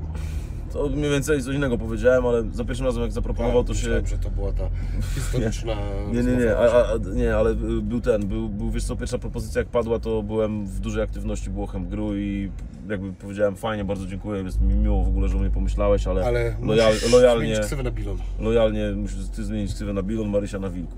Okej. Nie zgodził się. nie zgodził się. No, no dawaj, dawaj, możemy, a, To tak, ten, i posłuchaj, i posłuchaj, Chryste Panie, Józefie Chyba Święty. instagramerzy idą. Do, dobry, dobry skład. I, I słuchaj tego, a, i, znaczy słuchaj tego, kurwa, to nie jest jakiś wy- wy- wybitnie ten, ale... Ja tak zaczynam kurwa, zdanie. opowiadam ci, jakbym tu wiesz, jakąś teorię spiskową co najmniej Zajebista. opowiadał. Tak Słuchaj, I historia była taka, że wiesz co, od y, ruchu do ruchu nagle się okazało, że przy tym jest dużo pracy. Ja też robiłem jakieś rzeczy muzyczne, więc zatrudniłem jedną osobę, ziomeczka, który nam pomagał mi i Kosiemu przy rap history, Janka, który po dziś dzień z nami w ogóle działa i jest i zresztą gra menadżera w teledysku, który wypuściliśmy, który tam nosi te rzeczy e, dla rapera. I wiesz co, i potem jak ruszyliśmy z problemem, drugi ziomek, którego poznałem w Krakowie, zorganizował nasz krakowski koncert. Z nim się dogadałem, on do nas dołączył, zaczął menadżerować raz mentalizm, który wcześniej był w jakichś tam innych historii niezadowolony.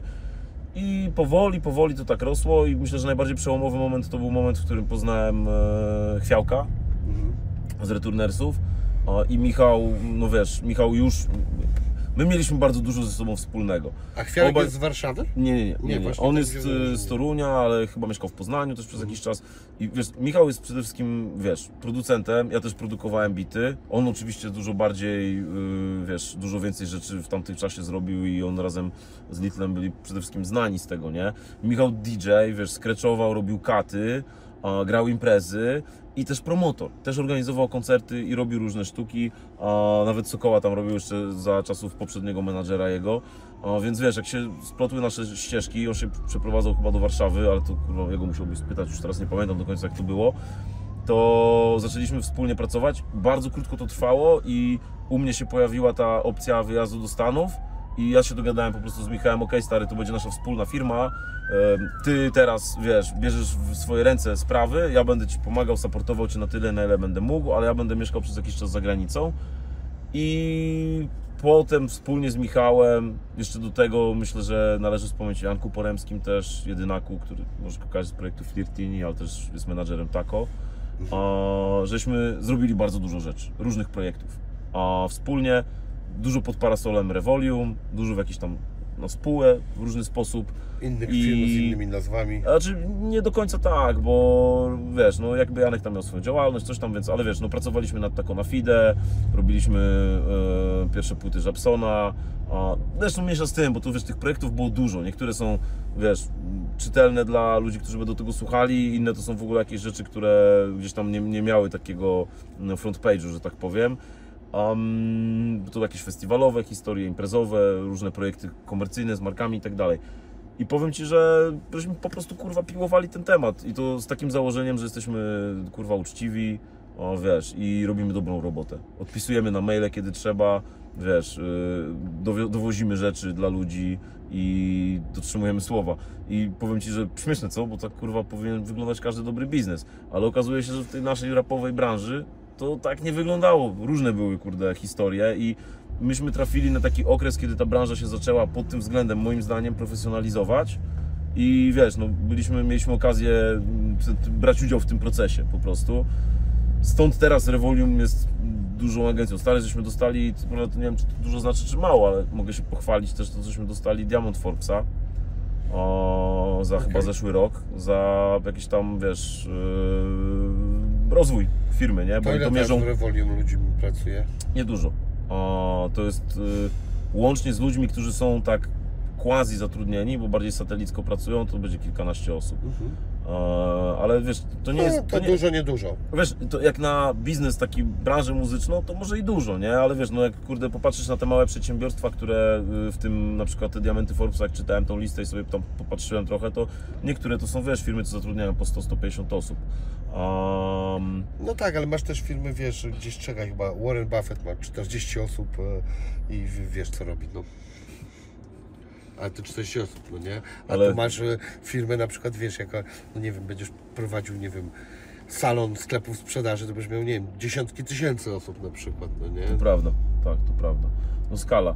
A, I wiesz co, i 2020 to jest trochę osobny byt. To jest nasza firma, którą, że tak powiem, mamy z a, nasze przedsięwzięcie, tak bym powiedział, które mamy wspólnie z Oskarem, z Filipem, Tako, z Jankiem właśnie i Michałem.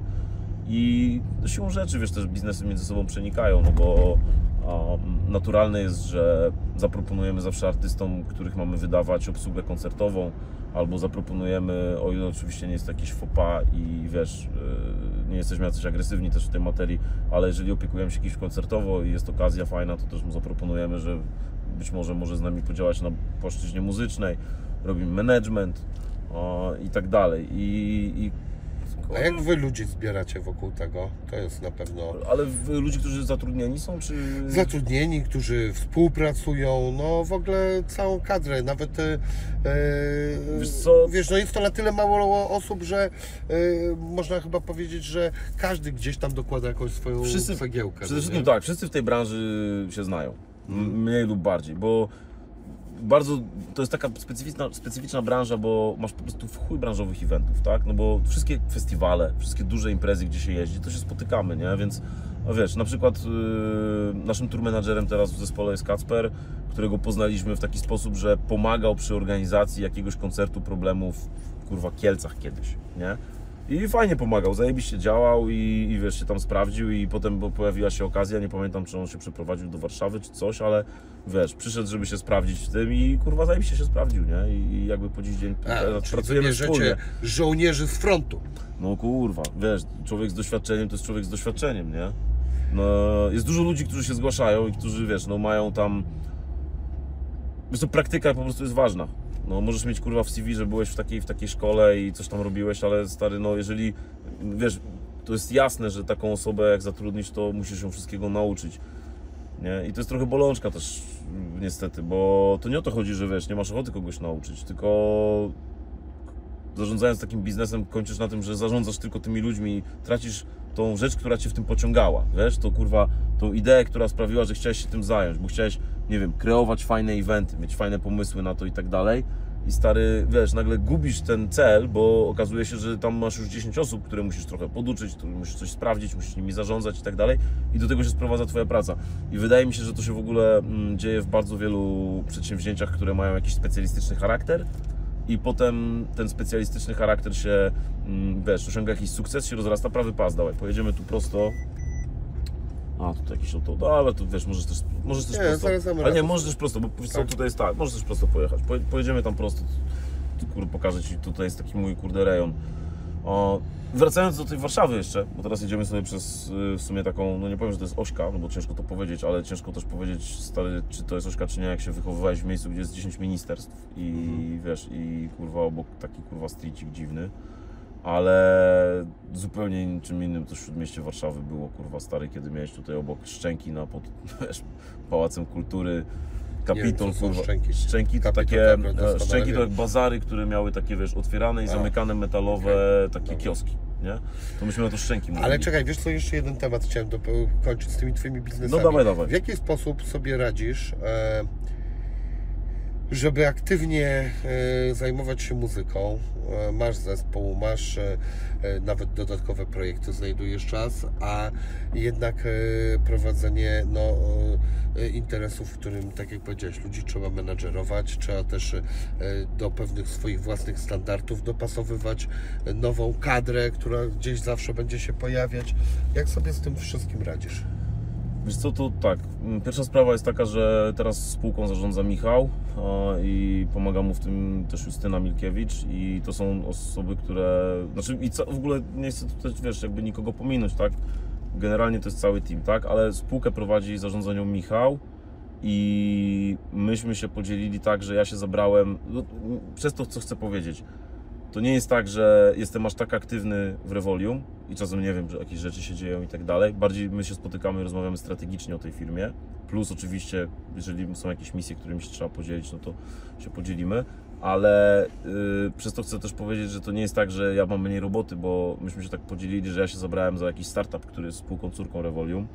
A, więc faktycznie tak jest. I, a poprzednie lata tak wyglądały, no, że godziłem te rzeczy, ale Wiesz, to jest taka kwestia, są dwie rzeczy akurat, które trzeba pochetać. To jest jedna, to jest zajebista zarządzanie własnym czasem i często ludzie nie potrafią tego dobrze robić, bo na przykład nie potrafią sobie skalkulować, że są pewne rzeczy, które opłaca im się na przykład zapłacić, żeby ktoś za nich zrobił, bo kurwa ich godzina jest cenniejsza i oni w tą godzinę więcej zarobią. Wiesz, to są takie proste kalkulacje, ale czasem ludzie o tym nie myślą, stary, że wiesz, ja na przykład zamawiam pudełka z jedzeniem, a nie gotuję sobie, bo lubię gotować i chętnie bym sobie gotował i czasem z dziewczyną coś robimy i wiesz, bo powiedzmy nie zamawiam ich we wszystkie dni, ale stary, tyle ile na nie wydam, to jeszcze zaoszczędzę trzy razy tyle, ile bym stracił czasu robiąc to jedzenie. I to jest tak, że oczywiście lubię gotować, ale ja to muszę traktować na przykład już w formie przyjemności i rozrywki, a nie w formie, wiesz, codziennego obowiązku. Więc jedna rzecz to jest zarządzanie czasem, a druga to jest taka, że no nie, ja dużo pracuję też, nie? Robię, wiesz, 10 godzin dziennie to jest dla mnie minimum. Nie robię, nie mam mniej.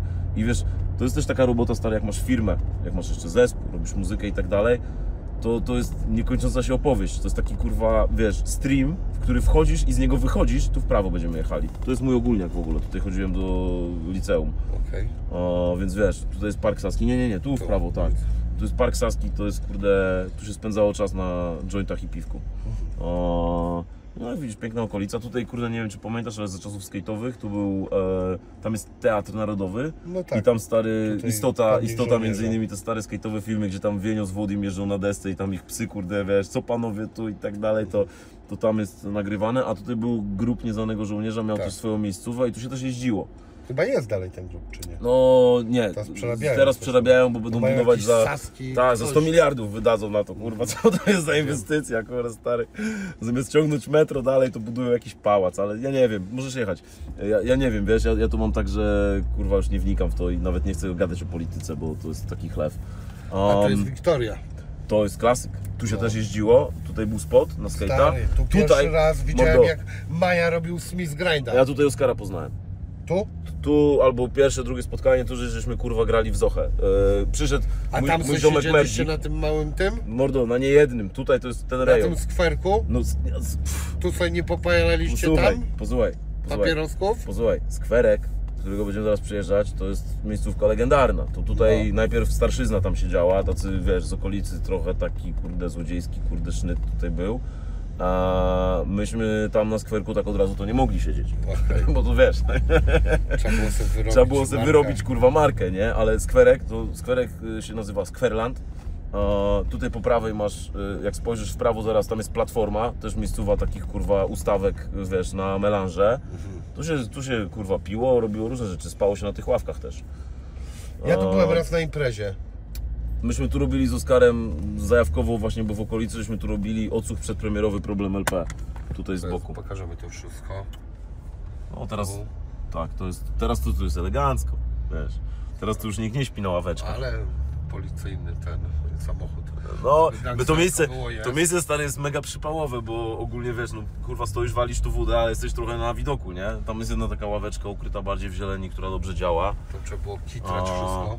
Tak, tu w podwórkach po lewej stronie, których nie widać, to jest y, podstawówka moja. Kurwa, samo centrum, pojebane. Dziwne to było tutaj, bo wiesz co tu było? Tutaj nikt nie był stąd, kurwa. Wychodziłeś, jak normalnie wiesz, wychodziłeś se kurwa, nie wiem, na swojej ośce na jelonkach, no to wiesz, byłeś u siebie na podwórku, nie? No. A tutaj kurwa wychodziłeś i tutaj było tak małe osiedle jakby mieszkaniowe, przemieszane przez różne instytucje, wiesz, tu masz pocztę główną, jakieś parę banków, kurwa tam ministerstwo, bank narodowy, a wiesz, i tu było tak, że ta ośka była, tak mało ludzi tu mieszkało, a było tak dużo ludzi, którzy zjeżdżali z całej Warszawy, a wiesz, między innymi na ten bazar tutaj, czy całą masę jakichś rzeczy, które się tu działy, a to były jeszcze, wiesz, pamiętasz, że to były czasy, kiedy nie załatwiało się przez internet niczego, tylko kurwa jechałeś i stałeś w kolejce. Więc wiesz, więc tutaj się kurwa kotłowało i tak naprawdę nikt nie był u siebie. To było dziwne kurwa w tym względzie, nie? To parę ziomków mi potem, wiesz, zwróciło na to uwagę. A, no, w ogóle Warszawa jest specyficzna. Pamiętam jak Oskar przyjechał i powiedział, co wy tak kurwa zapierdalacie tutaj. My to wszędzie jest? powoli, powoli chodzimy. A Oskar jest ze Stalowej Woli. Z Stalowej Woli. Tak, on się tu przeprowadził. Wola? No słuchaj, jakbyś w kierunku. nie? Nie, no co ty, tam w Nie? kierunku na jakby, kurde, wiesz, bardziej Rzeszów Aha. w tym kierunku. Tu prosto jedziemy. Prosto? Dobra. Tak. Prosto. Ale przyciśniesz. Tak, tak. Skóra, no niestety. To ja nawet nie wiedziałem. A kiedy on przyjechał z, Oskar tu? No, na studia. To myślę, że to 2002 pewnie, coś takiego. Koło Lemona. Możesz tu wjechać, dawaj kurwa, wjedziemy na chwilę, wykręcić. Koło Lemona. Tak, koło Lemona. Koło Lemona i koło tego. Ko koło Lemona, słuchaj, ten budynek tu po lewej. Um, koło Lemona i koło Organzy i tu w ogóle Tu kiedyś steroryzowałem hipsterów.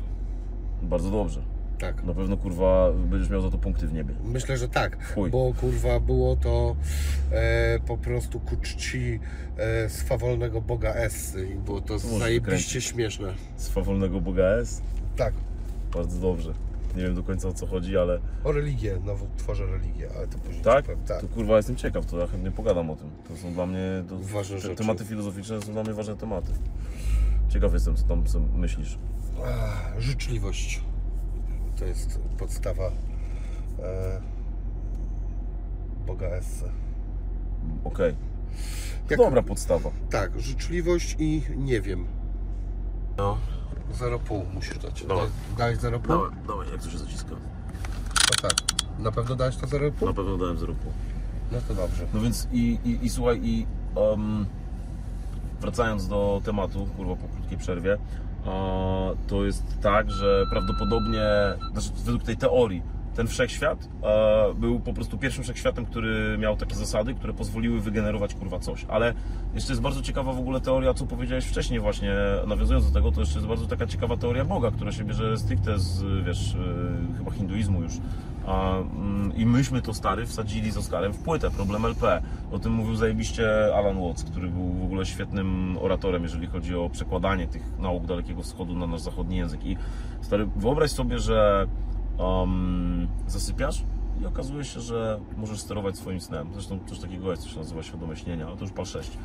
No I- jest to podobno bardzo e, popularne na TikToku wśród młodych ludzi. Ja to ćwiczyłem w ogóle. W ogólniaku już Kotwiczyłeś jak się? byłem. Yy, Bardzo trudne. Kotwiczyłeś się czy nie? Kotwiczyłem? Co to znaczy? Nie No, wiem. kotwica zapierdala.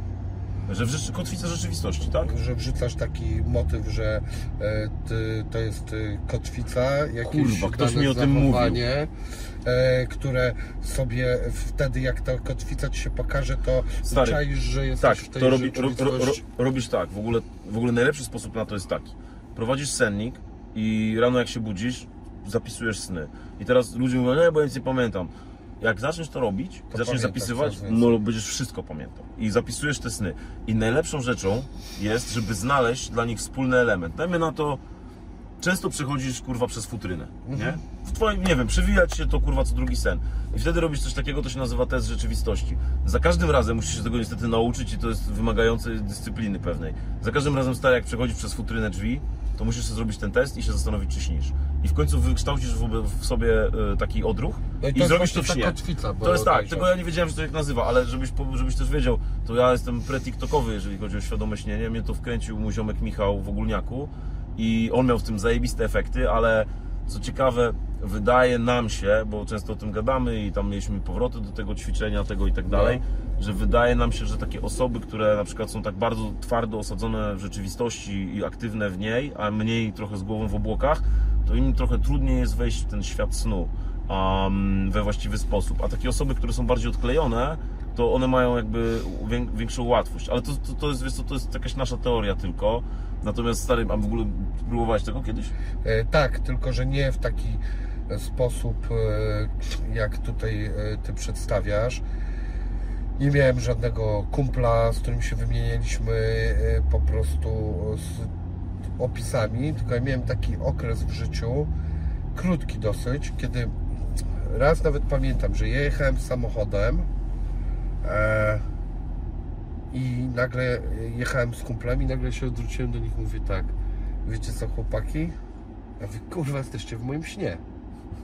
I ja Tak? szczaiłem, że jest sen i potem mi się to pojawiało i miałem taki e, z, motyw, że od razu zasuwałem uprawiać seks. E, To jest i- naturalny odruch w świadomym śnieniu, ludzie tak, tak. to jest naturalna I rzecz. po prostu e, latałem Niestety, ale, ale niestety to cię szybko wybudza. Jest parę patentów, że należy przede wszystkim utrzymać koncentrację. Jeden polega na tym, że Chyba mnie skupiasz się na swoich dłoniach. Chyba mnie to No, wybudzało. ale stary, ja kiedyś kurwa to ćwiczyłem i miałem taki sen, poleciliśmy, to chyba wywołały bardzo takie dziwne okoliczności, poleciliśmy na wycieczkę po, jeszcze nie mieszkałem w Stanach, poleciliśmy na wycieczkę po zachodnim wybrzeżu i mieliśmy lądowanie i spaliśmy trochę w Nowym Jorku i od razu samolot jakoś po paru godzinach dalej, czy tam po parunastu, już nie pamiętam. I pamiętam, poszliśmy spać tam no, w San Francisco w hotelu i stary zasnąłem i śniło mi się coś, potem zasnąłem w tym śnie, ten sen miałem świadomy, także o kurwa śnie.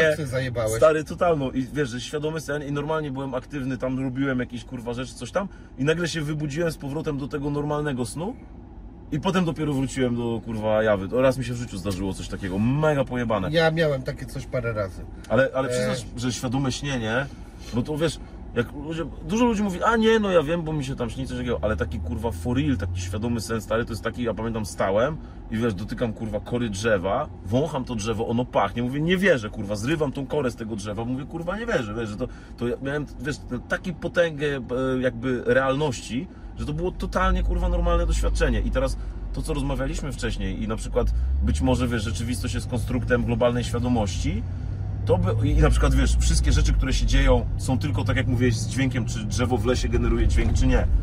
To jest to samo, co się dzieje jakby na poziomie mechaniki kwantowej. Te wszystkie pytania sobie można zadać.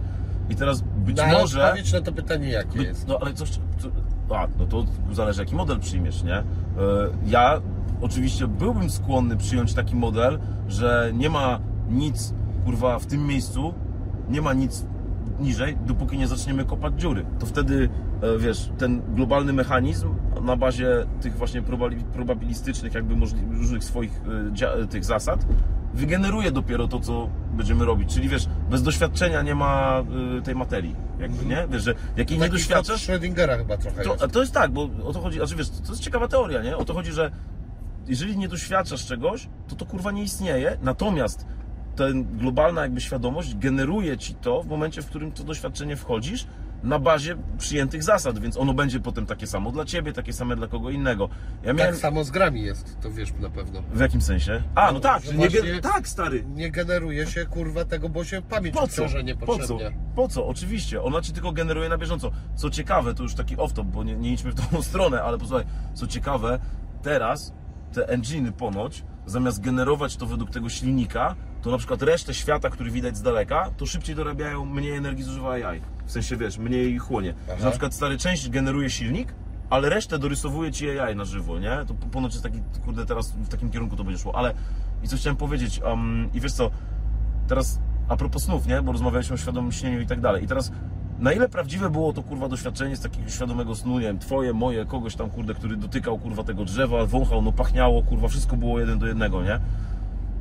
Jeżeli przyjąć, że ta teoria jest prawdziwa, o której rozmawialiśmy, to ono jest tak samo prawdziwe, jak i to, w którym e, jesteśmy teraz, na jawie, nie? No i o tym mówi, bo podejrzewam, że y, dzieło, które gdzieś na pewno się otarłeś przez nie, a może je nawet studiowałeś, czyli e, tybetańska księga umarłych. Oczywiście, że tak. Tybetańska Księga Umarłych, dodatkowo całą jej analizę przeczytałem, którą chyba Timothy Leary napisał. Tak? Tak, To ale ja mu, no, e, a gdzie to można dorwać? U mnie w domu, jak wejdziemy, to ci pożyczę. Kurde. Ja, Czy, czy może to on napisał, już nie ja pamiętam, głównie poczekaj. ten... e, s- Nie, no poczekaj, słucham trzeba by było sprawdzić, bo już nie pamiętam, ale czytałem. No, Wiesz, to, jest moje, to są moje zainteresowania stare z czasów jeszcze szkoły średniej. Wiesz, więc, yy, więc kurde, trochę mnie tutaj ten, ale mam, mam, e, mam tą publikację na chacie. no bo tam właśnie e, też jest mowa o tych Buddach, których się spotyka i ten Buddha tak naprawdę za każdym razem e, ma być oswojeniem nas z problemami e, różnymi i z przestaniem się, z wyleczeniem się ze strachu bodajże, e, tak to zrozumiałem. Właśnie, pewnie cierpienia, ale, yy, ale co ci chciałem powiedzieć, nie dokończyłem. Bardzo fajna jest ta teoria jakby, wiesz, tej istoty wszechmogącej i to, co powiedziałeś, że na przykład w waszej religii uznajecie, że prosto, prosto w prawo, znaczy tutaj, że tego trzymamy, bo tam będzie skręt w prawo i nie będzie już kurwa, Dobra. nie będziemy robili hamowy, kurwa, tutaj. Okej. Posłuchaj. I o, co powiedziałeś, że, że wszystko jest Bogiem, więc my też nim jesteśmy, jesteśmy Jego emanacją i tak dalej. I teraz to myśmy kiedyś wjebali to w skit nawet, bo zrobiliśmy taką pętlę na płycie, więc teraz Ci mówię, czym były, wracamy trochę do rozmowy, czym było drugie, trzecie dno pewnych rzeczy, nie?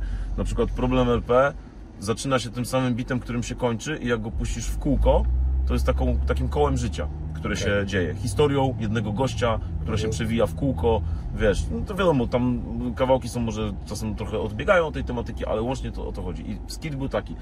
Um, jak forma wytłumaczenia komuś jakby dlaczego y, my jesteśmy częścią tego wszechmogącego powiedzmy czegoś, nie? Um, Wyobraź sobie, że możesz się położyć, zasnąć i jak zasypiasz, to nagle kurwa okazuje się, o Chryste Panie, mogę sobie wymyślić, co robię trochę. Budzisz się, kurwa, wiesz, mówisz, a pierdolę, ale to było zajebiste, ale skoro mogę zdecydować, co robię, to zasnę i prześpię dwa dni, kurwa, żeby trochę tego więcej było, nie? Więc kładziesz się, zasypiasz na te dwa dni, śpisz, śpisz, wiesz, budzisz się, ale rozpierdol, dobra, pierdolę to, bo kurwa, jestem Bogiem, kurwa, w tym moim śnie, mogę o wszystkim decydować, zasnę, kurwa, na 10 tysięcy lat. No i stary, w końcu się budzisz. Jesteś, kurwa, tak tym wszystkim znudzony, bo możesz wszystko. Nie ma w tym żadnej gry, żadnej zabawy, więc sobie mówisz, a to może dołożę do tego trochę przypadku. Zasypiasz, budzisz się, kurwa, nie no teraz to było git, bo kurwa coś tam ten, wszystko niby mogłem, ale tu mi się noga podwinęła, wiesz, no i chuj, to niech się rzucę kurwa w wir emocji i kurwa niech to będzie wszystko przypadek. I zaczynasz, wracasz do punktu wyjścia, gdzie wszystko było przypadkiem i nie mogłeś być wszechmogący. I wiesz, jakby e, nauka z tego płynie mniej więcej, znaczy nauka, nie wiem czy to jest nauka, ale z tej historii jakby To płynie jest taki wniosek, siwy. że dokładnie. No, że stary, wiesz, że m- jakby my jesteśmy częścią pewnie jakiejś globalnej, wielkiej masy świadomości i być może bierzemy udział w jakiejś kosmicznej grze, która sama sobie udaje, że nią nie jest. Wiesz, jakby. O, co ciekawe, wydaje mi się, że tak jak rozmawialiśmy przed chwilą o tych, wiesz, i o tych potencjalnie obcych cywilizacjach, które odwiedzają Ziemię i o, o tych właśnie takich paradygmatach filozoficznych, to powiem Ci, że dla mnie takim jednym z największych teraz, najbardziej pasjonujących momentów jest to, że nagle te wszystkie rzeczy, kurwa stary, łącznie z tymi teoriami właśnie próbującymi zunifikować, wiesz, teorię kwantową i fizykę klasyczną, że kurwa one wszystkie mają w sobie jakieś takie ziarno, kurwa, wspólne. A, Nie wiem z czego to wynika, a, ale widzę pewną rzecz, a, która wiesz, do tego zajebiście się łączy z takimi mocnymi doświadczeniami psychodelicznymi, z doświadczeniami śmierci klinicznej. I wiesz, i jest tyle różnych takich, wiesz, tych, ja powiem Ci, że jakbym miał czas w ogóle, to może, może już ktoś do tego czasu zrobi, jak ja zanim przejdę na emeryturę, ale to chętnie bym usiadł i po prostu naprawdę, kurwa, zaczął to wszystko zgłębiać i, bo widzę pewien pattern, który się wyłania. emeryturę przejść. Słucham? Miałbyś przejść do emerytury. Kiedy? Ale w ogóle, nie, co to miałoby kurwa znaczyć w ogóle? Ja nie wiem. Żebym może nie miał, miał więcej czasu Nie, no, wolnego. ale na co? No właśnie na Na to. robienie nudnych rzeczy? A tu nie, no właśnie na to. No ale przecież to są, to dalej nie jest emerytura, to jest dalej robienie zajebistych rzeczy. No tak, ale czy emerytura oznacza kurwa robienie nudnych rzeczy? No trochę tak, bo ja Tutaj czasami w prawo. jak słyszę od ludzi kreatywnych, No. którzy kurwa robią Tam milion rzeczy, że oni przyjdą na jakąś emeryturę, to ja się pytam, co ty kurwa przez to rozumiesz, bo mi się wydaje, że robienie dok- dalej dokładnie tego samego albo znajdowanie sobie jeszcze innych y, kurwa bardziej ciekawych rzeczy. Ja myślę, że moja emerytura by polegała w dużej mierze na tym, że wszystkich biznesów bym już nie robił, tylko muzykę.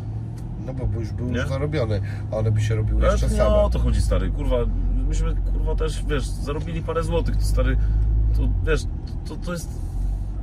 Te biznesy to są, wszystkie są z pasji, to nie jest, kurwa, to nikt tego nie robił po to, żeby, wiesz, być mega zarobionym. Oczywiście, wiesz, wiadomo, że fajnie było dorobić obok robienia swojej pasji muzycznej, dorobić jeszcze na, na tych rzeczach biznesowo, ale wiesz, to myślę, że nikt by, wiesz, tak naprawdę, znaczy nie nikt, ale że można by już było odpuścić to. Słuchaj, wiadomo, że nie jesteś tym typem biznesmena, który się dowiaduje, że truskawki gdzieś są zajebiście tanie, a gdzie indziej zajebiście drogie i ty wykurwiasz po te No, truskawki. Będziemy banany dojrzewać. I chuj. E, ty, ale jakby e, też zakładam, nie znam twojego życia, ale zakładam, że gdybyś e, odpuścił sobie e, część tych nawet biznesowych tematów, to i tak bardzo dobrze mógłbyś żyć z samego projektu Oscar Stilson. Ja myślę, że ja myślę, że wiesz, jakbyśmy nawet sobie wychillowali na kurwa 2-3 lata, to też by było ok. No w O to waszym chodzi- przypadku na pewno. O to chodzi, o to chodzi, co rozmawialiśmy o tym na początku, nie? O to chodzi, żeby się nie ubudować zbyt jakimiś kurwa luksusami, bo potem stajesz się ich więźniem. I wiesz, fajnie mieć to poczucie, że możesz sobie kurwa odpuścić i żyć za parę koła miesięcznie i przeżyjesz, nie? Oczywiście chcesz, nie chcesz, to jest inna sprawa. Możesz nie chcieć, ale na, na przykład stary, ja ci powiem, dwie rzeczy są takie tu w prawo. Dwie rzeczy, które obecnie odnajduję, wiesz, yy, najwięcej zajawy, to jest stary robienie muzyki, które oczywiście można robić kupując droższy sprzęt, ale można robić za darmo. I chodzę sobie na deskę, tu skatepark obok i zapierdalam tam regularnie. I tyle mi to kurwa frajdy wiesz, przynosi, że i stary, ile to kosztuje? Ile kupić sobie kurwa deskę, poskładać raz na jakiś czas i na skatepark kurwa wbitka kosztuje 5 zeta teraz, bo zrobię jakieś bramki, no ale już chuj z tym. No i A- dobrze, niech to robią. Nie chcę robić, no, mają w tym jakiś tam, złotych, to- jakoś tam myśl, nie? Karnecik sobie można kupić za 6 dyszek i jest git. No. Jak przyjdziesz kurwa 5 razy w tygodniu, to jesteś do przodu. A, i, I wiesz co, i kurwa, te rzeczy są za darmo. Prawie, nie? Wiesz, myślę, że dla nas w dzisiejszym świecie to jest za darmo, tu w prawo. Jak to było? The most beautiful thing in this world. It's just like that. Tak, a jeszcze słuchaj, mówili, że you never get old, you never stop skateboarding because you get old, you get old because you stop skateboarding. Zwili, kurwa, dla ciebie też jest jeszcze moment, kurde, wiesz. Słuchaj, ale ja jestem skaterem e, permanentnym w snach. A, no to, to wiesz co, a sny jak żeśmy gadali przed I chwilą jeszcze- są równie prawdziwe co ja. Tak, i jeżdżę na desce i powiem Ci, że free 60 flipa cały czas się uczę. No to kurwa. A mi się śniło parę razy, że jeżdżę na pewno lepiej niż jeżdżę. Tu w lewo jakbyś zaparkował, to skoczę po książkę. Dobra. No to widzisz, jak sobie przypierdzieliliśmy na Kurwa, konie. mo- do takiego wywiadu to nigdy nie udzieliłem. No i Ile tu, dobrze. żeśmy jeździli od 13? 5 godzin, nie, 4 godziny. Nie, trzy, coś tam z przerwami. Z przerwami na te, z przerwami Tak. na jabłka. Kurwa, bardzo fajnie. Bardzo, bardzo. Nagrywało